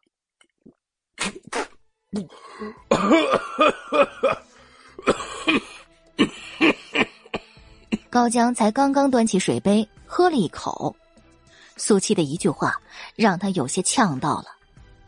一百块的奖学金少，他知不知道？现在长辈们在外面工作一个月才能挣十几二十块钱而已。看来我的故事啊，也不会太长了。苏七漫不经心的将钱揣进口袋，呢喃一句。高江差点一口老血喷出来，所以他是看钱写故事吗？苏七，你的故事真的很不错，在校刊刊登也是展示自己的机会，还是要循序渐进的，把故事讲完整啊。放心吧，我会的。高校长，那我就先走了。钱已经拿到了，自然也就没有再留下来的必要了。高江看着苏七离开的背影，神色复杂。这个孩子，怎么让他觉得有点不得了啊？两天后，李金花的骨灰被带回了大院，办完了丧礼就会入土为安。这个年代可没有谁会选择火化的。可是他死无全尸，浑身上下的皮肉都被撕扯烂了，所以才会被火化。案子最后定性为狼狗发狂咬人致死。唯一有些解释不通的，就是那条被打死的畜生脖颈上有一处很深的伤口是利器所致，而在死去的李金花不远处有一把沾满血渍的菜刀。警察判断是他在慌乱之下用来对付狼狗的，可是想要用一把菜刀造成那样的伤口，显然有一些困难。不过，当时院门是从里面锁上的。他家也没有任何人出入的痕迹，所以也就排除其他的可能性。李金花的男人和他儿子已经哭得死去活来、凄凄惨惨了，街坊们都能帮一把的就帮一把，就连冯秀都过来。不仅他来了，苏七也跟着过来。因为是周末，所以苏七放假闲在家里，劝冯秀不要来，自然是不听的，索性他也一起就过来了。哎呦，这不是苏七吗？怎么，你是过来蹭饭的吧？啊，也对，你家穷的都快揭不开锅了，难得有这种机会打打牙祭。叶小莲和几个女孩子过来，就看到苏七靠在放着花圈的那面墙上，似乎还挺悠闲，她当然就看不过去了。这里的习俗是，不管婚丧嫁娶，都是要办席的。丧事的席面虽然说不上多好，但是对于苏七这样的家庭来说，那简直就是大餐了。苏七抬起眼皮，朝他看了过去，神色说不出的冷。这个丫头片子，跟他同样大的年纪，从小欺负他到现在，特别是在他进了县高中，而他却没有考上之后。更是变本加厉。你瞪我干什么？难道我说的不对吗？你这个破落户的贱丫头，也不撒泡尿照照自己的德行，恶心死了！叶小莲口出恶言，心中却觉得畅快无比。这个傻子，早就该被赶出大院了。苏七眼底一抹阴霾，迈开脚步朝他走过去。哎呀，小莲！咱们还是别惹他了。叶小莲身边的女孩子扯扯她的衣袖。上次，傻子可是一把就捏断金花婶子的骨头，而且现在的他看起来也挺不正常的。况且，这里人家正在办丧事，闹起来也不好。一个傻子，你们怕什么？我就骂他了，有娘生没爹养的贱种，他能听得懂？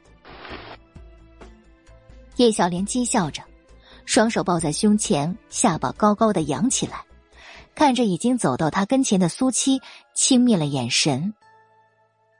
有本事你打我呀！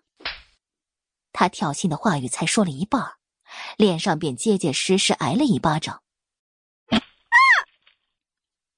鲜血混着一颗后槽牙从他的嘴里喷出来。他被打得眼冒金星，剧烈的疼痛更是让他惨叫起来，也终于惊动在院子里的人。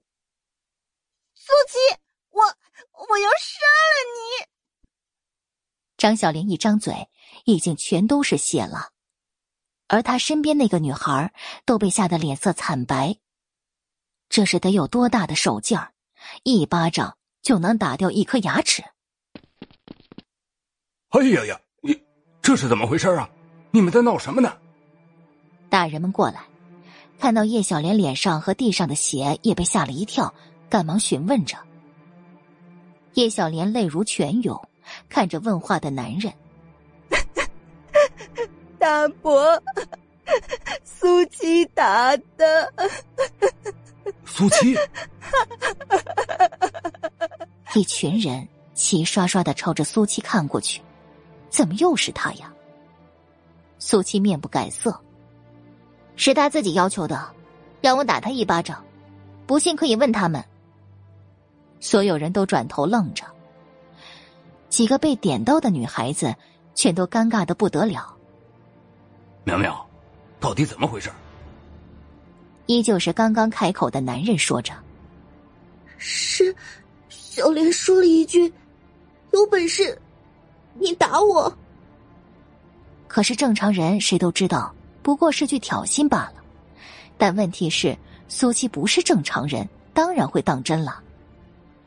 大人们，你看看我，我看看你，一个比一个神色无语。比起苏七，当然全都有心维护叶小莲的。那也不能，我好好的站在这里，他们几个冲过来，指着我的鼻子骂我，我一句话都没说，想走来着，他又让我打他。这种要求我还真的是第一次遇到，所以我就听他的话动手了。苏七根本就不打算给男人继续开口的机会，很完整的陈述着刚刚的事实，同样也是告诉他们所有人，到底是谁先招惹谁的。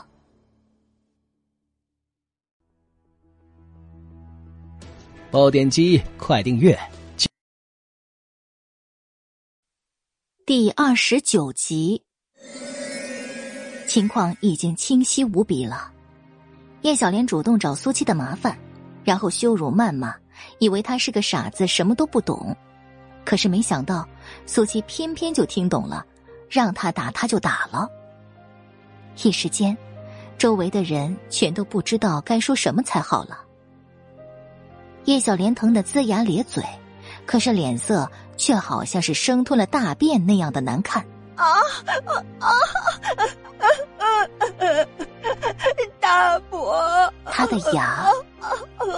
行了，人家家里在办丧事，你们闹来闹去像什么样子？男人呵斥一声，显然也不想再继续纠缠下去了。苏七啊，你力气大，怎么能轻易动手打人呢？如果以后再这样的话，那就别来招惹我。苏七根本就不给他把话说完的机会，冷冰冰的丢出一句，然后扬长而去。胡同里的街坊们一个个面面相觑，这个丫头简直是嚣张的过分了。不过也确实是傻子，正常人的情商，谁敢得罪整个大院里的人呢？大伯，怎么就能让他啊这么走了呢？啊啊？叶小莲急得直跺脚，一张嘴都感觉直漏风，难受的要死啊！男人一记凌厉的眼神，哼，你要是不甘心，去苏七家里闹，别在这里丢人现眼。可不就是丢人现眼，没本事竟然还去招惹人家。其他人也全部散开了，只留下神色狰狞的叶小莲和她身边的几个女孩子。小莲，赶紧去诊所看一下吧。肯定疼死了。叶小莲捂着半边红肿的脸，眼神恐怖的不得了。苏七，这个仇，他一定会加倍的讨回来。苏七很快找到人群里的冯秀。回家吧。不是询问，而是命令的语气。冯秀微微一愣，张张嘴想要说什么，可是苏七却已经转身走了。他赶忙和身边的人打了声招呼，然后追上去。七七，是不是吓到你了？其实你不该跟着过来的。看着苏七那张面无表情的脸，他还以为苏七是不适应这样的场合。没有。苏七淡淡应了一句。母女俩进了家门，冯秀抱柴做饭。本来出了份子钱的，是要留在那边吃饭的，可是苏七突然要回来，也就只能自己做饭吃了。我就请了一个上午的假，吃了饭就去工地了。你一个人在家，就不要出门了。饭桌上，冯秀忍不住叮嘱着。苏七的视线。落在他满是伤痕、老茧的双手上，目光闪烁。以后不要去了。放心吧，晚上我会早点回来的。冯秀根本就没有明白苏七的意思。苏七沉了口气，放下碗筷，认真了神色。以后不要去工地了，我养你。冯秀顿时愣住了。苏七早就已经想要跟他说了，他如果连自己的母亲都养活不了，那也就白活一世了。你这孩子怎么又说傻话了？你只要好好上学，别的什么都不用管。冯秀只是以为苏七是在开玩笑，当然不会答应的。可是当苏七从口袋里掏出五十块钱，递到他跟前的时候，他瞬间就僵住了。以后每个月我都会给你五十块钱的生活费，你只管在家里给我洗衣做饭就好。冯秀用力的在自己腿上捏了一把，疼得倒吸了一口凉气，然后回神。七七。这些钱你是从哪儿来的？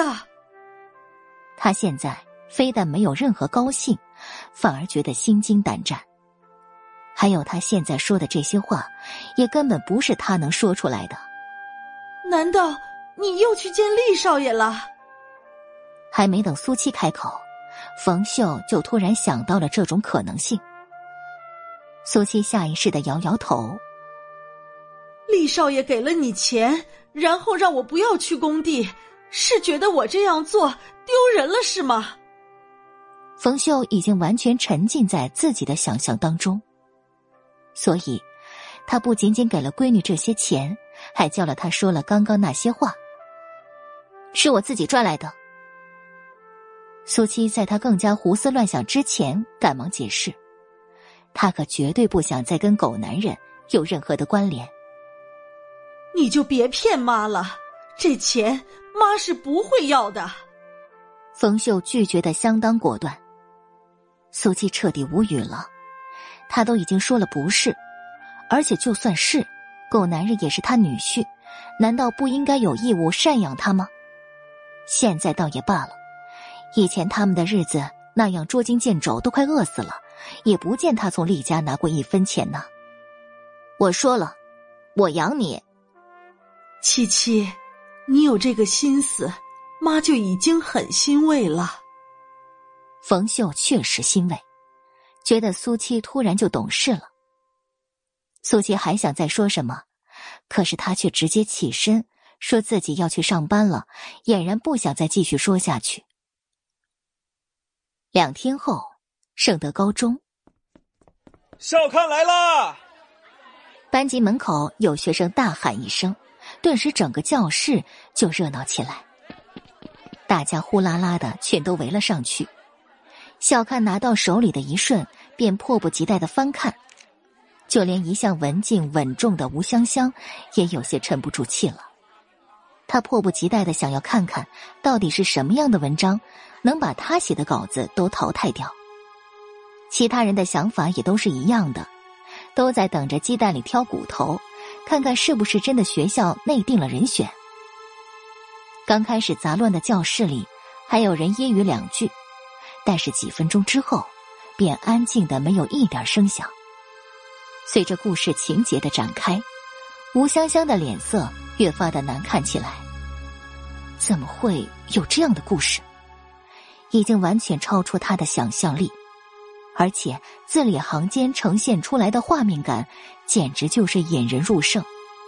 特别是看到最后，那戛然而止的恐惧感，让他都忍不住打了一个寒战，久久都无法回神的。其他学生自然也全都如此。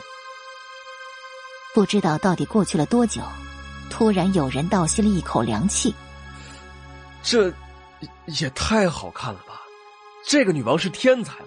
怎么能想到这么好看的故事？啊有了第一句感叹之后，马上就有了第二句、第三句，紧接着，整个教室里全都沸腾起来。每个学生的脸上都是一片惊艳之色，就连平常和吴香香要好、她被淘汰替她抱不平的几个女生，也已经完全不顾及她了。苏七慵懒的倚靠在椅子上。看着窗外的风景，眼底一抹笑意转瞬即逝。在这个阅读刊物匮乏的年代，他只要随便动动手指，都能让他们如痴如狂了。坐坐坐，嘿。第三十集，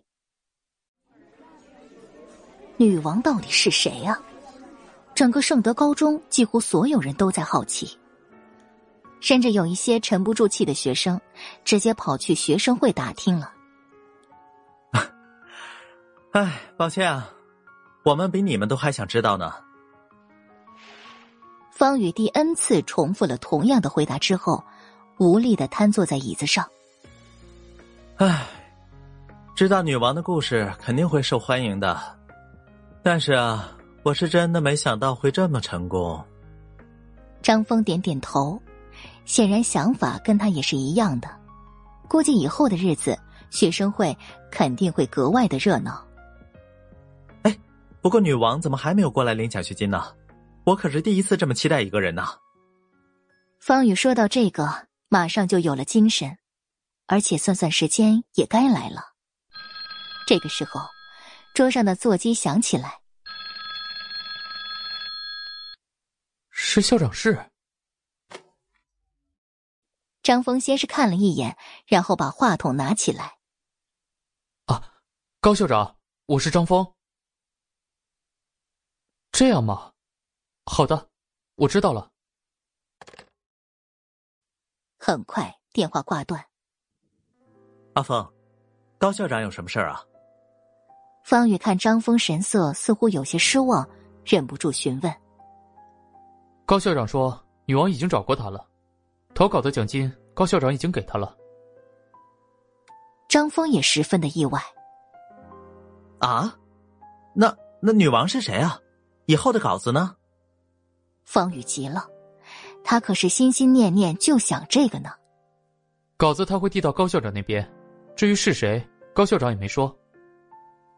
张峰很清楚，对方这么做，应该是不想暴露自己的身份。可是，这不是很光荣的事情吗？怎么会这样啊？搞这么神秘，有必要吗？方宇简直失望至极，不过好奇心更是前所未有。站住！放学路上，苏西为了图方便，特意走了小路。才经过一个小胡同，便被四个二溜子打扮的男人拦住了去路。圣德高中的为首的男人打量一眼苏七身上的校服，然后阴恻恻的笑起来。苏七面无表情的看着他们。哎，有钱吗？为首的男人又马上开了口：“没有，没有。”哎呀，那你今天可就不能从这里过去了。为首的男人甩掉嘴里叼着的烟头，凶狠了目光。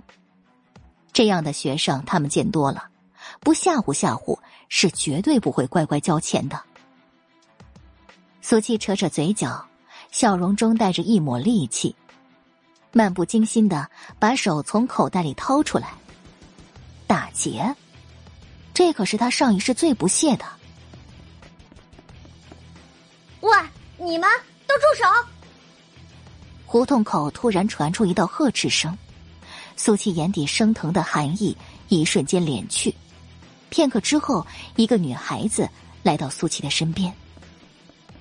当他看到这女孩子的模样时，眼神一顿，竟然是那个武馆的丫头。她同样也穿着德胜高中的校服。世界还真是小啊！他们竟然还是一个学校的校友。你们在做什么？赵蕊紧绷着脸，直接就护在苏姬的面前。赵蕊刚才在外面都听到了，这群男生是在为难他这个同学。苏七淡淡的看着他，几个二溜子互相对看一眼，然后为首的男人扑哧一声就乐了。又来了一个送钱的丫头片子。没干什么，这个胡同是我家开的，你们想从这里过去，就得拿钱出来。哼，这里我天天走，怎么就是你们家开的了？你们赶紧走啊，不然就别怪我不客气了。赵蕊底气十足，根本就没把这几个人放在眼里。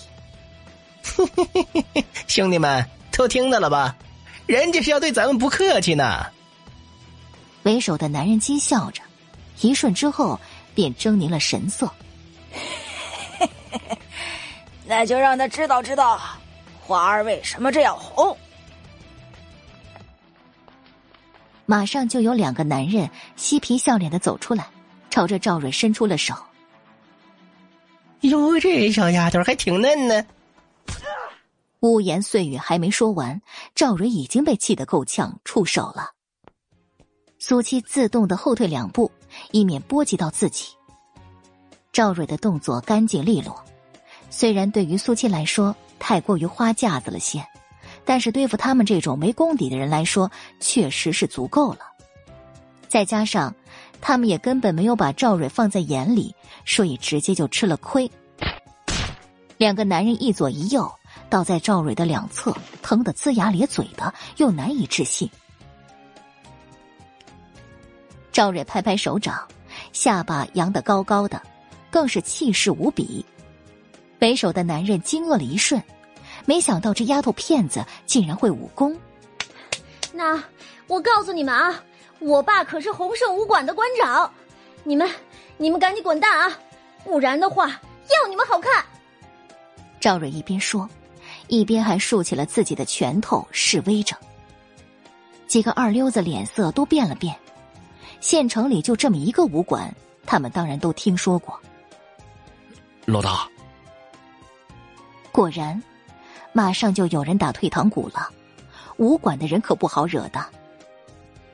为首的男人沉了口气，狠狠的瞪了赵蕊一眼：“哼，今天就先放过你们，我们走。”